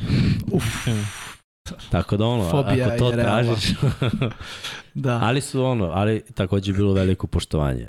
Pošto su bizoni, zahvaljujući bizonima su preživljavali indijanci. I meso, i odeća, i Da, pa dobro, ali nisu bili živi mi- bizoni to. da, Dobio ih Indijanofobija. pa Kako indijano? Da. Da, jesam, sad znaš. ok, znači postoji, nismo izmislili postoji. reč. Ja, mislim da će stvarno biti sjajan meč. Vatrom. I što kažeš, Ja očekujem vatrom. Da. Očekujem da, da funkcioniše sve. Kad si igrao ovaj meč? Koji je termin? Sad ćemo vidjeti. 22-25. Se prenosi? Da. Da. Znaš ko radi? Daj, brate, da se ne prenosi, Mix- gasi Pa mora televiziju. mikser odmah. raditi. Da, da. Šta, ne radim? Ne radiš ti? radim Šta ti radiš? Radim Seattle, Arizona. A, Oh, pa dobro, radiš mikser. najbolje quarterback, šta ćeš? Hm? Radiš najbolje quarterback. Ok. Ja. A, Da, ti inače radiš. Znam da radim nešto 7, a da A budem ne u samo 10? se- Ne, ne. Kako? U 10? Ne, ne, Ne, u 7. Ne radim u 10. 7. Samo 7 radim jedan meč. Sad ima oduševit ćeš se kad budeš vidio što radiš. E, jel se šališ ili... Pa evo sad možemo prođemo na... Aj, po, uh, da najavimo ostatak utakmice, Pa pa, to, to, ćemo... pa Pa tu tamo ima, da tu vidiš ima. To je to, to je to. i šta Ajmo, radiš. najava šesto kola i trećine sezone nakon ove nedelje. Da, To znači da smo da. prošli trećinu. Commanders i Bersi, to smo već pričali, bilo je na sport klubu 1. Niksa nije duše. E, pa imamo statistiku od tog meča. Ja, ne? moramo. Ajde, ako Samo imamo. Šta kratko. brzinski? Versi su bili tri puta u crvenoj zoni, tri puta imali gol pokušaj, nula poene. nula. I to je to. Dali su jedan touchdown, to je bio big play. Bills je donosio dobra rešenja. Ven s druge strane, ono, nije imao toliko dobrih rešenja, ali nije igrao lošu utakmicu. Mislim, nije, nije izgubio loptu, to je bilo vrlo važno. 99 A, yardi pas. Tako je, trčanje je 99, ja. bilo prosečno za Washington, trčanje je bilo odlično za Chicago. Chicago je u prvom polovremenu imao tri puta više yardi od Washingtona, a rezultat nakon prvog polovremena je 3:0. bio 3-0 za Washington. Znači, totalno I ono što sam ja video kao Chicago pobednik se videlo na terenu, ali se nije odrazilo na rezultat jer nisu Mm. bili sposobni da postignu poene. Ali osvajali su Znači jarde, ponoć. znači njihovi napadi su bili tečni, ova utakmica je bila mnogo bolja od tri prethodne ako gledaš šta se dešava, nije bilo ono pan, pan, pan, pan, pan. Da, da. Bilo je ono osvoje, pređu, dođu i idemo, Ne ono, idemo na gol. Pap četvrti za on, turnover on downs dva puta i jednom interception. A da vas pitam, je li vam zdravo ovo što se dešava u Washingtonu po pitanju Gibsona? Mislim, Ne. momak je odjednom ono, irelevantan, pred Robinson. se Znaš pričalo Znaš zašto? da ide da vraća kick-off. Sad je on kick-off returner. Da, ono. z- Znaš zašto? Kada, ej, to bi ja uradio, isto. Da, da svake godine mi running back start ima 5 plus fumblova po sezoni, vraćao bi return. Da ima i tu fumblove, šta? Da, da, ne, neka. Ili i sledeće godine kat, ako ne smanji fumblove. I dobio je on ovde šansu. Znaš kako, je, nošenja. znaš kako je držao loptu u tih pet nošenja? 7 yardi me- Mislim, ja mislim da to nije put, znaš. Ovaj momak je draftovan visoko, ako se ne varam. Pa i nije toliko strane visoko, mislim, Washingtona. ono, Treća runda. Pa mislim, nije to nisko, realno. Pa nije ni visoko. Nije bilo kao, a on će biti starter prvog dana. Ono, Dobro, nije, to je- tu je bio onaj Darius Guys, čini mi se, pa je on Tako je, otpisan mislim, i onda ga je Oni Gibson. godinama traže. Mislim, Ali on je prošle godine bio broj 1. to je Jeste, bilo to. McKissick je bio... bio, je bio bio, bio broj. Melvin. Gordon, mislim, i on je visoko draftovan. Je ti to budućnost ekipe? Mislim, nije. Pa možda u nekom drugom sistemu. Ne, ne znam, samo hoću da kažem da mi... Fumblovi su veliki ne problem za running backove. Jasno. Znaš, i liga neke bekove baš tretira ono lagano za te fumblove. Mislim, Melvin Gordon će da dobije nadima kao Tiki Barber fumble. Mislim, Da. već treba da ima taj nadimak. Treba mu piše ono pod navodnicima ispod Gordon. brate. Mislim je NFL to uradio kao NBA i na dresovima ovo neki način piše nickname. Pa, To je bilo baš dobro. Ne, nisam ja. To je nije, nije bilo dobro. To je NBA bilo- radi, ali ima 80 utakmica, ne znaš šta će išli izmisle, privuku Pa, ljude. pa Mislim, jedno- imaju jedno još kolo. 17. A jedno kolo samo. A znam, a Piše mnogo Brady na dresu. Već su imali, imaju ono... Piše Lamaru Big Trust. Znaš da svako ima nadim? Ah. Ma homeboy piše malo, ne. Ajmo dalje. Ali, ja, to je baš, to mora, to mora piše ništa protiv tebe. Vanja, samo, eto, mo, moje mišljenje. Vanja Hollywood. A, Reći ćete samo 49ersi many man. Da. 49ersi protiv Falconsa, nedelja u 19 časova. 49ersi su favoriti ovdje, ja bih rekao, ali to ne znači da je pobeda zagarantovana. Ja mislim da jeste previše fizikalni igraju za Atlantu. Atlanta je jedna od tih, nije toliko kao Rams i lepršava, lepršav tim, ali mislim su previše Mislim, istina, fizikalni. ja, ja mislim da će game plan biti to, ono, pretuci ih, Gazi ih. da, pretuci ih i igraj sigurno sa Jimmy Jim ko što je do sada igri. Tako da, ali šta znam, ono, mogu da vidim i da Atlanta ih malo namuči. Drugo, 49ers igraju u ovom prvom terminu, oni su ekipa sa zapadne obale, za njihov biološki sat ovo je prilično rano ujutru. Uh, igra se u Atlanti, tako da može to da bude faktor. Često te stvari previdimo. Ja, kako su počeli tiketi da mi padaju, nisu neke sume pitne, nisu nikakve sume pitne. Ja to više Gledao stavim koliko da vetar jako duva na istočnoj Ne, ne, počeo obali sam- i utica i... Veruj mi, počeo sam sebe da... I posle mene, prič, meni ste pričali kao sebe- klima, ovo. Ma hladno nije toliko, ali vre, vreme, znaš. Čekaj, ako je ovo jedan ujutru, tako, na, To za, je na istočnoj obali, 10 10. AM. Da, da. mislim, znaš, zagrevanje kreće u 7, po tvom biološkom satu. Ano je to. Zato dođeš dan ranije, uživaš malo u južničkoj klopi. Da, ajde, idemo dalje. make it to be southern. Uh, New England protiv Clevelanda. Ovo je Teško. jako teško. Znači, ja ne znam Ovo je stavo ovdje. stavi zbog čanta. Da. Da. Brownce, jer Mislim, pre vidi. svega Nick Chubb, wow. Ovo će biti trkački meč. Svako, Da. Cleveland to mora da radi. New England s druge strane protiv odbrane mora. Clevelanda koja se nije pokazala prošle nedelje, a napad New Englanda je ono run, Jel run, jedan run, run. running back ne igra Patriotama? Jedan od nazove startera. Čekaj, oni imaju još Harrisa. Ramondrea. Ne, pa Harris je nešto bio pod znakom pitanja, Da. ali ne znam. Mislim, petak je. Ne, ne, znam Nikad oni to neće objaviti do nedelje. Neće, sem ako baš sve ono. Sve ono kao, znaš, ono, ko trenira, ko ne trenira, to meni ništa ne znači ko trenira, ko ne trenira, to je load management. Mislim, dok ne vidimo ono game day decision, igra, Da. ne igra, ne verujem ni u što. To su sve uh, Patriot igraju opet, igra ovaj dečko Bailey, Bailey Zappi. Zappi. Tako je.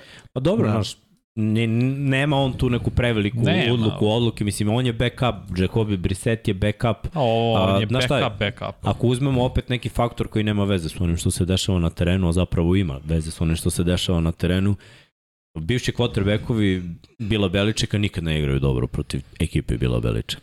Tako da ono, Jacobi Brissett koji je nekada igrao u New Englandu može da ima, ako se zustavi trčanje on- i on ima loš meč, Da. mogu ovdje Brownsi loše da se... Mislim, Brownsi vode i u meču su izgube na kraju.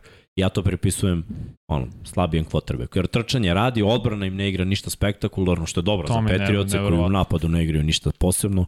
Opet Patriotsi defanzivno ne računamo ovo protiv Detroita. Ok su, ima tu par igrača Dobro, koji iskorače. su igru po zemlji. Jesu, da. Detroit ima solidno dobru ofenzivnu liniju, Ni- talentovanu. Jeste, ali ne približno ovoj. Ne, ne, ne, sve to stoji. I running back nije. Igrali su ok Patriotsi protiv Baltimora, ali opet Baltimore ima dovoljno i trčanja i dodavanja. Ovaj mali Jones i meni je otkrovenje, defanzivni back, pon- ponovo su našli bilo. cornerbacka koji radi posao. Ruki. Tako da ono, Biće zanimljivo, biće neizvesno, po mom mišljenju, jedan posed i može da ode ono, na obe strane. Volio bih da ode na stranu Petirotca da se divizija malo račisti. Da, inače, e, ono, Beliček nije potvrdio da Mac Jones neće igrati. A- Još uvek. Mislim, Jasno. da, to je njegov stil. Ok, Jets ja, i Packers smo Jets i rekli. Packersi, to smo pričali i najavili samo da im da, tu imamo samo informaciju da, a, a, a, samo da gađem, a, a, a, ovaj hvatač Packersa, Ruki, neće Romeo. igrati sigurno. A, Watson. Da, Watson neće igrati sigurno. E, pa znaš šta radiš? Da Jaguars radiš i Colts. Colts. Da, kazna. Kazna što nisam bio to prošle. Nije lepo smeti se tuđi nesreći, ali... Da. Ej, dobro, možda mogu svašta da naučim iz toga. Ej, Jaguars i Coltsi, bit će to zanimljivo. Dobro. Jacks i Coltsi, mislim... Možda radiš, reći, stvari, možda radiš i Vikings i Jesu Dolphins. i Jacksi već pobedili, tako? Jesu, Da. dobili Da li je si realno ono- da ih dobiju dva puta? Ali znaš šta, oni ih dobijaju uvek u Jacksonville. Da, da. Znam, znam, ali da li je realno da ih dobiju dva Pa, puta pa, ove godine? Nije nemoguće. Ja mislim da Je igra Taylor? Ma Ne ja. igra. Ne znam. Ne znam, Ne, ne, ne ništa znam se nije uvek, da. pojavilo. Ako Da. Taylor igra, to je druga priča. Jeste. Mislim, Coltsi ako se ne probude sada, Mislim, gledaj, Jacksonville ih nije pobedio. Jacksonville ih je Očepio. ponizio. da. Tako da, ako su ih ponizili jedno, mogu da ih pobede drugi put, bez obzira da se... istina. A, to prenosimo na Sport klubu 4 od 19. A, drugi meč koji takođe prenosimo na Sport klubu 3 od 19 časova, to su Vikingsi protiv Dolphinsa. S Dolphinsi će igrati Skyler Thompson.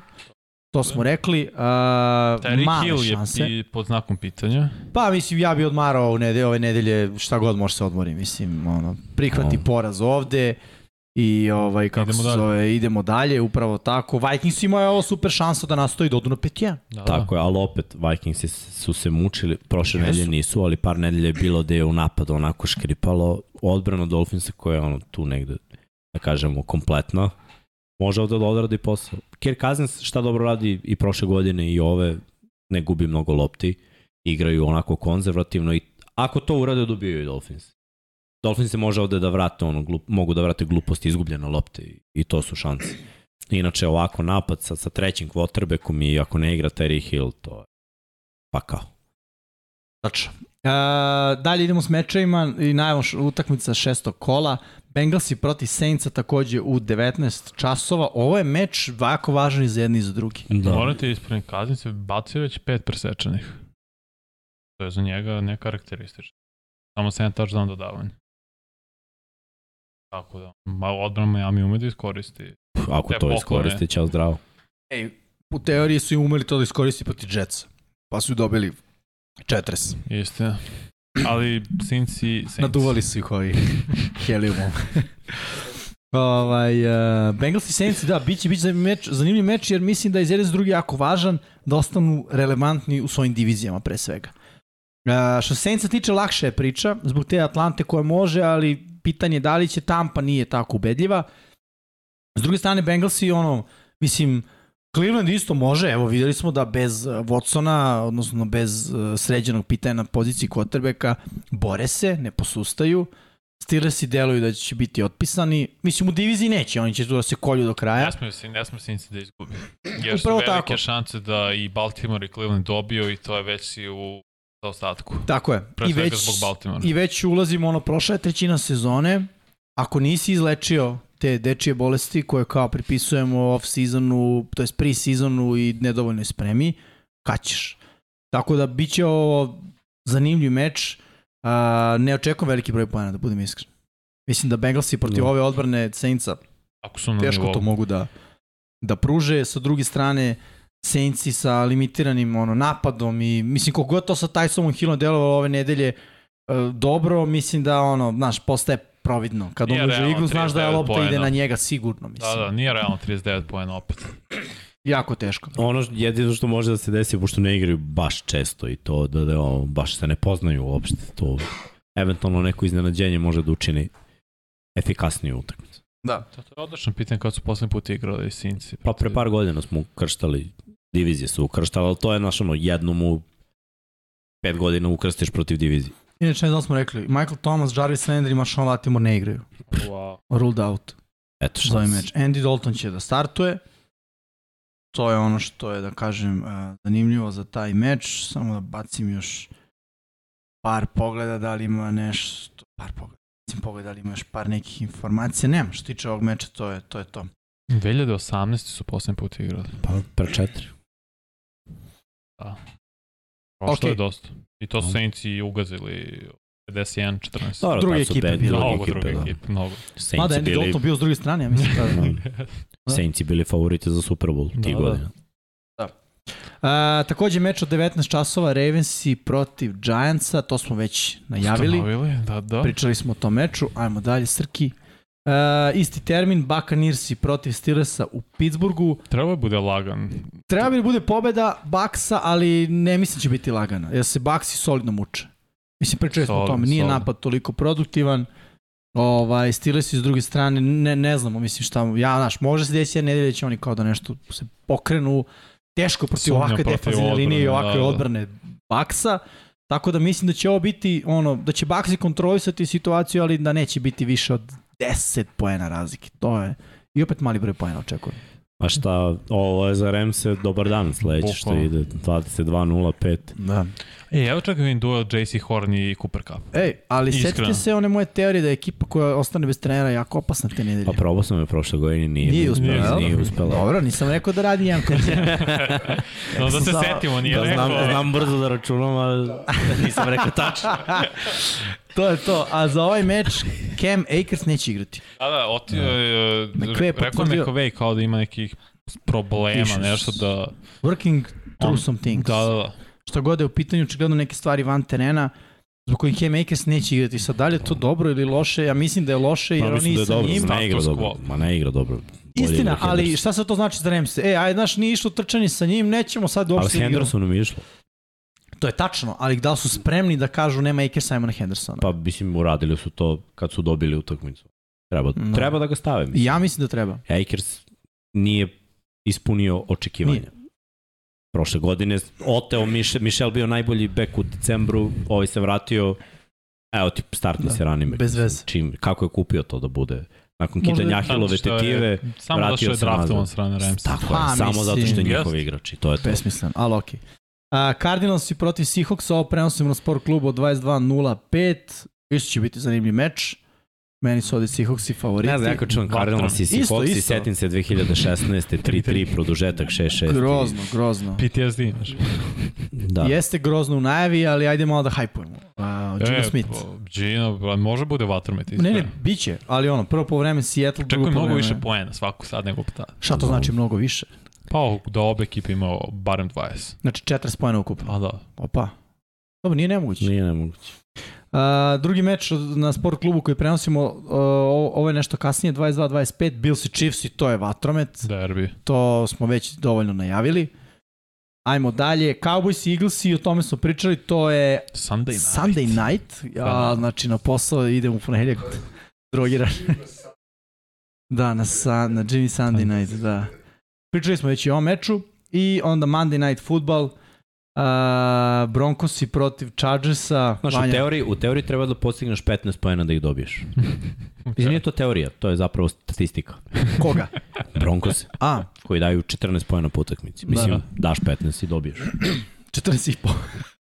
Tako da, e, E, vi, možda videli smo četiri ekipe koje Da, su nam mnogo Lionsi, cool Raidersi, fora. A? Texansi. Mnogo Baš je dobro cool fora, baš svaka čast I Titansi. stvarno. Bravo, Pero. Mnogo, mnogo, mnogo. Znači, baš spavaju. kide, baš kide, da. Ili to ili klupa, ali ovo je bolje. Klupa je malo vredljiva. Ne, ovo što spavaju, fenomenalno, Da. baš je, baš je cool odradio. Top. Naš. Prošli smo najave, sad imamo naše prognoze. Naše Vidimo kako smo prognoze, prognozirali da, da. za ovu nedelju broj 6. Kulele.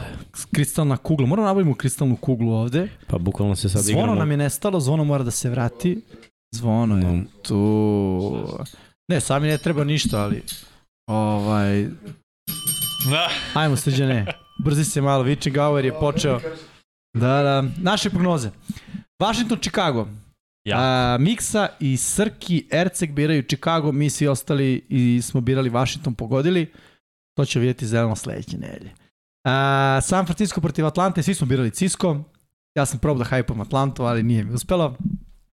New, e, New England protiv Clevelanda. Biram ja New England i veliki Srki, svi ostali birate Cleveland. Ok. Biram. Čant. Dobro, Čan. dobro. Ima smisla, ali ja mislim da to može da zatvori Beliček. Vrlo verovatno, Da. ali vidjet ću. Isti taj Beliček nije teo da draftuje Čaba, nego je izabrao Ovog. Sonija Michel s istog fakulteta. Pa dobro, mora bi čaba da plati, ovo je da ne plaća ljude. Realno. Ma ruki ugovor. Na draftu. Nema veze, on ne, ne plaća ljude nikako. On je, Sonny Mišela posle ruki ugovora poslao kao, Pa, čao. dobro. Pa mogu i Čaba da pošalje Ha, posle. mogu, ali teško je da se odvojiš od Čaba, koji je realno aset u tom. Čab je najbolji bek u ligi. Uh, Jetsi proti Green Bay-a, svi su birali Green Bay, osim Srđana on je izabrao možemo drugu da se ozbiljno zaplatimo zelenu ovde. boju. Nije nemoguće, pričali smo. Jacksovi proti Indianapolisa, veliki Srki bira Jackson. Au, Pa dobro, ne, ovo, ovo je... Ovo je okej, dobro, mislim, nije nije nemoguće. Da, čovječ, mnogo ubili gore su ih u prvoj. Mislim, ja samo verujem da ono što smo pričali da je taj, taj jug toliko loš da će podeliti. Da. A, Minnesota protiv Majamija, Miami biraju Srki, Erceg i Dom Pablo, mi smo ostali izabrali Minnesota, ja mislim zbog Skalera Thompsona Da. u poziciji Da, da. quarterbacka, potpuno drugačiji game plana i Minnesota koja deluje dobro da više ima smisla Minnesota, ali vidjet ćemo. A, Bengalsi protiv New Orleansa, New Orleans biraju Erceg i Pablo ponovo, mi ostali biramo Cincinnati. Dosta povređenih igrača. Jeste. Jeste, mada to nisam znao kad sam pravio pik. Više sam se oslanio na to da Cincy mora da počne sad da, da, da radi onako. Solidno je ključni pre, uh, moment za njih što se, što se mene tiče. Uh, Baltimore proti Giantsa, Giants se ponovo biraju Erceg i Pablo, oni su rešili da kontriraju. tandemski, ja. Da.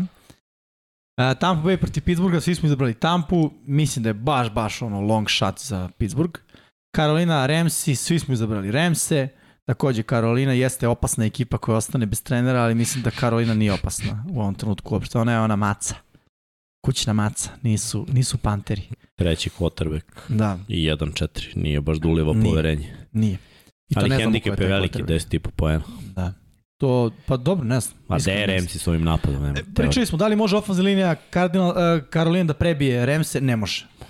To je, I to je u startu već prednost za Remse. Arizona protiv Sijetla. Arizonu bira Miksa i Veliki Srki. Mi ostali smo izabrali Sijetlu. Vidjet ćemo. Može da se desi sve.